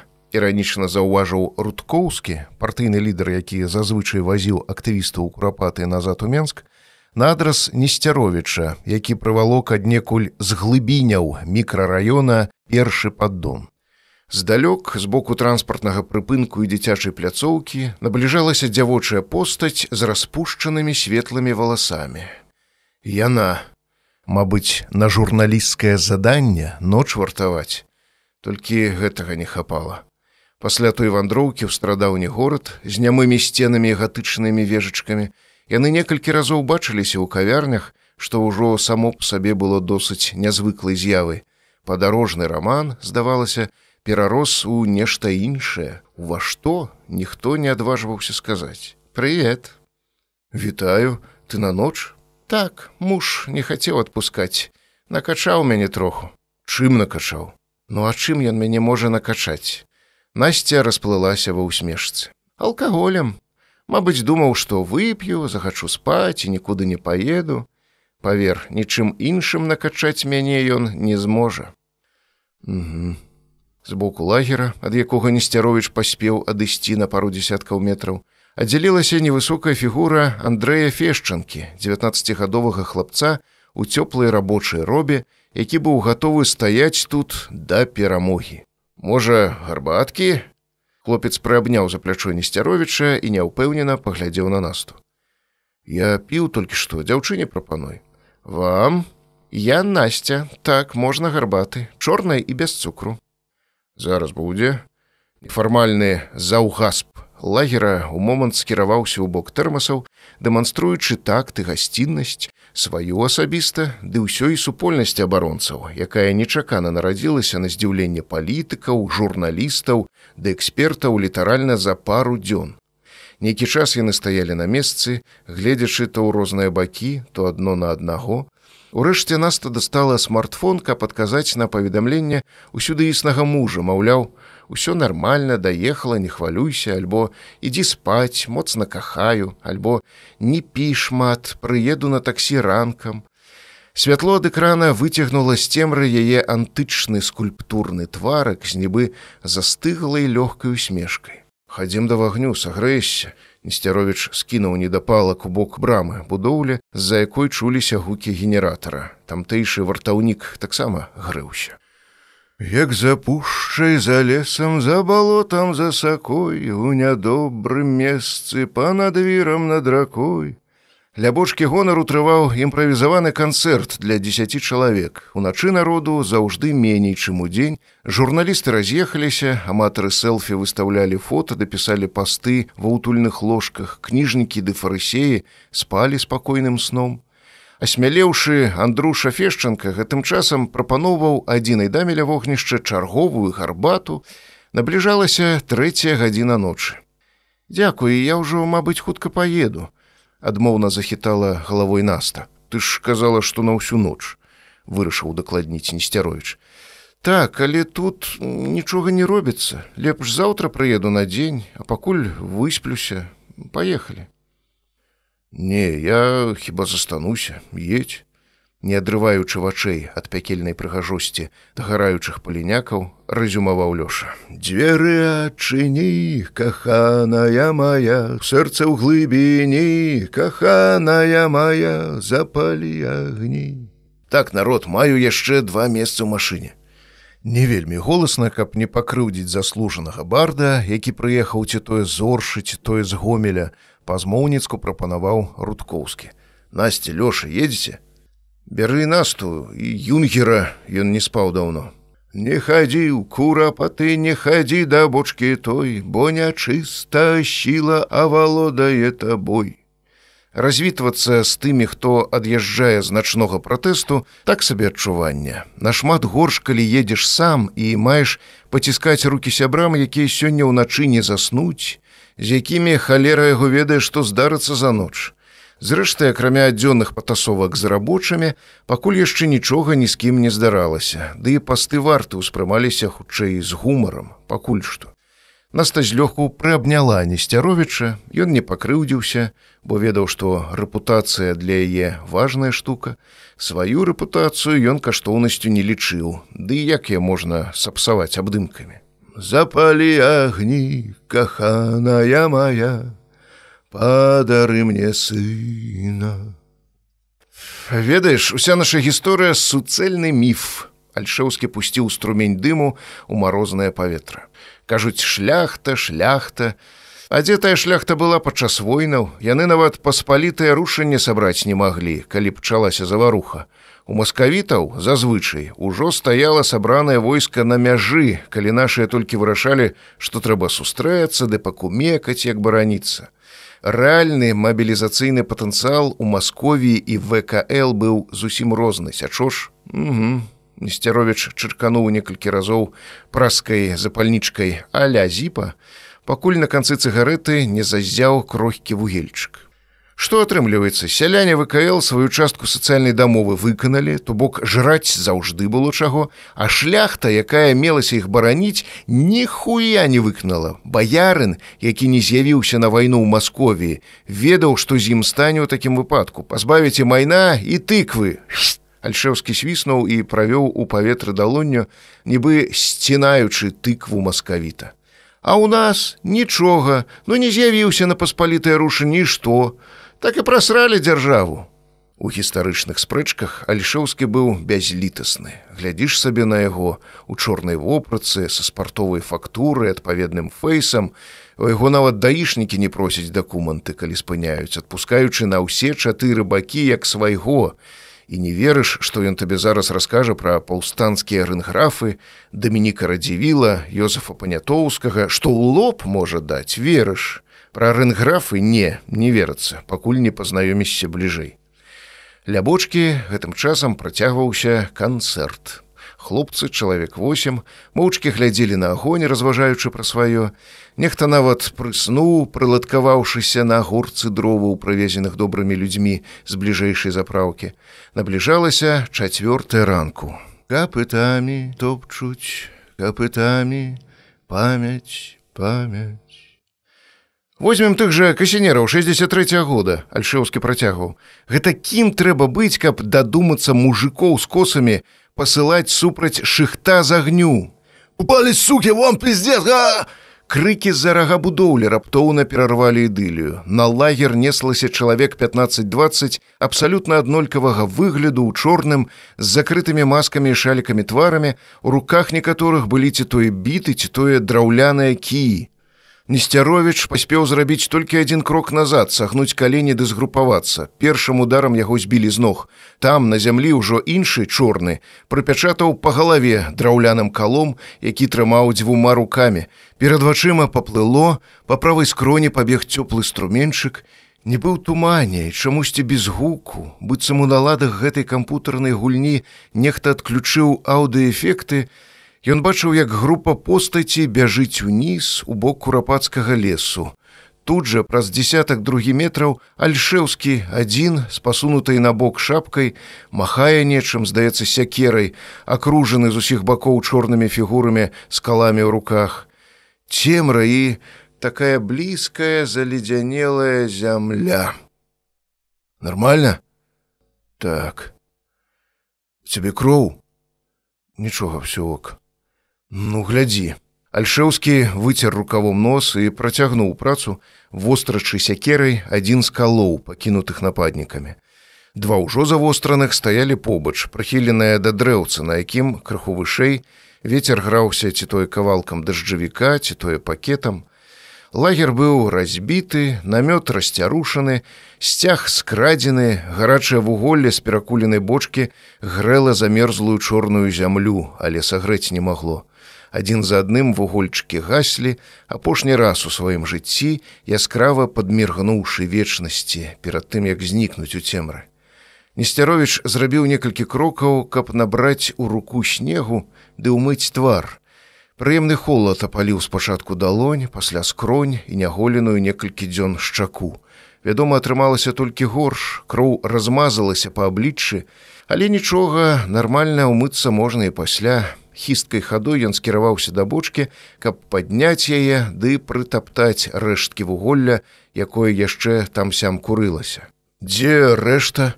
Толькі прыйшоўшы да цямы, несцяровіч абвёў позіркам лагер і, не далічыўшыся прыкладна паловы варты, звярнуўся да альшеўскага. Не ведаю, зараз скончу, сходзім глянем. Начны курапацкі лес падаваўся зімовай каскай. Рэдкія гукі машына ў змкаду, водблізкія святла далёкіх ліхтароў, маўклівыя сосны, якія карэннямі кранаюцца таямніцаў нацыянальнай трагедыі ды ганьбы, ціша. Утрох яны ішлі з каламі наперавес на крыху падагнутых нагах, акуратна ступаючы па прасціне снегу, нібыта баючыся зняважыць сон забітых тут 80 гадоў таму. Несцяровіч, Альшеўскі ды акулярык кот. Бач сляды. Угу, вялікая амплітуда, значыць, беглі. А што там? Там Альшеўскі ўздыхнуў і стаў у поўны рост. Пасёлак сонечны і паралельная мкаду траса, значыць, там за лесам была прапаркаваная машына. Яны ўжо з'ехалі. А нашы нешматслоўны кот паставіў сваю зброю тупым канцом на зямлю і таксама выпраставаўся. Будзем шукаць. З нашых не хапала чалавек 5. Што з імі? Скралі, пакалечылі, кінулі ці прывязалі дзе ў лесе, магло быць рознае. Песні скончыліся. Калі мы зноўку падышлі да туннеля пад мкадам, які злучаў горад з курапацкім лесам, наверсе паказаліся дзве фігуры, якія, азіраючыся па баках, няўпэўненымі рухамі намацвалі металічную дарожную агароджу і збіраліся спускацца. Пад машцы альшэўскага мы занізіліся, але прыгледзеўшыся да нязграбных сілуэтаў з пустымі рукамі, пачалі пераглядацца. Не, не нападнікі. Хто такія? першым адазваўся кот спалоханыя постаці пачалі назад ускарасквацца на дарогу. Драбнейшы зухавата залез першым а вось другі больш мажны не разлічыў сілаў і пачаў з'язджаць па схіле. І нешта крычаў свайму таварышу цягнуў руку. Той спрабаваў дапамагчы. Не дакладна не нападнікі. Андруша ты?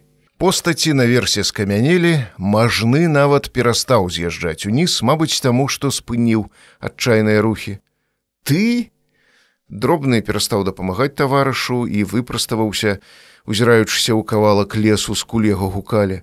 Хто вы? Сваі! Фамілію назаві! Пасля паўзы зноў гукнуў дробнае сарваўшыся на нервовы фальцэт. Кот ёб твою мать спускайся альшеўскі сплюнуў і дастаў цыгарету. Яго вочы бязгучна смяяліся. Абаронцы некропаля мля хуткім часе вярнуліся і іншыя прапаўшыя без вестак. Нехта хаваўся ў лесе нехта знік у каменных джунглях мікрараёна. Рудкоўскі чамусьці прыхапіў з сабой даўжэзны парасоль відаць каб адбівацца ад нападнікаў у найлепшых джентльменскіх традыцыях.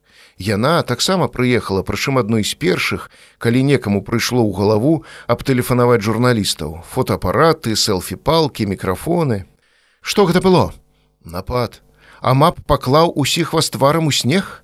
Хто вам сказаў што мап? Хто сказаў што паклаў на сайтах ужо пішуць юра с фоткай с фоткай галава во а павярніцеся калі ласка. Все яшчэ раз. Так усё. Я пайшоў Яна стаяла каля бочкі, якая зноўку задыміла і пускала салюты іскра ў узорнае неба, даючы сігнал камусьці высока-высока, што лагер жывы. Несцяровіч падышоў і моўчкі стаў побач. Хутка прыедзе міліцыя, нехта ўжо выклікаў. Навошта? Ну на вас жа напаў амап. Вам трэба пісаць заяву міліцыю. О Боже! Несцяровіч ледзьве стрымаў смех. А што ты не будзеш пісаць? Не. Ясна. Ты на таксі? Так, я сказала кіроўцу пачакаць. Паехалі. На задніх скураных сядушках чорнай мазды яны ехалі моўчкі. Яе далонь сціскала ягоную, пасма залатых валасоў упалі на чорную, пракопчаную дымам куртку. За вакном праносіліся сталінкі, блочныя шматпавярховікі, ды светлафоры места, якое чамусьці называлі горадам сонца. Набліжалася раніца новага дня.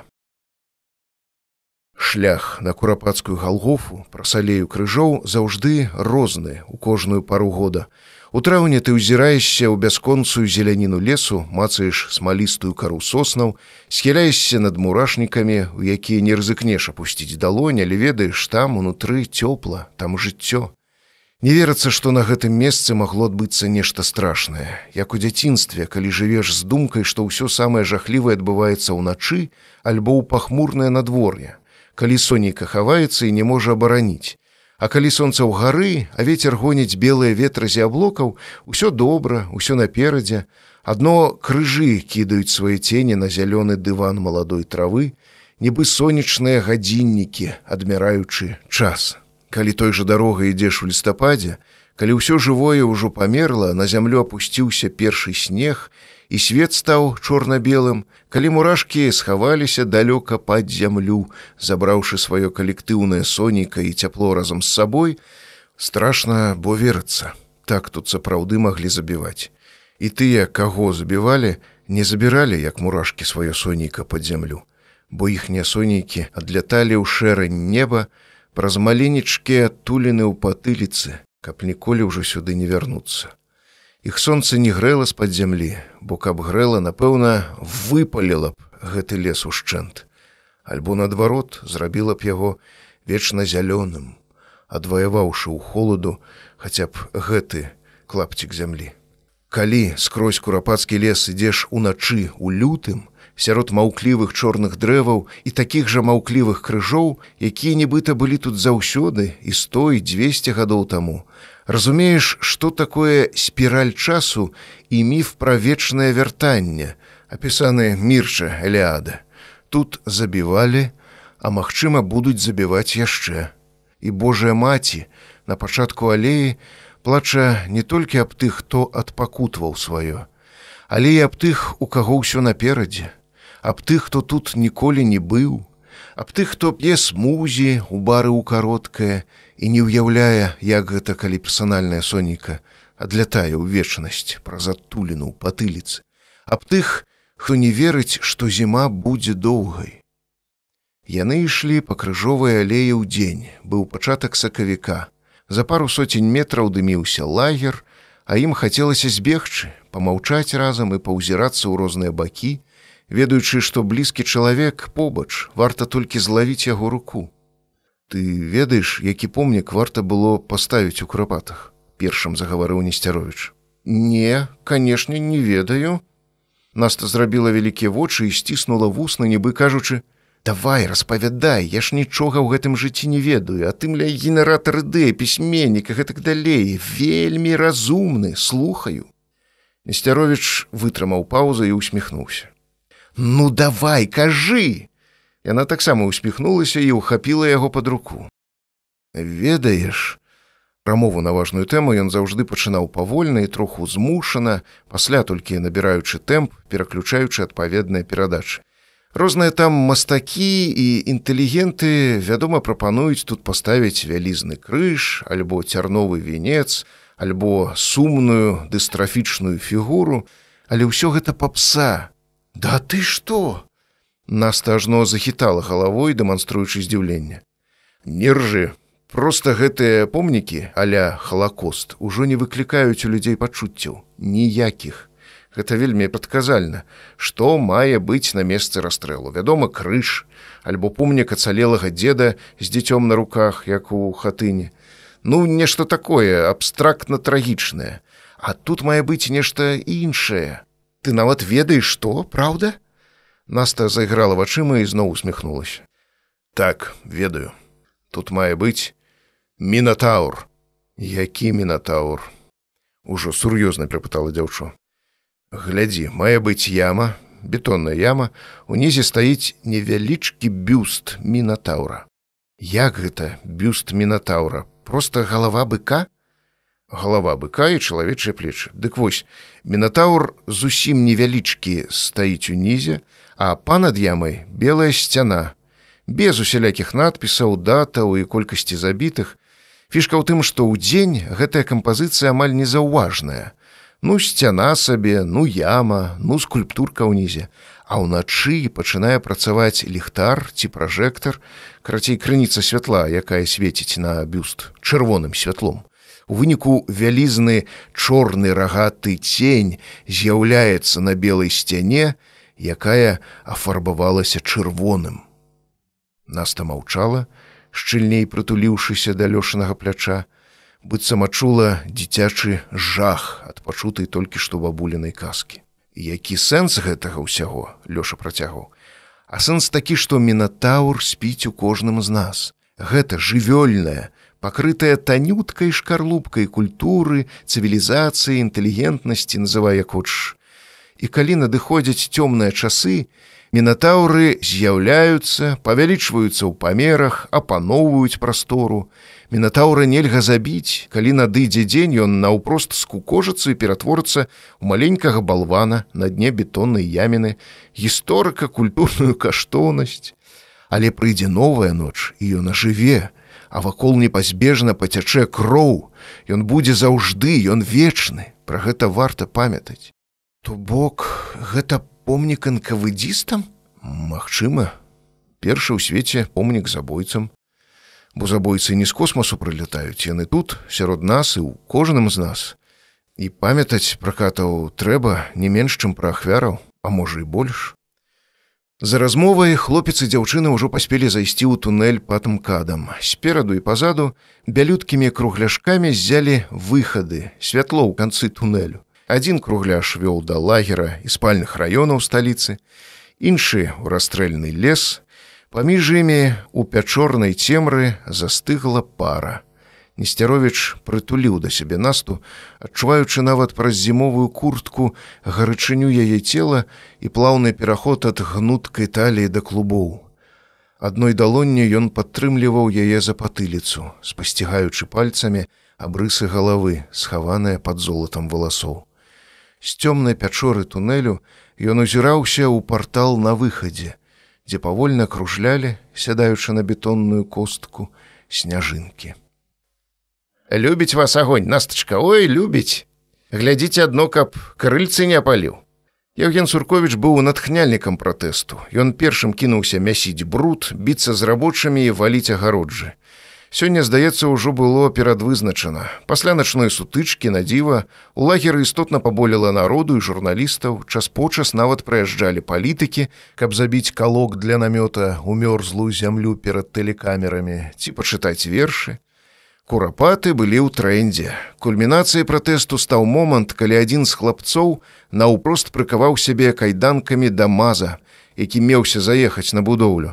Пасля гэтага забудоўшчык адмовіўся ад сваіх грандыёзных планаў, загароджанай тэрыторыі пачала з'язджаць тэхніка, а само намётавае мястэчка пратэстоўцаў дажывала апошнія дні. Пасля фразы харызматычнага кулярыка Сурковіча, які, здаецца, быў на ейным вяселле, Наста не расчырванелася, адно падміргнула, ды бліжэй падсунула руки да чорнага краю бочки, адкуль шугала полымя. Маўляў, не баюся. Сапраўды яна не баялася, хоць муж, той самы даўгалыгі з аэрапорта, пагражаў ці тое зарэзаць ейнага заляцальніка, ці тое зарэзаць яе, ці той зарэзацца самому, і пранейшаму піў, калі наста не ночыла дома. Хадзем да машыны, паспім з гадзінку. Несцяровіч падышоў ззаду, каб прыабняць дрыготкую дзяўчыну. Ты ж таксама ноч не спала, а сёння ўжо сёмая ранку. Хадзем. Старэнькая аўдзі аднаго з вартаўнікоў некропаля стаяла метраў за 200 ад лагера. Мікрараён патроху прачынаўся, вусатыя мужчыны сярэдніх гадоў у дутых турэцкіх куртках з фэстам у зубах спяшаліся на прадпрыемствы, Там-сям, нібыта з-пад зямлі з'яўляліся нетаропкія дворнікі у памаранчовых робах. Па дарозе, якая вяла да экспабелу, усё шасцей праносіліся таксі, легкавушкі ды маршруткі з соннымі мінчукамі. Ты напішаш калі-небудзь апавяданне пра мяне. Як заўжды, нібы гуляючыся спытала наста. Напішу, але калі ўжо дакладна скончыцца. Тады не спяшайся. А я і не спяшаюся, як назовеш не ведаю пакуль яшчэ ж не скончылася. Ну скажи напрыклад наста і мінатаур прыгожа. А мінатаур страшная драпежная пачвара? Это ты? Наста рассмяялася. Не ты. Тады мне не падабаецца такая назва. Ну хай будзе агонь нас любіць любіць жа? Дакладна. Задаволенае дзяўчо хлопнула дзвярыма аўто. Несцяровіч зняў шапку і цяжкавата ўздыхнуў. Яшчэ адна ноч пазаду, а хутка ўсё наогул скончыцца, лагер давядзецца разбіраць, старэнькую канапу, якую прывалаклі да бочкі, валакчы на сметніцу за кутом будоўлі, а пракопчаныя камуфляжныя шмоткі здаваць у хімчыстку. Іхняя частка працы завершаная, далей хай разбіраюцца гісторыкі да эксперты, наполеоны ад папяровых войнаў і рыцары круглых сталоў. Дзіўна, але адчуванне перамогі было вельмі хісткім, ды межавала з прачуваннем унутранай пусткі, якой непазбежна накрые, загоніць у танны бар на кідышкі, прымусіць паліць ля ўваходу улюбёны восьмы кент, не адчуваючы холаду ды ветру. Дакладна так будзе, ён ведаў.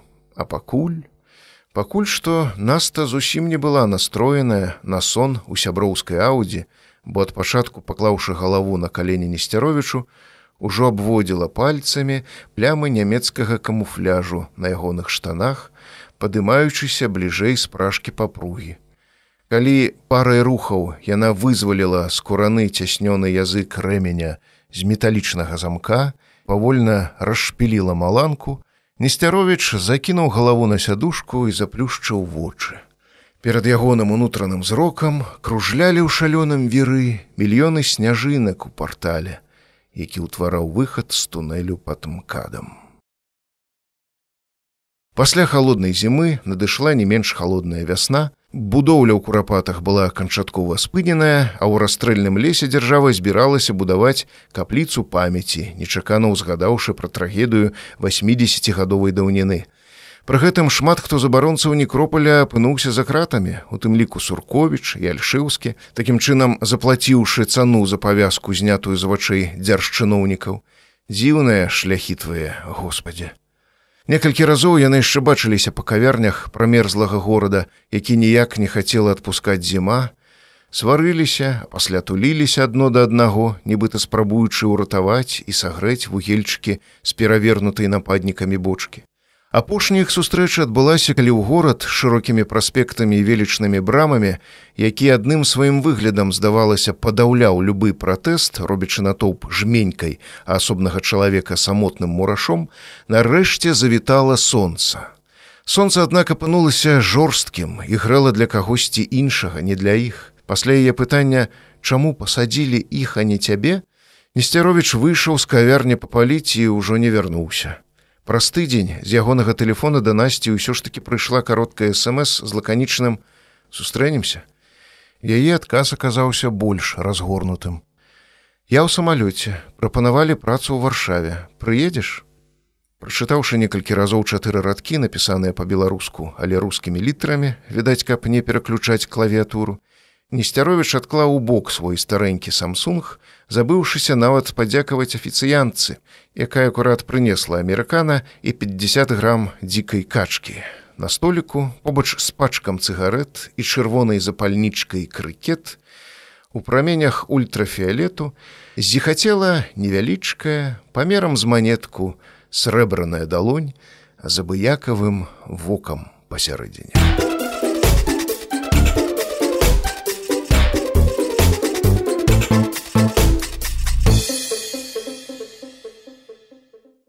Кнігі без літар. Беларускія аўдыокнігі ад інтэрнэт-бібліятэкі камунікат. Алесь Кіркевіч Самурай. Апавяданні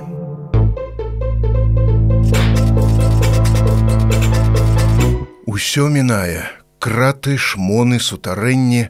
Нам застаецца гонар і сумленне пах восеньскага лісця і туман усё астатняе лухта падман і ўсё адно мы вернемся дасць Бог пакласці кветкі маці на парог травень-чэрвень 2011.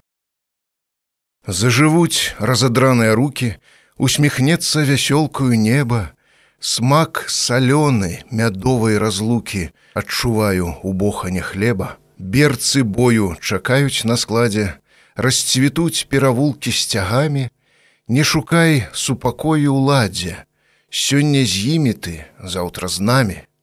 Краты рэжуць блакіт небасхілу, пыл адчаю ў лёгкіх асядзе, рэшту кіне рука на магілу. Хто каму? Пажывем ды паглядзім. Травень 2011. Лунае дзень як сцяг, блакіт празрысты, і не адбудзецца працяг, не спаліць лісця, Агонь і попел скроняў не крануць, а розум застанецца чыстым, Усё паўторыцца ізноў, усё карысна лета 2011 туман. Ідзе ў курапаты калона з кветак і сцягоў. Інерцыі сказаных слоў адпачываюць у кюветах. Жыццё вясна скрыніца ў кроў і лета. У камеры цывільнага спынілася імгненне. Мікрараён нянавісцю дрыжыць. Прыметнікі прыпынкі гаражы. А нехта хоча ўпасці на калені ад лені, бо за лёгкія у нас крыжы. 2012 яшчэ далёка да мяжы да ранку трохі болей запраўкі ды пасты даі. Снег валіць з чорнай столі. Наперадзе кардон агляд цень дэпартацыі мянты. Сама дарога больш за мэту. Калі з дарогай ты на ты. І асабістыя прыкметы. Не здрадзіць ноч што за вакном. Зямлю прысыпле белы лён. Замельхаціць святлоў далечы. Дарога лечыць не кардон снежань 2013 дарога на кіяў выдатны верш але не для цябе не прачытаю хай на памяць знаю добра схаваю мо глыбей под коўдру ды выпрастую зморшчкі на ілбе. Выдатны дзень, але не для цябе. Ты пражывеш такіх яшчэ багата, Тваё дзяўчо камусьці скажа тата, і шлях не спыніць, конь не падвядзе. Выдатны лёс, але не для цябе, такой таленавітай і сімпотнай, што ўсіх услед глядзець прымусіш потай, ды лёсы жнеш, як зёлкі пры казьбе. Выдатны чалавек нарэшце для цябе і руки лепш пагрэю ля вуголля полюбіць неба што вышэй за столю а медны абразок адмоліць адмовіць ты не зможаш мне студзень 2014 кіяў калі рэзкі твой пах вырывае з натоўпу як ветер у метро які расцярушвае фрызуру дазволь быць тваім пяром ці хаця балоўкам, смешным гліняным воўкам ці фантастычным гуру. Дазволь наўпрост не сыходзіць адсюль, пусціць карэнне па столі і шэрых сценах, узяць на сябе шквал праклёнаў і куль, біцца чырвонай кропляй у набрынялых венах. 2016. Зайздрасць асыпецца лісцем, Ілам асядзе злосць, ранкам холодным і чыстым ты зразумееш, мы ёсць. Літары грэюць пясок, руны ўгрызаюцца ў косць, стыгне атраманту сок. Ты разумееш, мы ёсць. Пройдуць вякі і гады, збялее зямля і поўсць, знікнуць народы і гарады, а мы адбыліся, мы ёсць. 2016 сыну ты вершнік на шляху пустэча ў думках дым на даляглядзе асыпалася вішня ў белю садзе на скроне на дарогу на страху і на аблокі я веру свет пачуе нашы крокі сыдуць палітыкі чыноўнікі мянты згараць архівы знікнуць гарады. Мінулага вуголле топчуць ногі. Мяне не будзе. Застанешся ты. Не бойся і прайдзі свае дарогі. 2017